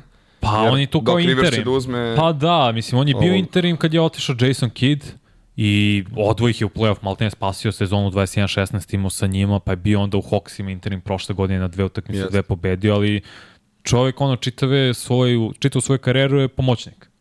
Pa verovatno to i hoće. Pa mislim. moguće. Bio sa Gregom, bio sa Jasonom Kiddom svih tih godina i on odgovara mu ta uloga. Da. I to je okay, Ne, mislim da i on ide sad iz Milwaukee, ali tako? Jer, mislim da će ostati Pranti. Ali, dobro, mada čitao sam da, da li zvanično da će ovaj da povuče opet Jegera sa sobom, Deva Jegera. Ne znam, ne znam, nisam to ispratio. Da, da, da. Pa ja, ne, neki stručnjaci baš nisu za, za head coaching job, ali su dobri za, za ekipu kao deo ekipe. Ima ih Eto taj Jäger, baš, baš njega. Sećam se u Sakramentu kad je totalno loša zamisla. Nije ekipom, bilo loša ili netalentovana ekipa. Ne, ne, ekipa je mogla i, da. i vidio si da je mogla, ali to ono, svi po 20 minuta, kakav danak na iskustvu. da, Mike Brown da. spasio situaciju, da. stvarno, eto, čovjek sa iskustvom, toliko godina da. bio i glavni trener i bio pomoćnik u Warriorsima, ugrabio sjajnu prediku za njega, vidu Kingsima i eto, sada je bio, bio prošle godine trener godine. Ili je bio u priči u finalu? E, bio je u priči, joj ljudi ko je dobio, nemojte ovo da mi radite. Ne, ovo sad. El Mazula? Klikni bre, tamo imaš e, možda, možda. laptop. Coach, oh dear. Mike Brown je bio prošle Mike Brown, da, bravo. To prvi jednoglasni. Nisam ni to znao. Bravo. Volim te jednoglasne. Da. Te smatram. Sterkari. 100%. Redko kad se, u NFL-u samo dva puta. Ovo je prvi put da se... Ikada. E, da su jednoglasno bili. Ne, za MVP. MVP. Pa Lamar. Kari je bio jedan i ovam, izvinjam se što je. Za trenera nikad nije bilo jednoglasno. Da, kao jedin je Steph bio te 2015 na 16. Ne znam. Ovamo Brady Lamar. Kad je bio Brady? Davno. Sedme? Moguće. Pa da, Obično. ima smisla. Onda je oborio. Čudim mi da Peyton nije bio kad je pobarao sve te rekorde. Ne znam da je bio MVP, a nije bio jednoglasno. Pa, igra u eri Tomu. Ne može još jedno. Ali bio AP isto. Ma. A, znaš šta, ajde pre nego što, mislim imamo segment pitanja i odgovor i vidim ljudi već pišu ovde svašta. Gde ćeš ti dečko sediti? Sad, sad, daj mixing kadar. Ali ne, pre nego što krenemo ono pitanje i odgovor, ja moram malo krenem da tvoju priču, da ispričaš ovde ljudima kako si došao do komentatorskog posla, slušaju te često, baš često, Tako Nadam da, eto, se ne previše često. da, ne, ne, ne. I, imaju oni sva, svakakve pitanja, posle će oni da te pitaju sve, ali eto, dobro. ja hoću da mi ti ispričaš od početka uh, odakle si, kako si uh, zavoleo sport, kojim sportom si se bavio i kako si došao do toga da, da budeš komentator i sada uh, sva tvoja priznanja, dostignuća, šta jo, dalje planiraš i to da... Mislim, što? Pa ne znam. Što? Toplo Sve to. A, nemoj brat. To je to je znaš kako ja ja ovako ja ovako smatram, znaš. Pa nije, ne treba mislim mi se bavimo nekim ne... poslom koji je javan i svako može da ga ocenjuje i ja baš nemam problem s tim od početka. Mislim od početka, ali nije, evo, peta sezona mi je sada radim i volim i kritiku, volim i feedback i sve i mislim nemam pojma. Ajde, nebitno. Evo, od početka. Ajde. Nemoj da te gledaj, ja nemoj, nemoj se, nikada da ja ti bude glupo se, za nešto što si zaslužio. Ja sam se, hvala ti. Ja sam se ovaj, futbolom bavio zapravo. Futbol sam igrao poluprofesionalno u trećoj ligi do faksa. Do faksa i onda sam uh, upisao sam baš sportsko novinarstvo na fakultetu za sport i fakultet je takav da je, da je ovaj, imao mnogo, mnogo, mnogo praktične nastave, svuda. Znači i u pisanim medijima i u elektronskim i, i to štampanim elektronskim radili smo svašta sa, sa profesorima koji su integrisani u redakcije više od deceniju dve. Baš je onako razgradno sve bilo i Arena je otvorila konkurs u smislu ne zapošljavamo, možemo da zaposlimo ako nam se neko svidi. Napravili su grupicu ljudi, ja sam bio među 13 ko, ko, koliko se ovaj studenta prijavilo. To je bila treća godina, kraj treće godine, a tad sam već radio prvo u Blicu, pa onda u, u, u Meridijanu na portalima i kada već nisam mogao da ostanem u sportu, kada već nisam mogao da ostanem u sportu, baš sam htio da se bavim novinarstvom, ali baš ovim vidom novinarstva. I to sam shvatio. Jednu godinu dana sam pisao, lepo je, super je. Dobijem neku slobodnu temu ili mi sine nešto i tako dalje, ali ono, od 8 do 4 ili tako nešto, baš, baš nije, moj, nije moje parče ovaj, kolača. I desi se to da, da se otvori taj konkurs, radili smo, tad su stvarno mogli radi sad mnogo. Ali tad su stvarno mogli još mnogo više da se posvete nama mlađima, starije kolege, od šefova koji su bili divni do, do kolega ovaj, e, koji, koji su tu, koji nisu, koji nisu šefovi. I desilo se da smo ja i jedan kolega ostali, počeli da radimo, mic po mic, mic po mic i onako, volim stvarno da kažem zdrava priča. Jer e, novinarstvo, neki kažu da je veština, neki kažu da je zanat. Onako, prija mi da kažem da sam se školovo za to i da to radim. Tako da, eto, što se tog dela priče tiče. Sad, Ajde. ako imaš neko potpitanje... I, imamo, imamo da. I vi ljudi isto pitate, pa ćemo polako da pređemo na naš segment, teo pitanje i odgovori. Nakon i, toga, i... nakon toga, izvini, nakon toga stvarno su ovaj, na, na areni e, kako je naravno sve došlo sa, sa još mnogo prenosa, sa još mnogo svega, sa još mnogo više posla, mislim, redakcija nam broji koliko 70 novinara. I, i bar, bar 40-30% su ljudi mlađe od 30 godina. Meni je to divno. Stvarno mi to, nije sad što imamo naravno i mnogo mana, imamo i, i, i, neke vrline, ali mislim da mi je ovo neka najlepša stvar. Jedna od najlepših stvari ovaj, na našoj televiziji. No. Najlepši ljudi koji vole sport rade da. u medijima za sport. To, to je, da. to, to je point. Da. Vidi se da, ra, da voliš nešto što radiš i, i tako i treba da bude. E sad, sećaš prvog prenosa? Sećam se. Ko je bio? Sećam se. Prvi prenos je bio VTB Jenise Astana. Jenise Astana i tad smo imali, Dule, Dule je bio tamo Ristić u, u Astani. Nije bio, ja mislim, jedin. Emil Rajković je bio trener, nije bitno. I ono, ja sam se spremao za, za, za taj prenos. Kako ti je to bilo? Ovaj, Pred prvi prenos zvanično da se spremiš, da provediš podatke. Dobro, imali smo neke probe, imali smo svašta nešto, ok, uđeš u kabinu i sad, evo to sad vi možete da mi posvedočite, i talenat i jelo, sve to pada u vodu ako nemaš nešto onako no. ili jesi ili ne znam ne sad u smislu kao mi jesmo, Bog zna šta, ali za tu sferu kojom se baviš. I meni je sve bilo lagano. Sve je super. Kraj utakmice zove me Neša, šef, koga pozdravljam ovom prilikom, naravno. Ovaj, I kao, o, gledao sam kao, ok, prenos nije on baš uvek na, na pohvalama, ovaj, što i treba tako no, da bude. Flan, što to, i treba tako okay. da bude, da. I kao, sve dobro, nego, gde si bio pre dva minuta u trećoj četvrtini? I sad, kako je pauza za, za reklame u, u trećoj, svakoj četvrtini kod, kod prvog timeouta i, znate ono, stisneš i isključiš se. I ja zaboravim se uključim. Mene na dva i pa tri minuta nije bilo, ja sam pričao sam za sebe. Tako da to je bio prvi prenos, posle toga mi se nikad nije desilo. Dobro, dešava da, nije, se. Ne znam ja šta, ali eto, po tome pamtim prvi prenos. Ne znam ko je pobedio, da li Janisa i Dala Stana, ali dobro. Dobro, gledaj, ja sam njega isto da. spremao za, za, za prvi prenos ove godine. Ovde smo vežbali. Tako da je to totalno... totalno Kako? U smislu prenosiš utakmicu, dobijaš i na... Da, da. Tako je, da. Ja sam mu dao ovde. Smo ovde bukvalno gledali, sedeli ovako i prenosili. Odlično. I onda posle toga je bilo, ajde super bolovi da se urade, da, da. čuje Neša, Minja, Miloš kogod. I nakon toga, kao, sve super, ajmo Hall of Fame utakmica prva bio tada isto ono. I u kabini? Krenulo. Ne znam, naviku se da bude miksa pored mene, zato što da to mi nije bilo toliko teško, jer da li u podcastu, jer sedimo u 99 yardi tu jedan pored drugog, da, da. ili ovako jedan na jedan kad smo već krenuli pre nekoliko meseci, da, u tom momentu pre nekoliko meseci, uopšte nije bilo sada velika razlika. Najbolje mi je osjećaj iskreno bio posle sa Vukom. Da što i Vuka znamo od ranije. Što je Vuk legenda. Da, Vuk, znači, ja. on je car. I to je bilo onako, on ima svoje papire, pripremi sve, sve to otvori školski i nakon toga bam kreneš. I to je meni bilo fenomenalno. Stvarno je bilo sa Vukom, sa Miksom i neko, kom dan sam pričao Urošu, čini mi se, sa sedmoricom različitih ljudi sam zapravo radio NFL ove godine. Tek sam tamo danas kapirao i, i naravno Miksa i Vuk i Pilja, Jimmy je bio par puta, bio je David jednom, je bio je Uroš jednom, oba Uroša zapravo. On skapiram, brate. I sve lagano. Uh, da. Bilo je situacija, bilo je situacija, naravno neću da imam, ljudi koji uh, su u novinarstvu u, u toj pisanoj štampanoj formi sa ozbiljnim karijerama i kao ej, dođem na probu, hoću, sve super, krenu utakmice, zaveže se jezik. Krenu utakmice bez komentatora. Ja ne mogu. Tako da...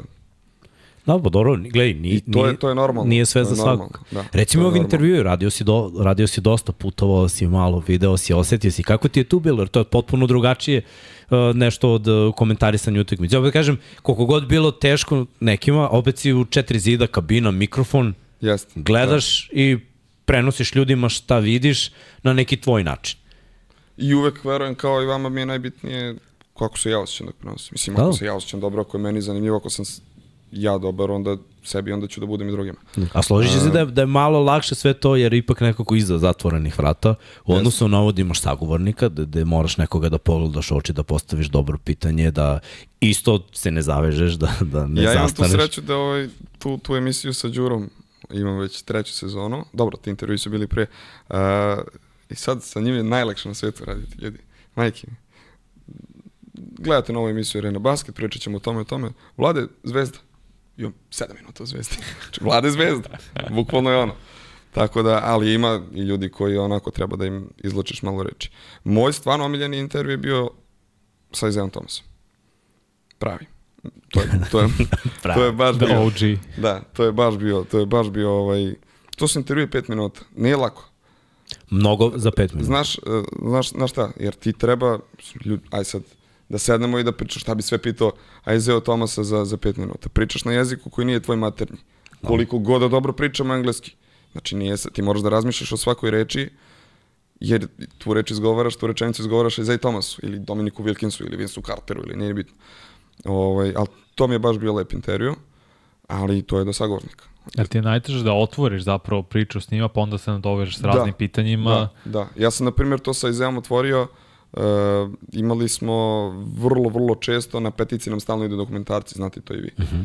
ovaj, i, I ide taj dokumentarac stalno, ta njegova legendarna utakmica sa skočnim zlobom mm, protiv, Lakers. protiv Lakersa i koliko 25 poena u četvrti. I ja mu to postavim na početku. I on se nasmeo, otvorio, bacio mi kosku i onda posle sve lagano. Ali ovaj, šeka nisam mogu da otvorim.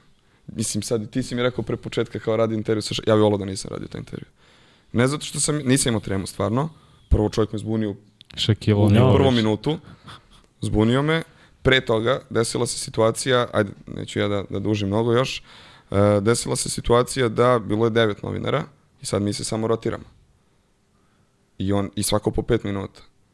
I sad ja treba da sednem, peti po re, šesti po redu, i ja sedam, i Šek se okreće, ono, jet lag, sve doputao tamo u Abu Dhabi, Ovaj, I on se okreće kao organizatorki i kaže kao, pa šta je ovo, kao rekla si pet intervjua, kao šta sad? I on mu objašnjava ne pet intervjua, nego devet intervjua po pet minuta. I on takav seda sada ja pričam s njim, znaš. I onda ja kao jedno prvo pitanje Vlade Divac, vamo tamo. Da, se trouble. Nisu mi upravo. Gledao sam I meni cijela koncepcija pada u vodu, razumeš, jer sam očekivao da će onda mi priča malo više o tome. Znaš, pa da uđemo u razgovor, on kao yes, no. Ali gledaj, opet je bio, bi, mislim, Pa, ja nisam nije, bio, nisam nije bio u onom elementu kakav zna da bude shake shake pa, zebant veliki. Pa on je posle foru. Da, da, ali pos, posle se vrati. Ali, ali da. Mislim, on je jedan od redkih, šta je rekao za sebe skoro, mi obični ljudi. Ne, da, neko da, bilo da, pitanje, da, da. A, a on se stvarno ponaša tako I, i to je dobro. I opet, verujem mi, mnogi ne bi ostali da sačekaju 6. 7. 8. i 9. I to je A, a, mm. Sigurno. Jer tako razmišljaju zvezde. Mislim, on nije zvezda, on je mega super giga zvezda. Ikona ali, ali je Jeste. ispoštovao na kraju. Da, razumem kako je tebi bilo, verovatno. Ja stvarno ne patimo si, treme, bilo, ne patimo da. treme u, u, u smislu tom, da. kao, e, kao što, nije ti sve jedno, ali ne zaveže da. mi se jezik ili imam tu neku vrstu vere u sebe u tom smislu. Znači, druge stvari nema, ali dobro, to, je, to je jesi ga pitao, nisam odgledao do kraja, jel si ga pitao u vezi pisma? koje je poslao, ručno napisao pismo za Hakima nakon finala, nakon što je izgubio. Ne ne, ne. Napisao mu ručno pismo kao pobedio si samo zato što si imao bolju ekipu, da mi igramo jedan na jedan, nešto sa parafraziram, kao razvalio Ubio bit. Da. Poslao mu pismo, potpisao se i to mu stiglo. Znači, ne, da li je bilo mesec da. dana nakon NBA finala, jer toga je baš pogodilo. Došli su do vidi, finala. Ajde, imaš pet minuta, Da, da, ne, ne možeš ti da posljedaš toliko dugo. Meni se već sad smučio Vembanjama ljudi. Znači, to je sezona Da, da gotovo dve sezone pre nego što čovjek ulazi to, to u, u ligu. Posetite me da imamo tri to Francuza pitanje. i mhm. sve, sve pitaju Šeka pitao Vembanjami. Ovog pitao Vembanjami. Ovog, ajte ljudi, dosta više. Oh, a, a, to, to je njihov hype. On, on pa razumem, ajde. Mislim, sam... Koga bi volao da intervjuš još? Nikolu Topića. Miloš Tadosić. To, znači malo naše. Da, da. Velika mi je želja sa Nikolom da uradimo jer zašto? Nije sad zvezda kao bojica su zvezde, stvarno nije to. Miloš je Miloš, a Topić će Navijaš da ode... za zvezdu, pretpostavljam. Pa, ne, prema sam zvezda. I navijam zvezdu. Pa... Imamo mi ovdje jednog partizanca, da, znači da, već ti derbi da. može bude. Uh, ali nadam se da neću raditi derbi u nedelju. Nadam se da neću. Uh, tu ne možeš da pobediš. Mislim šta god da kažeš, ono, ili no. jedni ili drugi će da... Uh, Nikolu zato što će biti narednih sigurno 10-15 godina nedostupan. Mm. I mhm. volio bih da uradim jedan intervju s njim dok, dok ovaj... Pred, pred polazak. Dok ne ode, ali tu sa razlogom isto tako je, njegov otac je vrlo oprezan i za sad nema dogovora. Ali nadam se da će biti. O, polako. Još uvijek je, mislim, sezona da. u toku i sve to i obaveze i sad i povreda. Jeste, jeste. Pa ne, naša ideja je bila imati... I moja još da uradimo dok je bio Megi. Mm. Napravimo jedan dan sa Nikolom, kako on provodi dan, pa ovamo tamo, pa neke možda van ono aktuelne stvari. Mm. Van košarkaške. Ali, pa ne van košarkaške u smislu verujem da biste vi volili da znate, na primjer, na koga se ugleda Nikola Topić da, da, tako nešto, te neke, ili te, te, neke, te neke. Ali dobro, tako da to mi je želja. Neka baš onako što se tiče bliske budućnosti. Pa da, vidim ja da, da mi hoćemo ESPN da napravimo. ja sam rekao. U svim sportovima. Uh, dobro, ajde da se bacimo na uh, odgovaranje ljudima, jer vidim da je bilo nekoliko Ček, pitanja. Setit ćemo se Banjame, izvinješ se prega. Pusti ovo, molim te, za Skotija Pipena, šta je bila diskusija. Si i... naš? A, bravo. Zato što su ljudi podivljali u komentarima zbog toga. Dobro, šta jer... si rekao da je... Kawhi Leonard je veći igrač nego što Scott Pippen kad bio. Vrlo prosto jasno. Podivljali su ljudi. Ljudi su kao, Scotty ovo, kako to može, zašto ni u top 5 najvećih krila ikada, znaš šest titula ja što je radio. Ja obećavanje da ću kupim Pippenove patike samo zbog toga. da, ja rekao dobro, mama jeste. Pa dobro, meni. hajde onda kada se završi Leonardova karijera. Ne, ne, sve to jasno. Ja samo gledam do ovog momenta šta da, je da. neko učinio. Ko igra aktivno? Kril. Tako je. Tako. Da. Meni je kao... Tako je. Kawhi Leonard je meni uradio sada više u njegovoj, u, svoj, u njegovoj karijeri nego što je Pippen u svojoj. Ja razumem šest pa, prstana i sve. karijera je čudna baš. I, I to je tačno, ali Kawhi je uradio nešto što Pippen nikad nije. On je odvojio jednu bednu franšizu Toronto Raptorsa bez ikakvog playoff uspeha. U jedinoj sezoni? U jedinoj sezoni do titula. Kao najbolji igrač, došao kao veliko očekivanje. Njega zapravo nisu bili nikako očekivanje. Šta je on radio? Odrad, nije bilo očekivanje da stigne u final. Da osvoje titulu, to je još bilo ono, malte misa imica. Pippen je imao svoju priliku te 94. godine. 93. na četvrtu. Ispali su baš u drugoj rundi. Da. I to je onda ljudi, da. ala ovo, ja rekao... Čeka, ne? E, mislim, očekao su izgubili sledeću godinu kad je bio i Jordan. Ne mogu da, koji ih izbacio, da li su Knicks, nije ni važno. Knicks su igrali finale te godine. Ja sam rekao, defanzivno su podjednake. Ja kažem da je Pippen malo bolji defanzivac. Ali prvo, Hawaii je dva puta bio Mislim da je ljude više zabolilo što je na dalekom osmom mestu. Mm -hmm. Da. Da, nije ni tako da ti, Da, tako da ti to neće oprostiti. Pa dobro, ne, nije Dobro, manje zalazio u ovu daleku istoriju, takođe. Baš je ja sve, Ti se ne osuđuješ ovo da, ja to, ja, ne, ne, ne, ne, ne, ja, ja to mrzim. On to mrzi. Znaš Ali mu je bilo lepo. Ne, bilo mu je zabavno. Da, da. Bilo je zabavno da tebe pričao, ljudi, znaš. A ja sam bacao, hej, pazi. Ti, ali postoji kriterijum. Timski uspeh, broj titula, broj NBA final, playoff uspeh. Ali sve na kraju individualno. Ne, ne, ne, nije sve. Do, Imaš do individualni uspeh, era u kojoj si igrao, košarkaška veština umeće, konkurencija i saigrači. Znači, nije to sada definisano, ja samo vidim brojke, sve to. Sve se uzim u obzir. I ovi igrači koji su ispred Scottija, Pipena, su objektivno veći od njega. Ne, ićemo na pitanje. Gledaj sad da kreće podrška ne, ne, za vanju, četiri već komentara. Ba, ba, ba. Pet. A ja sam pet. Da. Viš kako, ba, danas, znači... ne, ne, ali stvarno. Inače, 300 vas je u live, a 113, znači 30% bednih, to levom rukom mogu da pogodim toliko. Sa 20 na 30 užas. Ajde malo, stvarno niste u redu. Inače, ako vam, ne nosimo trenutno manje ja naš merch, ali tu su kape ako vam je hladno, tu su ove lepe Infinity Lighthouse šoljice, imamo ovde naš logo, mislim 99 yardi je lepa, ali nemamo ovaj, još uvijek jedan na jedan, ali bit će. Biće polako, ali sigurno. Ima e, sad, pitanje Srki, za Vembanjamu. Pitanje, pa bilo je da, da ga iskomentarišem ove godine. Šta? Mislim, moje očekivanje su bilo ovo. Ja ne znam, uh, hype u Americi i u medijima koliko je bilo ba, baš je Dejan rekao Vembi, Vembi, Vembi, Vembi, Vembi na sva zvona. Mm. I onda ljudi očekuju da će dečko dođe da daje 40 po utakmici uz 20 skokova. To se neće desiti. Prvo nije igrao nikada ni na približnom nivou. Igrao je kvalifikacije i igrao je francusku ligu. Da. Mislim, šta očekujemo od momka koji igra u takvom nivou, rangu takmičenja, da sad dođe u NBA i, i da šta beleži 30 poena bez problema na utakmici. Pa ovo, neće se da ovo je pritom sjajno. Šta, rebuild, šta tako je. Pritom je rebuild, pritom je ekipa na dnu zapada, nema neke saigrača oko sebe, još uvek, on još uvek kuči košarku, još uvek se bre nije izgradio kao muškarac, on još uvek lično, dečak, pa, mladić.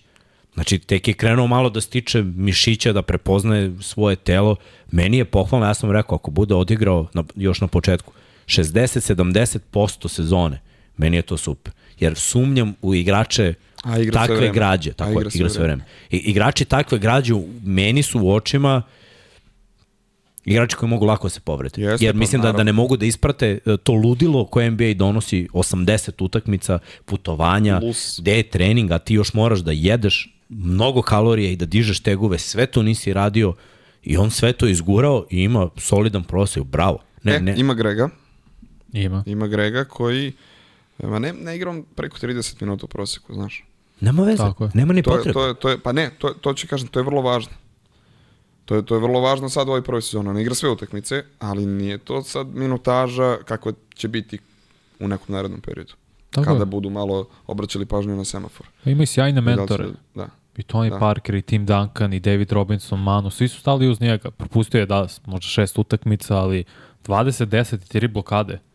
Ne znam da li predvodi NBA po blokadama, ako ne u top 3 sigurno, ali bolje stvarno, ne nisam Davis očekivao. je jedno dugo vreme bio najbolji bloker, bio je Brook jedno vreme, da. moguće da je bi sad. Tu je, svako je tu negde, jer ostat ekipe stvarno i vidiš Grega Popovića i čuli smo toliko i je onih audio verzija i sve sa terena, on ih uči osnovama. Meni je ovaj eksperiment i rekao sam Mixi, žalio sam se više puti ovde u podcastu, Jeremy Sočen da bude playmaker, katastrofa, apsolutno. Ne može da bude playmaker, nema tu koordinaciju, nema, ne, ne, nema ništa šta čini čudan playmakera. Je, čudan. Čudan, čudan igrač, zato ja, sam rekao... Ja ga gotivim. Ne, koristan da. igrač, ali ne može taj eksperiment. Ja bih volao zato Topis dođu u San da. Antonio. Ja bih bio najsre, bio bih najsrećniji tamo. Pitanje je koliko Evropski... godina ima ispred sebe Pop. Da, Evro, ima još. Još e, Evro, mislim, on je na ugovoru sad u narodnom periodu. Jeste, mislim da će još dve, tri, da će, mi, ja, ja sam rekao da će Becky Hammond da ga nasledi. Da. Žena koja vodi Aces trenutno i odlična košarkaška. Ona ovaj, trenutno vodi najmoćniju franšizu u Sjedinim američkim državama. WNBA, tako je. Aces, mislim, ljudi, to su... No. Ima više Hall Mada, ajde, kad pričamo o Gregu, pošto je velikan, mislim, ja uvek poločem paralelu, ono, Bill i Greg, to mi je to. Znači, ovaj je izdominirao u jednoj ligi, ovaj je izdominirao u drugoj, ali pogledaj, imaju godina jedan i drugi. Ti ljudi ne znaju da, da uspore. Ti ljudi ne znaju za porodicu, ti ljudi ne znaju da stanu. Oni imaju sport i podredili su sve što imaju i dokle god idu točkove i napred. Jeste. Pa dobro, Pepa verovatno, Popa, Pepa. Popa održi verovatno u mislim, glupo možda nespretno u životu, njemu je supruga preminula pre par no. godina i sve, šta? tako da Gledaj, sad kao Bili je ostavio porodicu, sina da. zaposlio i da. isto, znaš, to, to su ljudi, neki ljudi starog kova koji, znaš, to, to je to, on ima posao i uzme mu to, svrhu si mu Znači, zato verujem da, da, da ostaje sigurno 3-4 godine. To, to je moje mišljenje. Možda Nega grešim. Nega zdravlje posluži samo pa i ne dođe onda topa.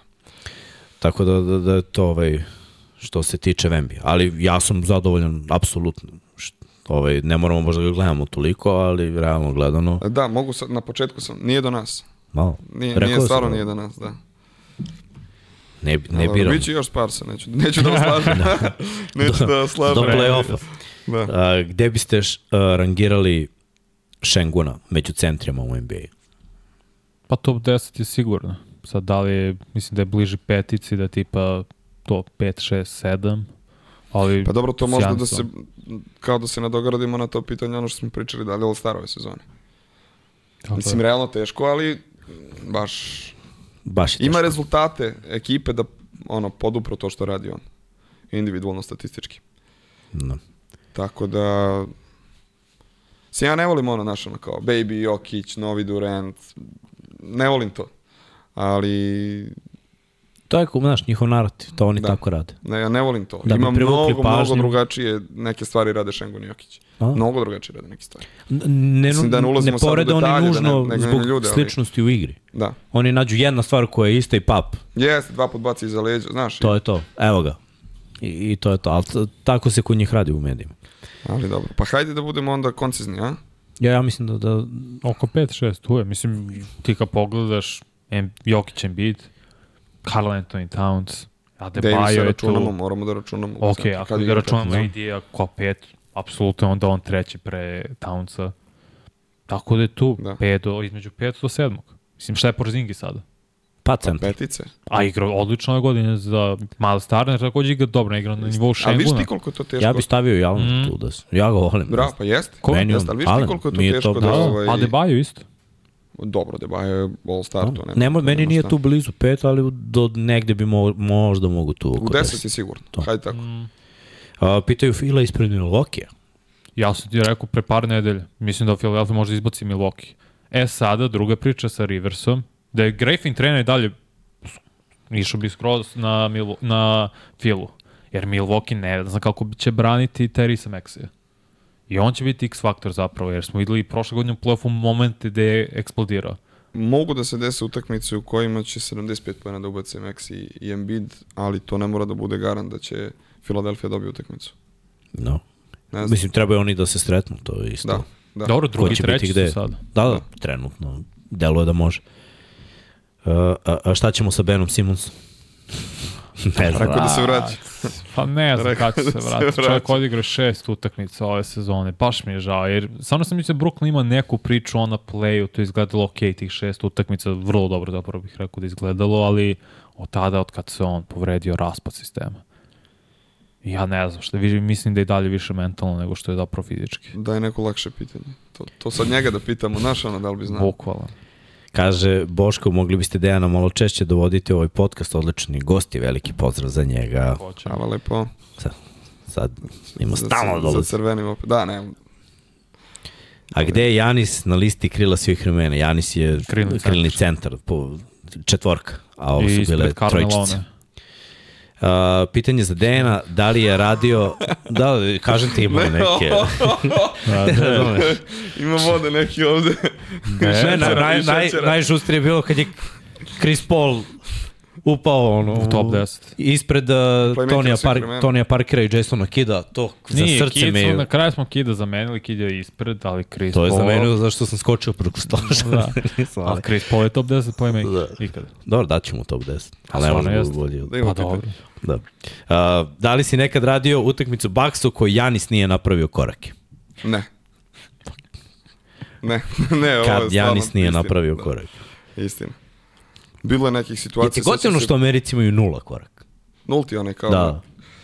Gathering step. Juče bila situacija, juče bila situacija, uh, Harden ide na prodor. O, kako ga ja Diva u... Da, prodor i sad kao da ukrstio korak lepo.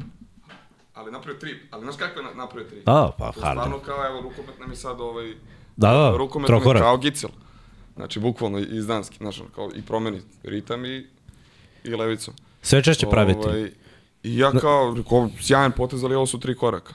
I sad Milan, koji radimo zajedno, živa stvar, milion puta smo pogrešili i nastavit ćemo, mislim, to nam je stil, valjda, ne znam, jer smo ne, neposredniji sad, kome to odgovara, kome ne. Uh, Milan kao, ma nisu ovo bili koraci. U etar ja, u etar on.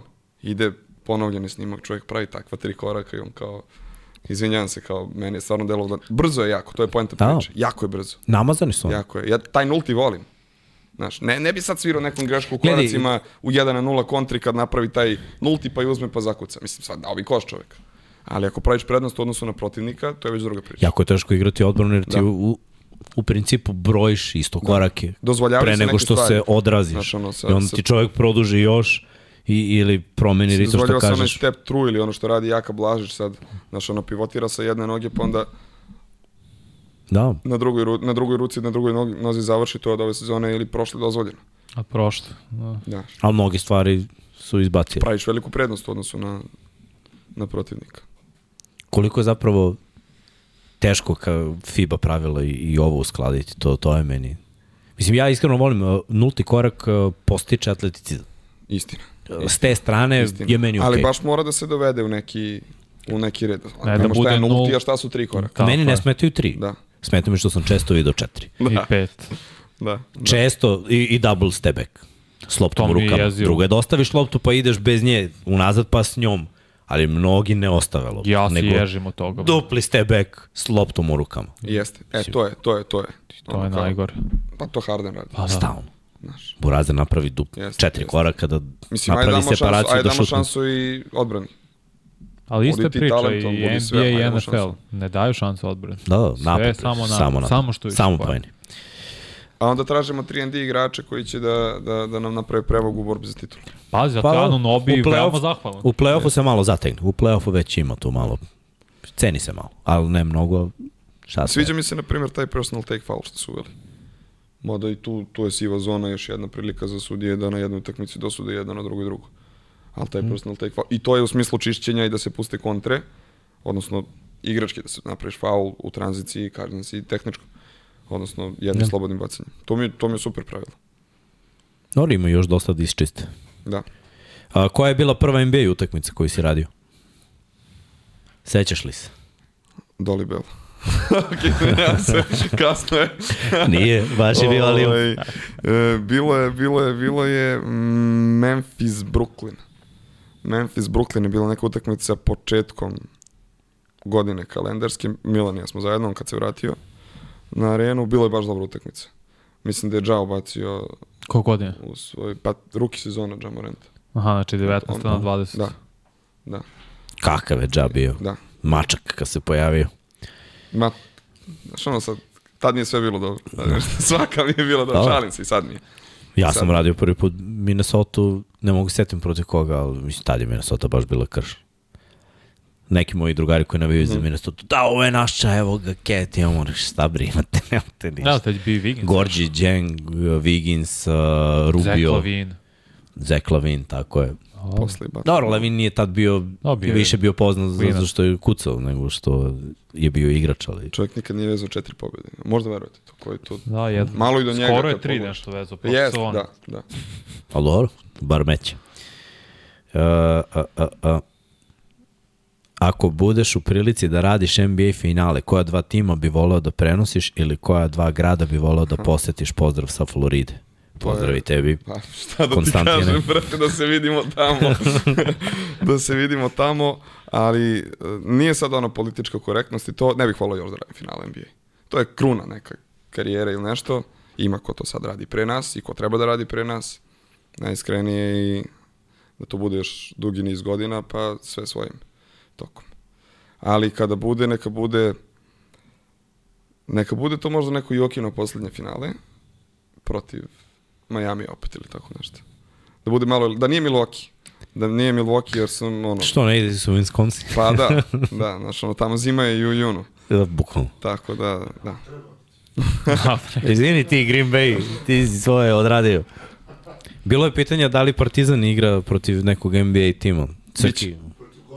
Protiv Golden State, da. Da. U oktobru. Da, pa dobro ima smisla. Vrh. Kao predsezona.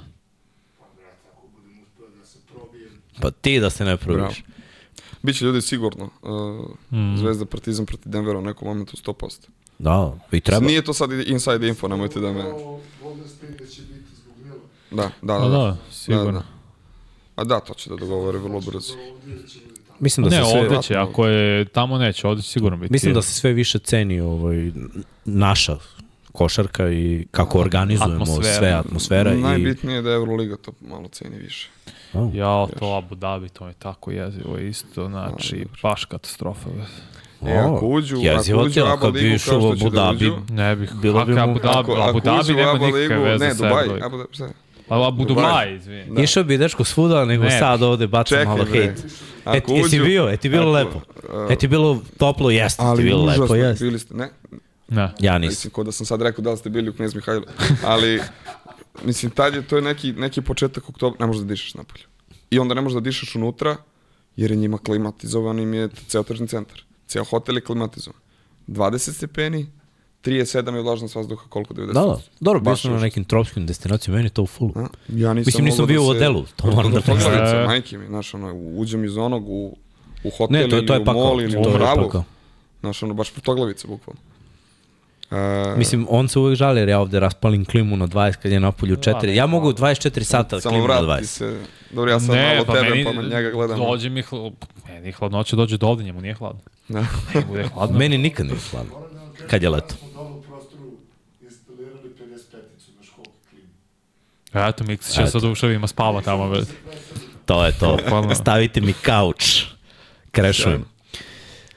Da li mislite da će u budućnosti sve više igrači iz Evrope koji su izgrađeni igrači odlaziti u NBA, a sve više američkih igrača koji nisu uspeli u NBA da idu u Evropu sa ciljem da se vrate u NBA?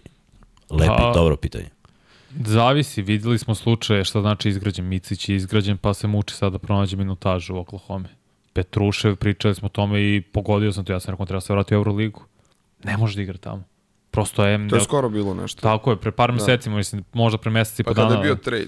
Da, da, pa je Znam da došao da u Ali nije, nije ni situacija. Nije. Izgrađen igrač iz Evrope mora da pogodi pravu situaciju. To je u stvari poenta. To je zapravo poenta Kao cela Bogdan, NBA. Bogdan da, je pogodio pravu, bio, nije bio star igrač, ali je pogodio pravu situaciju. Yes. Odmah je dobio neku šansu. Na primjer, Bjelica je mogao da prođe bolje, nije, mu, nije našo pravu šansu. Vasa nije našo pravu šansu. Petrušev nije našo pravu. Uh, da, da, ali na kraju, da, da, posle koliko da, godina? Naravno, naravno. Koliko timova je promenio? Naravno. Tri mm. tima da bi došao do toga da, da neko ceni uh, kompletnog evropskog igrača. Teo nije došao u dobru situaciju. E, kasno je došao. On je došao i kasno, da. Ali, mislim, i dalje je majstor. Jeste. Razumeš, ja, i, i dalje neke stvari prolaze, ja se smejem. Kako? Milo mi je, brate, kad vidim da. gde prolaze te lopte i šta čovek radi. Ne može niko da mi kaže da to ne bi prošlo tamo, da nije bio u nekoj situaciji gde bi mu neko rekao, ok, evo ti, budi starter, odradi to i ono, da ostane zdrav. Ali Vasa baš nije imao sreće, jer su oni dratovali Kisona Vala sa Skentake, imaš A, imaš Gidi, imaš još par mladih igrača na njegovoj poziciji. Jeste. On ne može... Počeo sad kao dobio neku šansu, ali nisi ti otišao da igraš 10 minuta tamo. Mislim, super da za ugovor, drago mi je. Da. Vrh ugovor. Ne znam da li bi dobio to u Efesu 8, po 8 ne miliona ne bi ni, godišnje na 3 godine. Pa Mirotić ima 3,5 u koliko u 4 u... Sa nije imao Mirotić 6 godina, 72 u Barsi, kad je došao prve godine. I ovo ne vera, a? Ne znam, je to bilo nešto u glavi da on baš imao ozbiljan ugovor u Barceloni. Kad je došao prve, što je to bilo 2017. Ali njemu, ja mislim, nije bio cilj da se vrati ponovo na... Da, da. Moguće. Mislim da je to bilo ono, odradio sam ovamo šta sam mogao, sad idem. Uh, jako je teško, pa u stvari, eto, prošle godine smo videli jedini pravi primer iz Partizana ponovo u NBA. Mislim, ne dešava se. Ja ne pamtim koliko, koliko puta se ovo desilo pre. Nije, stvarno nije. Da, ne, da neko, da neko dođe, bude na nekom nivou, dođe u Evropu, podigne nivo, odigra odlično i vrati se u NBA i sad ima šansu da igra. Tako, to je minimalan rizik bio Dallas. Šta rizikuješ? Ništa u salary capu. Mislim, Exxon no. ima sasvim dobru platu i potpisu si trogodišnji ugovor. Daš mu, otvoristi se u jednoj situaciji šansa ako iskoristi ekstra. Imaš igrača koji može da pomogne da donese, ako ne, stvarno nisi ništa da rizikuješ. No, ideš dalje. Nisi nikog dao, nisi Tako da... da slobodni agenti su uvek uh, da. dobro rešenje, ali, ali mora da pogodiš mislim, situaciju. Sad, to sad, na primjer, sa Kembom mm -hmm. ne može se desiti, ili slično, naravno. Ne Kemba može... je svoje završio NBA. A da. da. Kemba može sad samo da izdominira u Evropi i to je to. Ali ja ne znam da li bih voleo Šta? Da Dwight Howard dolazi u Euroligu. Pa to ne znam da li je ego može to da podese. Ma on šta? Je... Ma Vanja, oni su izgubili. Ma bre. Neće, brate. Ne, ne, ne bi on ja došao, to da gledam. On bi izabrao drugog trenera, ne bi njega Željko ni doveo. Da. Mislim, moraš Evo da... i Baka, na primjer. Divno. Ali doveo bi ga neko kome treba, na primjer, ekipa koja traži da proda da, ulaznice, Monako. Da. Da. Svi imaju pare, ajmo na tekmu, evo ga, Howard, ko je tvoj zadatak? Ono, trče lupe banane, kuca i loži se, malo navijanje, vuhu, posle toga jahtica, vince, devojčica pod ruku i... Ali ja nemam znači, devojčice. pa mislim, to ti je scenariju. Da. Šta misliš da se njima ne živi lepo u Evropi? Pazi, Mirotić je ugor, pošto je pre raskinuo sa Barsom, pro, da, prošlo leto, za 2024. i 5. bio 22 miliona za garanto, znači 11 po godinu. Da, Znam da je nešto veliki ugor bio kad je došao iz, iz da. Pelikanca u Barsu, Ali eto, znači imao je da. po malte 11 miliona godišnje. E, Karlo Matković. Neće završiti sezonu od CDVT. Ići će u, ići će u Pelikanse, oni su ga draftovali, imaju pravo na njega. E, negde se to baš piše po, po slovenačkim hrvatskim medijima. E, to mi je baš drago, on je NBA ready sad već. Primer jedan samo. Izgrađen igrač, najbolji centar u oba ligi. I nije loša. Neće da čekaju kraj da, sezone. Da, I nije loša situacija. Da. Jer možda treba dubina Neće za da ovu godinu, pa i ne treba. Tako da... Tako e da... sada, opet, za, njih, za njega, da li može, šta bi bila idealna situacija? Iskustvo ove godine i da sačeka Valenčinas do... Mislim, Jeste. To, I to da ti je ono, imaju, ako se ne desi... U kojoj situaciji odeš što si ti rekao? Pa da. Da li će neko da ima strpljenje? Kad kažem neko, ne mislim samo Willi Green ili čita front office. Šta da. je plan? Mm. Jel se kao kockamo s tobom ili ti stvarno verujem? Ja uvek vezujem uspeh Jokića za Melona i njegovu odluku. Da, da. Njegova je odluka. Trebalo je godina. Naravno. Mi, mislim, koliko je prošlo prva godina, jedna minutaža, pa drugo, pa unapredi ovo, pa treće, pa onda veruj, istraj i probaj. Šta je ključno? Denver Biro... Minimalan pritisak, small market team. No, tako je. Znaš, ne gubiš ti ništa ako jedan, dve godine. Svaki odlazuk u ekipu koja žudi za uspehom je kao ovo, Petruša Filadelfija. Kako? Ne, nema šanse. Dobri. Uh, isto kao Miličić nekad u Detroit. Ali kogod je otišao, ne sad kao Filip ili ne znam. Da, da bilo ko, ne, ne može. Ne može. Isto kod, kod Darko u Detroit. Da. da. U, onom, u onu ekipu. Nema Dobro, ono nije niko mogu sa Larryem Brown. Mi pričaju par puta, on je baš i Larry Brown, njegov filozofija kakav je Miličić bio to, nisu mogli. Znam, ali gledaj, bilo ko da je otišao sa kojim god mentalnim sklopom u onu ekipu, nije mogao da dođe do minuta na terenu pored ne, one ekipe. Ne, to je tek problem. Kad je Rashid Wallace došao? Došao u među sezoni tad. ili došao kad je bilo All-Star pauza te osvojili, Oni su osvojili u ruke sezoni Miletića. Ne znam na kad su osvojili. Tad je Rashid je bio od početka sezone. Od početka. Ali je bio Rashid od početka ili je da došao da sredinom te sezone? Ili je došao sredinom pre, prethodne? Ne mogu da setim šta je bilo. Mislim, ja, naći da je bilo to... sredinom prethodne, ali ajde, jednom sam se već sad za... Ma dobro, Mislim da je sredinom prethodne pa da su... Pričamo. Napunili su, imali su ovaj treći, da. je bio pre u Torontu. Treći što se tiče Pelicans, oni nemaju, mislim, Larry Nance je backup centar. Nemaju oni sad neke no. opcije tu kod Zeller. Može da dobije minute. Nije nemoguće. Jedan igrač koji pada napad koji isto imao veliki ugovor posle Mirotića u nekoj sličnoj zapravo godini, Šved, kad je otišao u Rusiju, kad se vratio. Brat. Nije ga zanimao NBA. Prvo je došao, vratio se kući, drugo imao bolestan ugovor tamo. Još neke dodatne beneficije koje ono samo sam čuo od par agenata. To je ne, nerealno šta on ima tamo. Dobro. I to je jedno tržište koje je zatvoreno. Čovjek je gospodar, šta ga briga. Yes. On obezbedio sebi generalno ništa. Ali dobro. I ne odgovara svima ni američki način života, znaš. Mm. I, I to je isto. Zato mislim da mlađe generacije danas, mislim, ceo svet je manje više amerikanizovan više nego što je bio pre. Tako da danas ćeš lakše da se prilagodiš. Ono nekada je bilo. Ne, nije, nije svako za to. Jeste, Naročito ne neko ko dolazi iz tipa Rusije i odavde, jer mi ipak gajimo neke vrednosti. Neke vrednosti, da, a bravo. Koje, Mislim, ko, koje su njima nepojmive, da, koje su njima da, nepojmive, da. bukvalno. Da li Reggie Jackson sa ovakvim igrama može da bude bitan šraf u play-offu? Izgleda skroz korektno s obzirom na negativne konotacije koje su bile kada je da. stigao u Denver. Meni je Reggie uvek bio super. Mislim, nikad nisam imao problem s njim. Iskreno očekivao sam prethodne godine da ima više minuta ili bar neke minute u play-offu, nije se desilo. Ali dobro napravio je malom rotaciju 7-8 ljudi, to je to. Zaključio je, namestio, osvojio. Respekt. Denver ima plan, mislim, to je potpuno jasno. Ok, osvojili su titulu, oni su imali plan za ovu sezonu pre nego što su osvojili titulu. Znalo se da će Watson da ima veću minutažu i ulogu. Znalo se da će Christian Brown, kako god je odigrao prošlogodišnji playoff, to je samo bonus bio da će da ima veću ulogu. Mm -hmm. I ti kad si dobio Reggie Jacksona, nisi ga dobio da instant pomogne. Mislim, i nije pomogao mm. u play-offu, ali imaš ga sada ovo sezonu i to, to je bio plan sve. Mislim, baš igra dobro. Da. Baš igra zrelo. Do Reggie, play, le, Reggie da. playmaker. Košarkaš, ne, ne troši, ja volim to. Ne troši mnogo lopti, a kad treba lepi može potezi, da lepe promene ritma, solidan šut. I pravi veteran sad. Da. Na šta se desilo? Neko je potpisao. Potpisali smo Jim.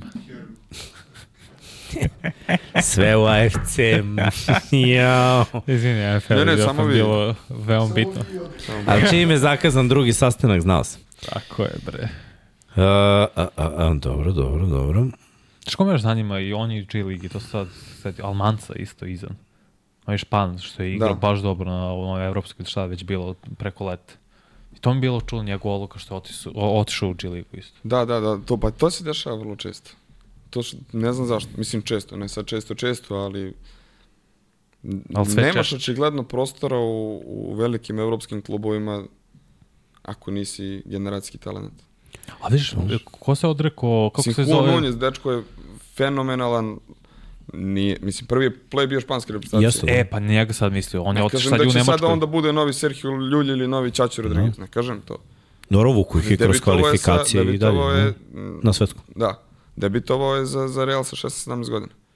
Znaš, i, ali ti nemaš prostor da njega guraš kao što si pre samo par godina to radio sa Lukom. Ne kažem da poredim njihov talent, niti, niti bilo šta. Ali Juan je ipak i španac i svašta mm. tu nešto postoji. Stvarno nema, baš, baš nema. Ne dešava se ni u jednoj ekipi. Čuo sam priča još dok sam igrao košarku. Osim Albe, izvini, Alba je tim koji je van svake pameti u Euroligi da. i onda može proći da, da može ali zato ta Albica nam udrži školicu svima, svake godine. Ali, ali to za Real, što sam baš i pričali i dosta ljudi još da kaže dok sam igrao košarku, ti možda dođeš do Reala, ali ti ne možeš da ostaneš zapravo tamo. I redko koji zapravo mladi igrači, oni dovode dosta i sa Balkana i, a, i Imamo tu Afrikance. Sad i, i, i kod nas ove sveže. Mm. Mislim, imali smo momka koji je osvojio uh, juniorski, juniorsko evropsko prvenstvo iz, iz Reala, igra u Realu, mislim, pod znacima navoda. Nakić, Mario isto. Tako je. Velika nada je sve, ali blizu, na kraju... Ne možeš no. da ostaneš, ne možeš da izboriš. Proširili smo temu, a? Nismo, ne, što? Ne, da, okej, okay, okej. Okay. Ovde mi biramo teme. Ljudi mogu da, pošto ne lajkuju, on, onda mogu da slušaju ovde šta mi pričamo. Uh, može li Edwards u naredne dve godine biti top 3 MVP konkurent? Pa već sad je, mislim, Sedam, top 5. Top, 7. top 10. Da, dobro, bit će. Teško, mislim, Šaj, Luka, sve do Dončića očekujemo da bude MVP, MVP, pa Dallas nema timskog uspeha, na primjer. A tu je, ima bruka Ali brojke. pazi, ove godine Minnesota ima timski uspeh Jasne. ne samo zahvaljujući njemu, ali Gde su bili prošle godine jedva ušli u play-off, gde su ove godine da, ali, bili zakucani, ne, sve stoji. Da. Samo što kad glasaš da mi pio, niko ne gleda ko je, kome trener, ne, ne, naravno, nego otvore koliko poena daje i da, da, da, ali se prati šta radi ekipa. Alor Ket je, to smo rekli više puta, prošle godine propustio 53 utakmice. Zato su oni jedva ušli play-off. Sada su zdravi okay. i Gober igra mnogo bolje i Nazrid, ja sam dušen kako on igra. Ko je najbolji igrač? Njemu ide MVP. Da, tačno. Mislim, gledaj, da. ja opet kažem, Lamar će možda biti MVP, ali gledaj šta radi odbrana istorijska i, i da najboljem igraču ide MVP. Ali Tatum je to isto. Bosna ima najbolji skor. Tako je. Ali neće biti MVP. I on je realno nije u diskusiji. Nisam ja ni rekao da će ovaj biti, nego da je u kandidaturi. Da, da. Tatuma moraš pa... da metneš u kandidaturu, dobio jedan glas, moraš da kažeš pa da je tu negde. Pa je podatak. Nije sad iz glave, nego ovaj, mislim da ga nisam plasirao u prenosu nekom, a pročitao sam uh, u poslednjih pet godina, računajući ligaške utakmice i utakmice play-offa, Tatum je jedin igrač koji bacio 10.000 pojena. U rasponu poslednjih pet godina. Da. Konstantno Mik se rekao da ja sam rekao te... ludilo zato što mislim da će da igra Burazir još 15 godina, ali ja stvarno mislim da današnji igrači ako vode računa i ako ne da Bože Apsolutno. Se, o, ne želim niko da se povredi, ali ako neko ostane zdrav kao Lebron, ja sam lupio su ludo da bi on mogao da, da prebaci. Da. Zato što je neverovatno koliko se liga okrenula ako roknu i 4 poena. Meni to nije, meni to nije nemoguće. Toliko ide u ludilo. Najgore mi je što nije nemoguće. I a, što onda ne bi vežbali igrači na treninzima to, Šut za 4 poena. I ako bude to da imao, to bude, onda da. će 30 da bude ono što je bilo 20 pre, znači onda će da gađaju veće proseke. Pa bacanja šutiraju za sve i svašta. Da. Pa znači je... Tatum može da da 15 poena na bacanja ako se malo uozbilji s prodorima, pošto je bataljal, on je stvarno poseban igrač. A kad pogledaš naravno, visina ruke, naravno. agilnost, sve. atleticizam, On je modernija, da on je moderna verzija Paula Pierce. Jedini je, on, mislim, on je klinac, još uvek. I zato kažem, za njega verujem da postoji šansa, jer drugi koji su niži, bit će im teže kad ostare, a on će uvek da ostane visok. I uvek će imati da načina i uvek će moći da šutne preko nekog. I možda neće više igrati s loptom, pretvorit će se u nekoga ko je levo, desno, čeka loptu da mu dođe i jako je nerealno, ne, ne, ali ako nekoga, ako nekoga vidim, skroz. mogu da vidim tako neko ko je mladi, ko, ko će igrati do 40. Mislim, on do 40 bre ima... On je već sad ima... mnogo napredio svoje telo odnosno na prošlu zonu. Pogledajte mu samo oh. širinu ramena. Da. Pogledaj bre, vene mišiće. Da. On, ne znam čime se hrane u, u američkim da profesionalnim ligama, da, ali okay. ovo sad sve više izgleda na igricu, a sve, sve manje na ali da, ljude. Talenat Super ljudi. Već. Mm. Stoji. Po poslednjih godinu dana imali smo tri igrača sa 70 poena. Mislim. Jeste to da. i do igre. Jeste to, to ne, do, to, do, do toga što se sve ubrzalo, ali i do veštine. Mislim da ne stavimo to baš skroz u drugi plan. Da, da, ne mo, to ne može bude u drugom planu, to je prvi plan. Tako, mm. tako je kako je. Da li mislite da je Dallas ispod radara na zapadu? Pa ne priča se mnogo o njima, ali da mogu da cepe ja favorito nisam, mogu. Da, večeras pričao. Ja navijam za Dallas, inače, izvinjam se. Ja, ja navijam za Dallas. Ja, Dallas može da napravi čudo. Mislim, ne zbog sad Luke i to, nego Dirk i ta ekipa. Protiv, ako, nalete, na ako nalete na mlađu ekipu, tipa Oklahoma, dobit će. Znaš, da, Samo na, je... na iskustvo, na, na luku, na, na Luka, Kairi, ekipa, svi će da daju, jer oni su već bili u situacijama. Jeste. Ovi nisu. I to je to. Jeste. To imali, su, imali su uh, taj, to finale konferencije protiv Golden State-a, besomučno šutiranje trojki bez ikakvog plana, bez bilo čega. Oni sad su jedna od tri ekipe koje šutiraju preko 40 trojki po utakmici u Sacramento i Boston. Uh, ali to nije bez plana. To nije sušto šutiranje trojki da, da, da svi stoje van reketa. Ali Dallas nema centra. A dobro, Derek Lively se pojavio, yes, nema šta. Bolje nego što sam očekivao. Ja, ja sam rekao isto pre sezone, muči me što nemaju visokog igrača. Mislim, ljudi... On je propast. Ali dobro, bar imaju nešto. Lively. Uradili su nešto za ovu godinu. Ne Meni... može preko noći da, da se napravi uspeh. Meni fali neka trojka četvorka, jer Grant Williams ove godine je super krenuo, onda nakon toga poslednjih dva meseca baš pao. Ali treba teže, i 3 Teže nego što su mislili uh, će mm. uopšte nadomestiti Doriana Finney-Smith. Tako je, upravo to. Dao si dubinu za Kairija, mislim super su oni, Luka tandem, da. ali ti baš fali neka trojka ili četvorka, da li zvati za Granta, eventualno kako iskombinovati to što I ja mislim Celerija. dok je tima Hardaway juniora sa suludim talentom, sreće nema. Znaš, ako mogu za nešto da ga, da ga daju... No. On je nit, nit vamo, nit tamo. U Dallasu nego Tim da. Hardaway. Majke mi. Apsolutno. Kema Johnson predložio i za Denver i za još neke ekipe. Veoma zahvalan igrač. 3 On ti je definicija 3 igrača. Igrao NBA yes. finalu, ima iskustvo u play-offu, još je mlad. Prvo, ako ćemo da pričamo o tim college danima, mislim, trenirao si mm. kod velikog šampiona, kod Raya Williamsa na North Carolina. O, da. Znaš, nije, nije to bez veze. Zato, zato ne volim taj G League Ignite. Znate ko igra tamo? Erik Mika. Za ovaj, Ignite. I Norris Cole, i tipa Jeremy Pargo. Ja, sve su. I sad oni, a treba I da razvijaš Rona Holanda koji je osvojio neke e, medalje sa reprezentacijama, mlađim selekcijama i tako dalje i da on bude visok pik i koje utakmice igraš i gubiš ih i totalno je sve suludo. Ma do, Ali da, timska ne. igra njihova generalno da. pa čak i, i na koleđu i NBA već je otišlo to sve. A da ne pričamo o nižem rangu, to kod njih sve ide u individualizam, u svemu. Pitaju te za koju franšizu navijaš u NBA, Evo, rekao iako pratiš NFL. Dallas, ne pratim toliko. Ne pratiš? Ne, pratim to toliko. A to se čeka namjerno da bude kao zadnje pitanje. Ne, bok šta zadnje, no. Da. raspisala da. se Raja, vidio, opa, ima još pitaju. Sjajno. Uh, pitaju da li Indiana može da... Živ, zdrav. Da. Bravo. Radio sam šarenca, što Bravo. Što pa mi Opet za NFL kad zasednemo to je 4 sata svaki put.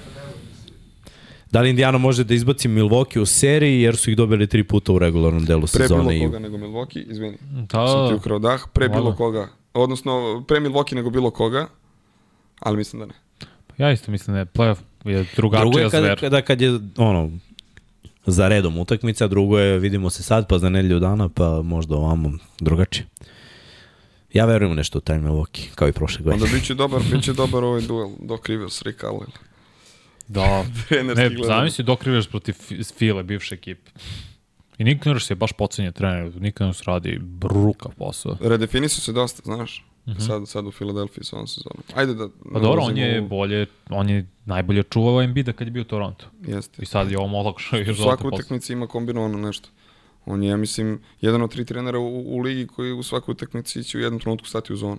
Kad kažem u svakoj utakmici, mislim na play-off mm. ili nešto slično. Tako da... Ne vole svi to. Istina. A nemaju svi vala ni personela za to. A, šta mislimo o Hendersonu i koji je razlog loše igre s obzirom da je vrhunski atlet i ima telo za NBA?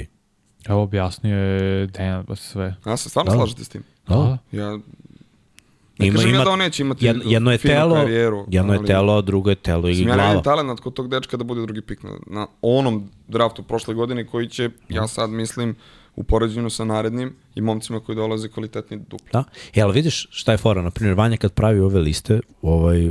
Mada nisu se sad ni u Sar Thompson če, če, često i... pogodi kad ih izrangira šta će da bude i atribute koje stavlja, znaš, Odmah je on rekao, on je, njegovo telo je spremno, dečko je atleta i sve to. Ali mi ne možemo da zavirimo u njihovu glavu, Tako. već samo možemo da čujemo šta neko priča o njima i da ih vidimo tamo gde su bili i kako su igrali tamo. Jer da možemo. I to je problem. I, Bili bismo neki skauti nešto. Pa, molim, skauti se više puta da. prevare. Verujem. Yes. Verujem. Skauti. Znaš koliko mi, evo za NFL draft, Brate, ja sigurno sam... bolje pripremam nego pola tih skauta. Miksa zna kad donesem brda papira ovde pet pro bol u ruki sezoni sam pogodio što je bio ono peti, šesti, sedmi na poziciji. Da, da, da, da. Jer ljudi prate neke druge stvari. Ok, ja razumem, gleda se ko je kako mu je telo, koliko mu je raspon, koliko su mu šake, ali glava, bre, glava je broj jedan. Istina. Srce veliko i glava, to, to treba da bude važno. Da, i ovo drugo je bitno, ali Mislim, ne može da se gleda samo to, samo fizikali. Mi ne znamo kakav je se što te prekinem, kakav bi to jest kakav će biti igrač Malo Scoot si Henderson. da kažeš, ali ne vredi. Sad, sad, sad će, Scoot Henderson kada ima prepreke, kada ima loše utakmice, kako se s time zapravo nosi. Očigledno se teško nosi. Kako se nosi kad promaši prva četiri šuta. Tako je. Kad, da. Red Srke. Ne, te se držim za ovo što je rekao za fizičke predispozicije. Milo je imao dva metra pa igra u centre, razvaljivo. Da. Jeste. Srce. Ha, mislim. Kyle Hans je jedan najboljih centara u istoriji Euroligi, isto ispod 2 metra. Tako je, 198 s ovim dugim rukama. Već. Tako da. No, ne mora uvek da bude sve ono. Lako stići do skauta, verujem. On treba da imaš veze. Zašto svi hejtuju Doc Rivers? Dobro, Zato što je choker. Zato što je dobio otkaz poslednje dve, pa, dva mesta gde je vodio. Da. Ajde da se ne lažno. To, ok, vi kažete nije Clippers, ja ću reći da jeste dobio otkaz odatle. U play-offu gubi često i da li su serije 3-2 u njegovu korist ili 3-1 još gore, gubi to. Da nije imao tim veterana i igrača koji je svako top 10 ikada na njegovoj poziciji, realan Paul Pierce, Kevin Garnett ili više Garnett i meni drugi krilni centar. On ne bi osvojio i Ronde plus provuče, bio... znaš, ono no, samo da, uvek, uvek. I Ronde bio all-star igrač od 2009. nadalje. Znači imao si vrhunskog playa, imao si sjajan tim oko sebe i zato si imao uspeha. U Orlandu bile su spekulacije, pričem... Posložio ih jeste. Ali... Ne, jes, sve, sve, sve to stoji. Oni su teli svoj ego da uh, žrtvuju zarad neč, neč, nečeg, pardon, većeg. Tako da... Um, ja, ja neću reći još da je čovjek. Dajem mu ovo. Pa, naš, ja malo onako sam tu oprezniji, ali sam subjektivan jer stvarno neki od utakmica koje su me najviše mentalno iscrpele dok sam radio prenos ono 3 ujutru ne znam ja šta su prenosi Philadelphia do Riversa. Da. Ne, ne, ja, Philadelphia... To je subjektivno potpuno ništa analitički, ništa, ja sam znam. Meni se nije svidalo u Philadelphia uopšte. Zato kažem, svidelo mi se ono što je bilo u Clippersima. Mislim da nije uvijek do trenera, nekad je i do igrača, Naravno. nekad igrači ne mogu da isporuče. Kvalit, znaš, ne, nekad se stvari nameste, nekad ne.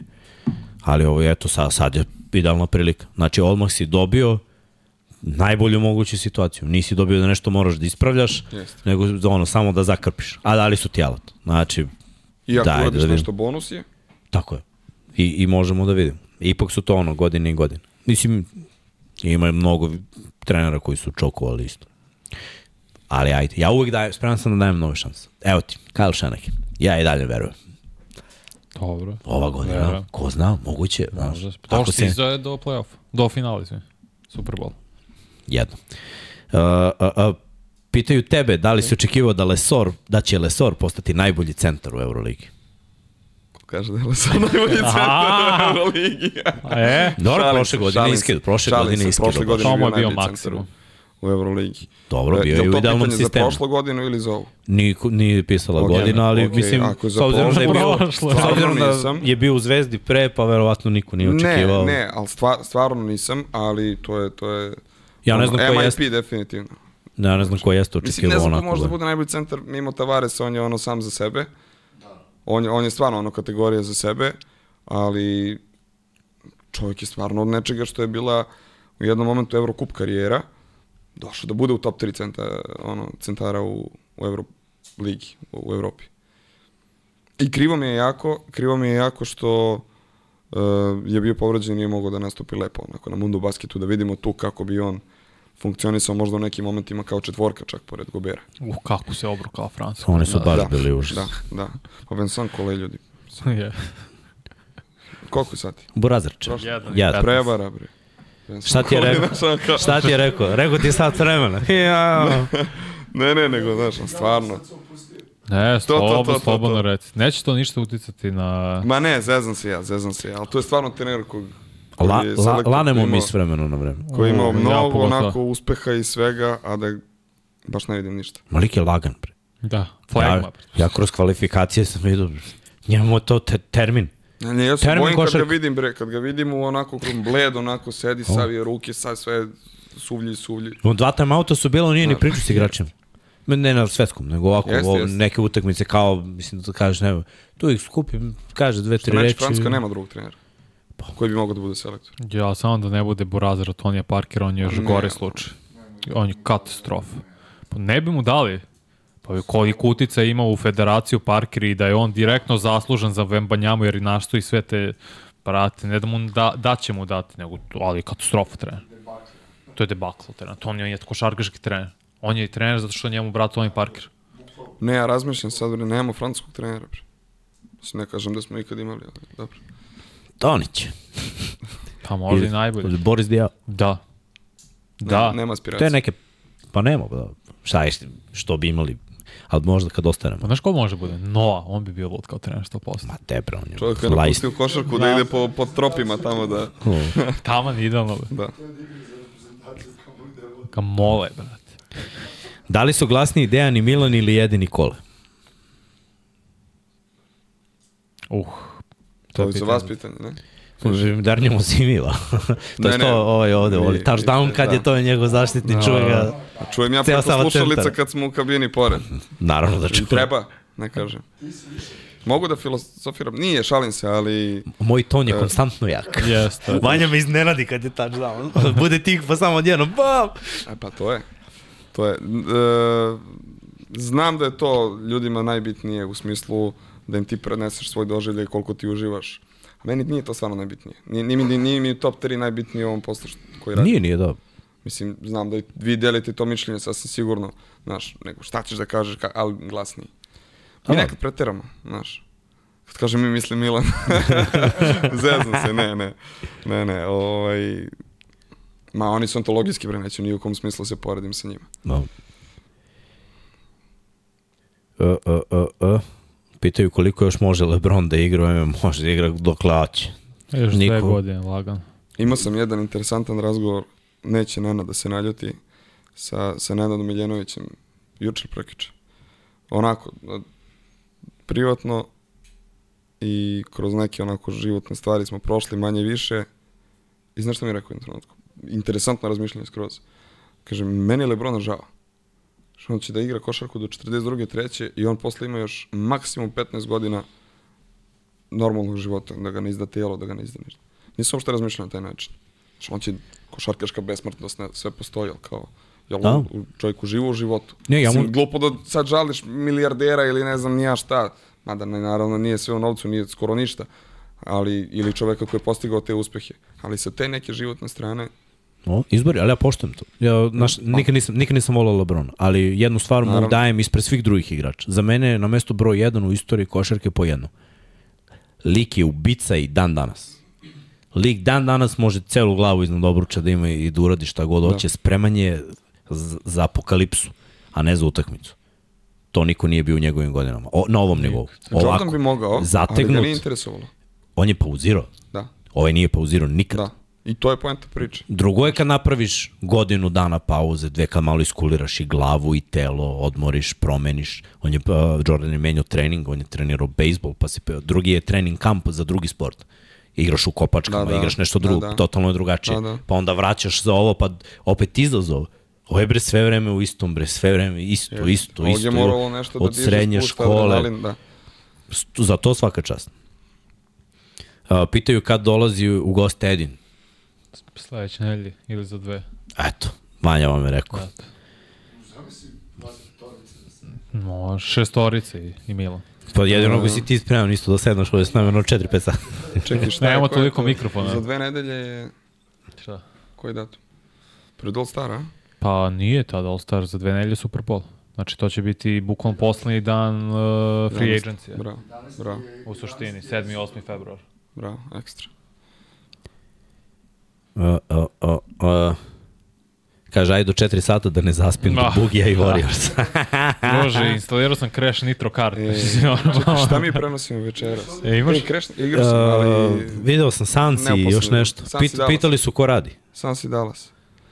U, pa da, Nisam danas u NBA ono rivalry uh, week kao. Pa Medi Nikola. Carski. Ne? Ne, nisam pogledao uopšte. Ja Mi znamo, da. Ja kad, kad ne radim, ne pogledam. Vi ste bre, vi ste Prematao sam na vikend. Je, i to je to. sam Vanja i da vidim kad šta. Aha, Ta, to. Pa znao sam danas, studio 1, studio 2, mislim. ne, ne, kad je regularni deo sezone u toku NFL-a, znamo. Ponedeljak, četvrtak. Subota, nedelja. Ovo mi je najduže da nisam uzao telefon u ruke, ja mislim. Aha, vidiš kako vraćamo na stare vrednosti. Hvala, momci. Oj, čekaj, da zaboje ceo, sad sam probao da otvorim naš ovaj, da. šeme neće. Ometa, Srkinom ometa ovde. Sa samo chat radi. Večeras, večeras. Pitaju za Tristana Thompsona. To je najsmešnija priča, on je uhapšen, uhapšen, boš je uhoćen za ovaj doping u suštini PEDs. On čovjek beleži 3 poena, 3 skoka, ja ne znam druži, za šta? znači, da. Dobro, pomože mu. da, da, da. Možda ne bi imao ta 3 skoka. Sutra Golden State Možete. Sacramento. Možete, ja radiš to. Ja sam svoje odradio juče. da vikend, ne, uh, da, Golden State sad, Sacramento, ovaj Pacific termin. Pa u četiri sve. Pa, I onda Atlanta Dallas petak na subotu u jedan, to je baš lepa tekma. I onda naravno subota Denver Philadelphia pre ponoći. Ja mislio sam na to. Ja I to ću da dočekam sa osmehom na licu, jer nema NFL u subotu. Evo, to je staš. Tako je, pa zinga. Uh, uh, uh, uh. o, bož.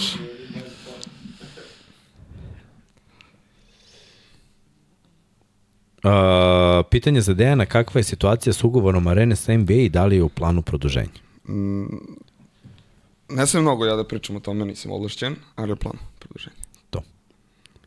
Ja ne znam ništa da ako da ste pitali Sad, pravog čoveka. Niti se pitam, niti sam, niti smem, ali u planu je produženje. Pa to je zapravo nevažno da ljudi shvate da stvarno Sad. Mi ne pitamo kao... Da. Mislim, koliko su... god da su, Mi to, hoćemo to su sve, baš ali... stvari, to su baš da, osjetljive da. stvari. Da. Ne znam, ali priča se o tome da nema šta. Koliko još traje trade? 8. februar. Da. Tad je poslednji dan, to je četvrtak. Brzo, Od koga očekujete najviše? Šta od? Od koga očekujete najviše? Da pa, napravi nešto bombastično? Niksa imaju, oni draft kapital i imaju i stvarno dovoljno prostora u kepu. Nijedan njihov igrač nema preko 30 miliona. Znači šta je uradio GM, kako se zove čovjek, bio preagent, setit ću se da li Leon, Rose ili kako već, fenomen posao. Imaš dvojicu All-Star igrača ispod 30 miliona u suštini. Dao si Bereta, dobio on Jednog i pol star igrača. Aj, okej, okay, jednog i pol, kako za koga, ali mislim treba još jedan centar sada. Da. Za dubinu da. da. i još jedan šuter, ja bih to ciljao. Ne, ne, ne znam ko će ta zvezda biti dostupna. Mislili smo Zek Lavin toliko dugo, on se bori s povredama. Verovatno će biti tradovan na kraju krajeva, gde, nemam pojma. Ali nemaš dostupne zvezde. Dejonte Mare je pa eventualno... Pa Dejonte Mare i D'Angelo Russell. Meni su to dve onako... I sad D'Angelo kad kažem neka zvezda da poredim, ali ja. ovo stvarno što radi dečko u zadnje vreme, mene oduševljava me. O, sad će Lebron da kaže nemojte, ne, da, ne dam ga. Lebron GM. Mi samo hoćemo Bogdan da bude tradovan u Hoću oba, oba Bogdanovića negde. Da. Imam, ovaj, želim jednog Bogdanovića u Denveru, to, je, to su želje. E sad, koje su mogućnosti, to ćemo Ne verujem da je realno. Da, da, ne verujem ali... ja. Ali mislim, takav igrač treba svakoj ekipi koji ima ambicije da nek se pojača Bogdan, za play-off. Nek Bogdan i Oka se udrže pred komleta, lako ćemo samo posle. Da. Aj, to ćemo, olimpijske igre. Da. Minnesota bi isto dobro došao još jedan šuter. O, to bi baš imali bi nakon toga kompletnu ekipu. Jeste. Iako je Minnesota šuterski u top 5 ekipa ligi. No. Jest, za tri. Jest, što jest. meni, iznenadio sam se. Ja ne mogu smislim Kyle Anderson, iskreno meni on, ja ne mogu stvarno. Što? Njegovo izbačaj, mehanika, ono prespor, ne, ja ne mogu stvarno. Da igrao za Kino, on mi bil prespošno. E, kad smo kod Kine, kaže, nema spavanja, veliki pozdrav iz Kine. Pozdrav. O, baš divno. China. Baš divno. Idete li vi na Super Bowl, ide li neko na NBA All Star? Ne idemo. Na Super Bowl, na All Star ne znam. A... On mahuje glava. Ne. Sam, da. Svi smo, viš kako da, Srki da. to lepo podeli.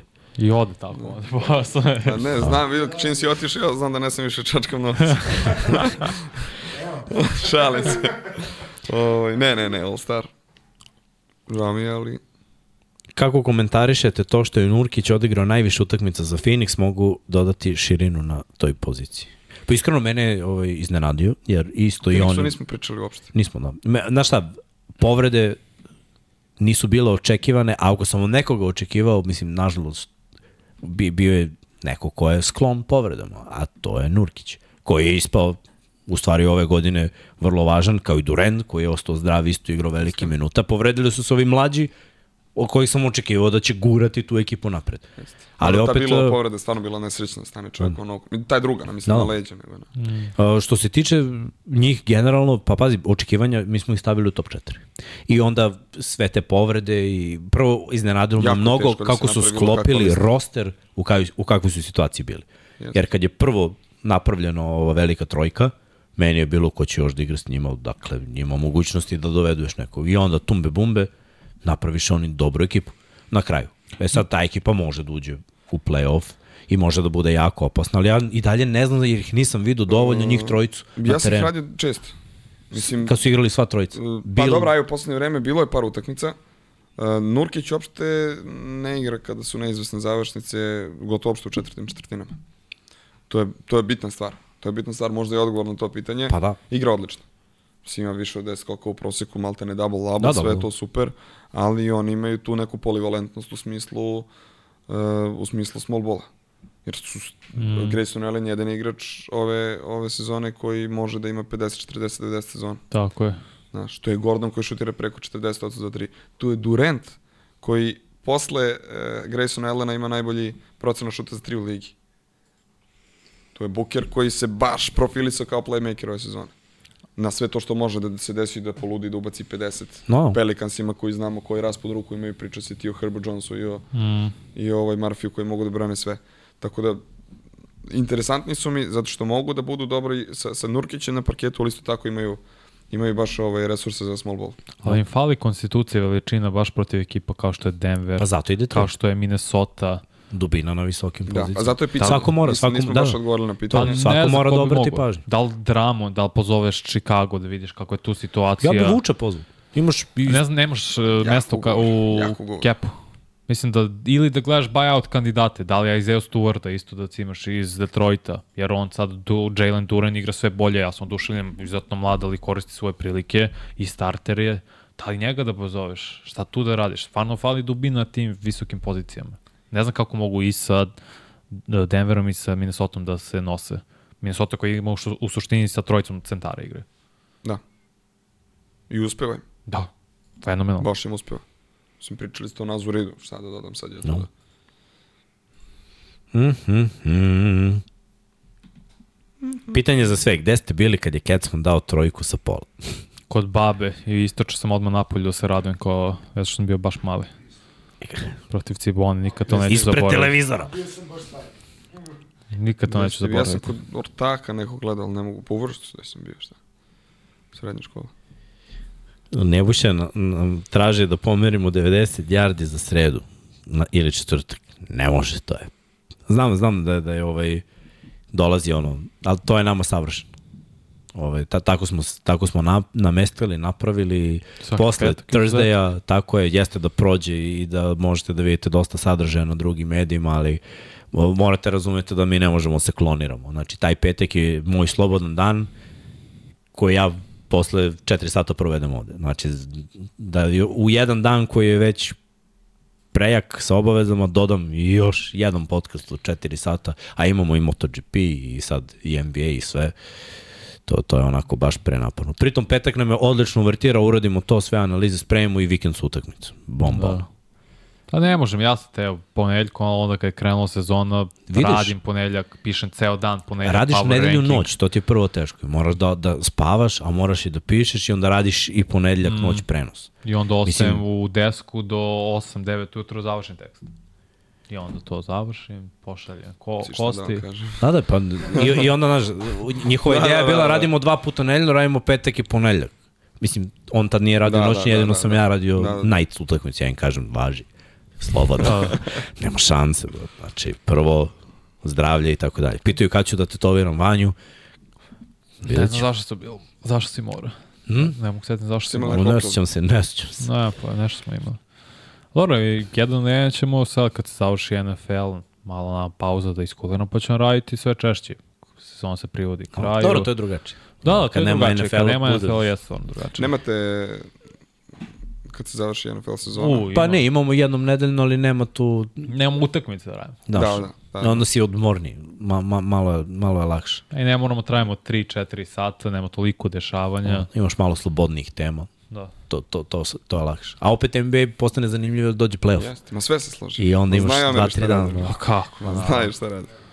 Tako da ćeš, tako onda da ćeš... Onda kad se ovaj... sve to onda bejsbol, znaš ono pa. Bejsbol na glavu. Ma ne znam. A college Koliko mi je krivo futbol. za to ljudi. Da, Je voliš Marš? Baš mi je. Obožavam. Ali Isto. ne usuđujem se da ga radim kad imamo Ivana Ognjanovića i Edina iz nekih ranijih dana krivno što ne radi više i, i, i Milana. Tu, tu ne mogu s njima. Tu ne mogu s njima. Ali krivo što No. ne rade oni. Ima NCAA generalno u svim sportovima ne, neke svoje lepote. Ima, Ja- ja to ima kažem, ja- ja publiku, obožavam Ima publiku koja je to. baš, baš ta publika. To. Ja volim zato i da gledam college više zbog toga nego zbog kvaliteta samog sporta. Da, jer da. jasno, zamisli stavim 120.000 dolaze ono, Pa da. band, sve. To je atmosfera koju NFL nema. Doživljaj. Ali talent, mislim i ubice, mnogo, mnogo, Da. mnogo manjem procentu su tu na, na terenu. I onda vagaš šta više voliš. I ajde da mi bi stigli kući nekada, da mi ovo privodimo kraju, već neki se odjavljuju, Ja kažu parkirao. počinje Miami. Ja sam parkirao preko odmah. Da, mir. Dobro, Znam nismo šta ni, mesta. nismo ni mi daleko. Kako znamo, dobri smo. Da. Inače, kad se preselimo, što čekamo, to će biti bolje. Tu možeš da tačno ispred da staneš. Tako je, to je lepota. Uh, Gastro Shore dole, Bravo, bombonica. bravo. Biće jedan hang. Taman, eto, nadam se do play-offa Srke, evo, ti si tamo izvršni na radovima. Hoćemo do play-offa da budemo tamo. Odlično. Evo, Ćemo nešto da snimimo, sad vidjet ćemo kako ćemo. To, eto, biće, bićeš nam gost malo, analiziramo play-off, šta se radi. Ja ja dočekam. Uvek kad pozovem. Ja NBA najviše volim play-off. Ovo do tad mi je okej, bacim oko pogledam i sve, a play-off gledam Ma da ova svako. sezona mi je nešto intenzivnije. U play-offu umirem. Nemam pojma. Pustim ih paralelno, gledam. Overavam. Ali to mi je pointa, nešto Jeste, volim. jeste, jeste. I prva runda. Prva runda kad su četiri utakmice, znaš, Da. ono, tokom noći, Sve da, da baš onako, Ni, ni- ništa mi nije teško. Jer ono, u tom trenutku se oladim od NFL-a, odmorim sve i, i krene bolja košarka. Čak i u prvoj rundi. Budu neke dosadne, kao i prošle godine, ali bude, mislim, i evo Lakersi, iznenađenje prošle godine, Miami, jeste. iznenađenje. Čak i Boston za malo štucnuo protiv Atlante par, to da nisam pogledao ne bi verovao. E, Bukvalno ali- sam gledao ali i nisam Dešavaju se često blowouti u, u nekim kasnim fazama play-offa. To me malo... Jer tad, sam, tad, sam, tad smo mi onako još više našponovani i onda dođe... Uh, bude serija, ne znam, Miami, Philadelphia 4-3, ali od sedam utakmica 4 budu blowout. Mm. Da. Mislim, ne kažem sad, ajde. Ne, ne, zato što svi ali su u fazonu na sledeća. To, to me malo nervira Ima, danas. ima i toga. Nije da nema. Evo ti, na primjer, sad za, za NFL, ja wild card rundu, pošto je ono kao WC, ja je zovem WC runda. Jer svaki put budu dva, tri blowouta od šest utakmica. Gde, gde nema ono, teore, teoretske šanse. Znači, prećeš da pogodiš da ne igraš na favorite. A onda dođe divizijska runda i majstori se poznaju. Pozdrav, Srki. Ja, dobro, dobro. Sad igraš da Charlotte i Detroit, jebote, kako da Eto ti. greo. Cripple fight. Greota, bukvalno. Ja, dobro, ništa, ajde ovaj da, da odjavljujemo, da vidimo, evo, još jedno pitanje odgovaramo i palimo. ajde, Vanja. Ajde, šta? Ray Allen ili Reggie Miller? Uf, kao da sam znao da ne treba ja malo da odgovorim. Pa ne, ja stavio Ray Allena ispred, ali baš je, u sve možda nisam mogu sad, moram je. Ovo nije ni, ni napisao, Nemoj. ovo si izmislio. Ako moraš, ne, majke. Zezam se. Zezam se. Ispoštovao ih je obojicu. Ne, ne, Čekaj. znamo da ne ispoštuje, ali ovo, za, za ovo jest. Shooting guard. Dva. Čekaj, Pazi, ću, Nije ispoštovao, bio je okej. Ja ću da kažem, meni lično uh, uh, je Ray bio Pa Ray je dve karijere malte nema. Jedan igrač potpuno Ali ja sam, ga, ja sam ga igrač u- uhvatio, ono, baš kad sam bio klinac, dok sam trenirao basket, dok sam se ložio, najstrašnije tad mi je bilo, wow, video, Jesus. Jesus smo normalno. Tako da, ono, u tom trenutku mi je on bio na, na nekom nivou i posle, kroz, kroz sve, sad ne znam šta ocenjujemo, da li samo šut ili ovako kompletno i, mislim, Reggie bio bolji defanzivac i imao je taj neki motor, ali realno Ray je bio, imao te neke finese lepo, njegov šut bio onako lepo. I na kraju, ono, meni najbolnije, ode u Miami i pomogne Lebronu, znači, cenim ga zbog toga, ali me iznervirao mnogo, znaš koliko sam navio tu za San Antonio. pa jedan od I on je onako šuteva. savršeno podigne, vrati. Kako je, kako je uzao loptu? Ja okrenuo sam, znao sam, jasno. znao sam da ulazi i ušla je ono. To je jedno najveći... Greg ne pravi faul. Ne znam, to, je, to, je, to ne mogu da shvatim. Taj, e, tu mi je on uradio... Mi ne možemo odavde to da shvatimo. Bio je ne, ne toliko bitan lik u toj i, i tu je možda i prevagno da je, da je Ma jedan najveći u novoj istoriji košarke. Tako je. NBA košarke. I to što Danka nije bio tada u igri, to isto je mnogo čudna odluka Grega. Stavio sam ja Rea na desetom, 11. je Joe Dumarsa, 12. je Reggie Miller. Ali Reggie opet ima te momente da on vodi ekipu sam do finala konferencije, do NBA finala, da je, mislim ne sam, da je glavni igrač. A realno to nikad nije uspeo da ostvari. Yes. Nije u Milwaukee, nije u Seattle. Te, Na kraju je... krajeva, je li moro? Nije. Osvoje... Nije, on je bio treći igrač u toj ekipi. Titule? Boston Celtics. Da. To je to, to je okej. Okay. Deset puta All-Star. Ko šta? Da li on bio okej? Okay? Pa jest, pa, zato to je što u Vanjinoj je... glavi bio treći on u stvari. To, to Vanja ima to broj 1, pa, ti, svi pa, su bili zajedno. Pa bili su zajedno, mi smo ekipa, brate. Ne, pa če, Garnet je bio najvažniji, jer sledeće godine kada Garnet ja igrao play-off... Ja tebe kapiram, to ti kao analitičar, i ne, ne kažem da nisi u pravu, ali u glavi igrača igrao... nije njemu bilo u glavi, e, ja sam treći. Ne, ne, znam Svima da nije. Svima njima je u glavi da su prvi. Sve to stoje, ali Video sam na terenu, kad Garnet nije igrao sledeće godine u play-offu zbog povrede, oni su ispali od White-a i Magic u drugoj rundi. A mučili su sa Chicago. Znači, Pierce i Ray Allen očigledno sami, kao njih dvojica plus Rondo, nisu mogli do finala konferencije doći. Niski su. Moguće. Garnet je tu meni bio ključni e, igrač. E, spojili su se, sve je bilo super. Ali opet hoću da kažem, jedna vrhunska karijera i drago mi je da nakon Milwaukee svih oni pokušaja da se napravi tamo ekipa, jer baš je bilo neuspešno, je pronašao dobru sredinu, odradio posao, onda je posle još jednom odradio posao za nekog drugog. Pošteno. Tako da, bravo za njega i time zatvaramo. Inače, hvala vam što ste bili tu, hvala što smo došli na 50%, s ovim lajkujemo skoro, nije 50, dalje 40, ali opet je bolje. Sledeća emisija da bude bolje još. I ko voli NFL neka baci pogled na 99 yardi, najavljamo championship, najavljamo finala konferencija, bit će to zanimljivo. Pogledajte NFL arenu opet smo Ivan i ja malo iz trenerskog ugla bacali neke analize, naravno sve je lepo spremljeno, biće, ja mislim, u petak isto. Eto, uh, možete da vidite to i u subotu, naravno, pre i da najavimo, uh, studio će pre Superbola biti direktno, znači ne ovako u toku nedelje, nego baš pre početka utakmice. Uh, radit ćemo, to jest tražili smo, imamo prava da radimo i Skill Challenge i Pro Bowl. Tako je, četvrtak Tako da, sledeći. I četvrtak i nedelja. Da malo da se upoznate sa flagom, pošto će biti olimpijski sport, pa eto, nešto i mi da doprinesemo, da edukujemo malo ljude za flag futbol. Pa straže se mi kombajn, iskreno, da će biti zaista sumnjum, ali pa to je moje... Kombajn je To ja živim u toj delulu. Le. Da, da, da, to da. ono što smo pričali. To je baš, ja, jako tu živim i ja samo smaram i kao, ja može ovo, a što ne može, tako već, ko zna. To, Deki, tebi hvala što si bio, da, doći ćeš opet, steo ne hteo, kino Ne, ne, nadam se, nadam se, baš mi bilo, baš mi bilo zanimljivo, hvala vam puno na pozivu. To, I družimo se, nema šta. To, tako je. Gledamo NBA, pratimo, udaramo jako, a vi udarite jako like, udarite subscribe ako niste, pomozite ekipi da dođu i da budu malo jači kako bude sve odmizalo. Srki si spremio Patreone, jesi kako si vredan, sve je rešeno. Do sledeće nedelje, veliki pozdrav, budite mi dobri. Ćao.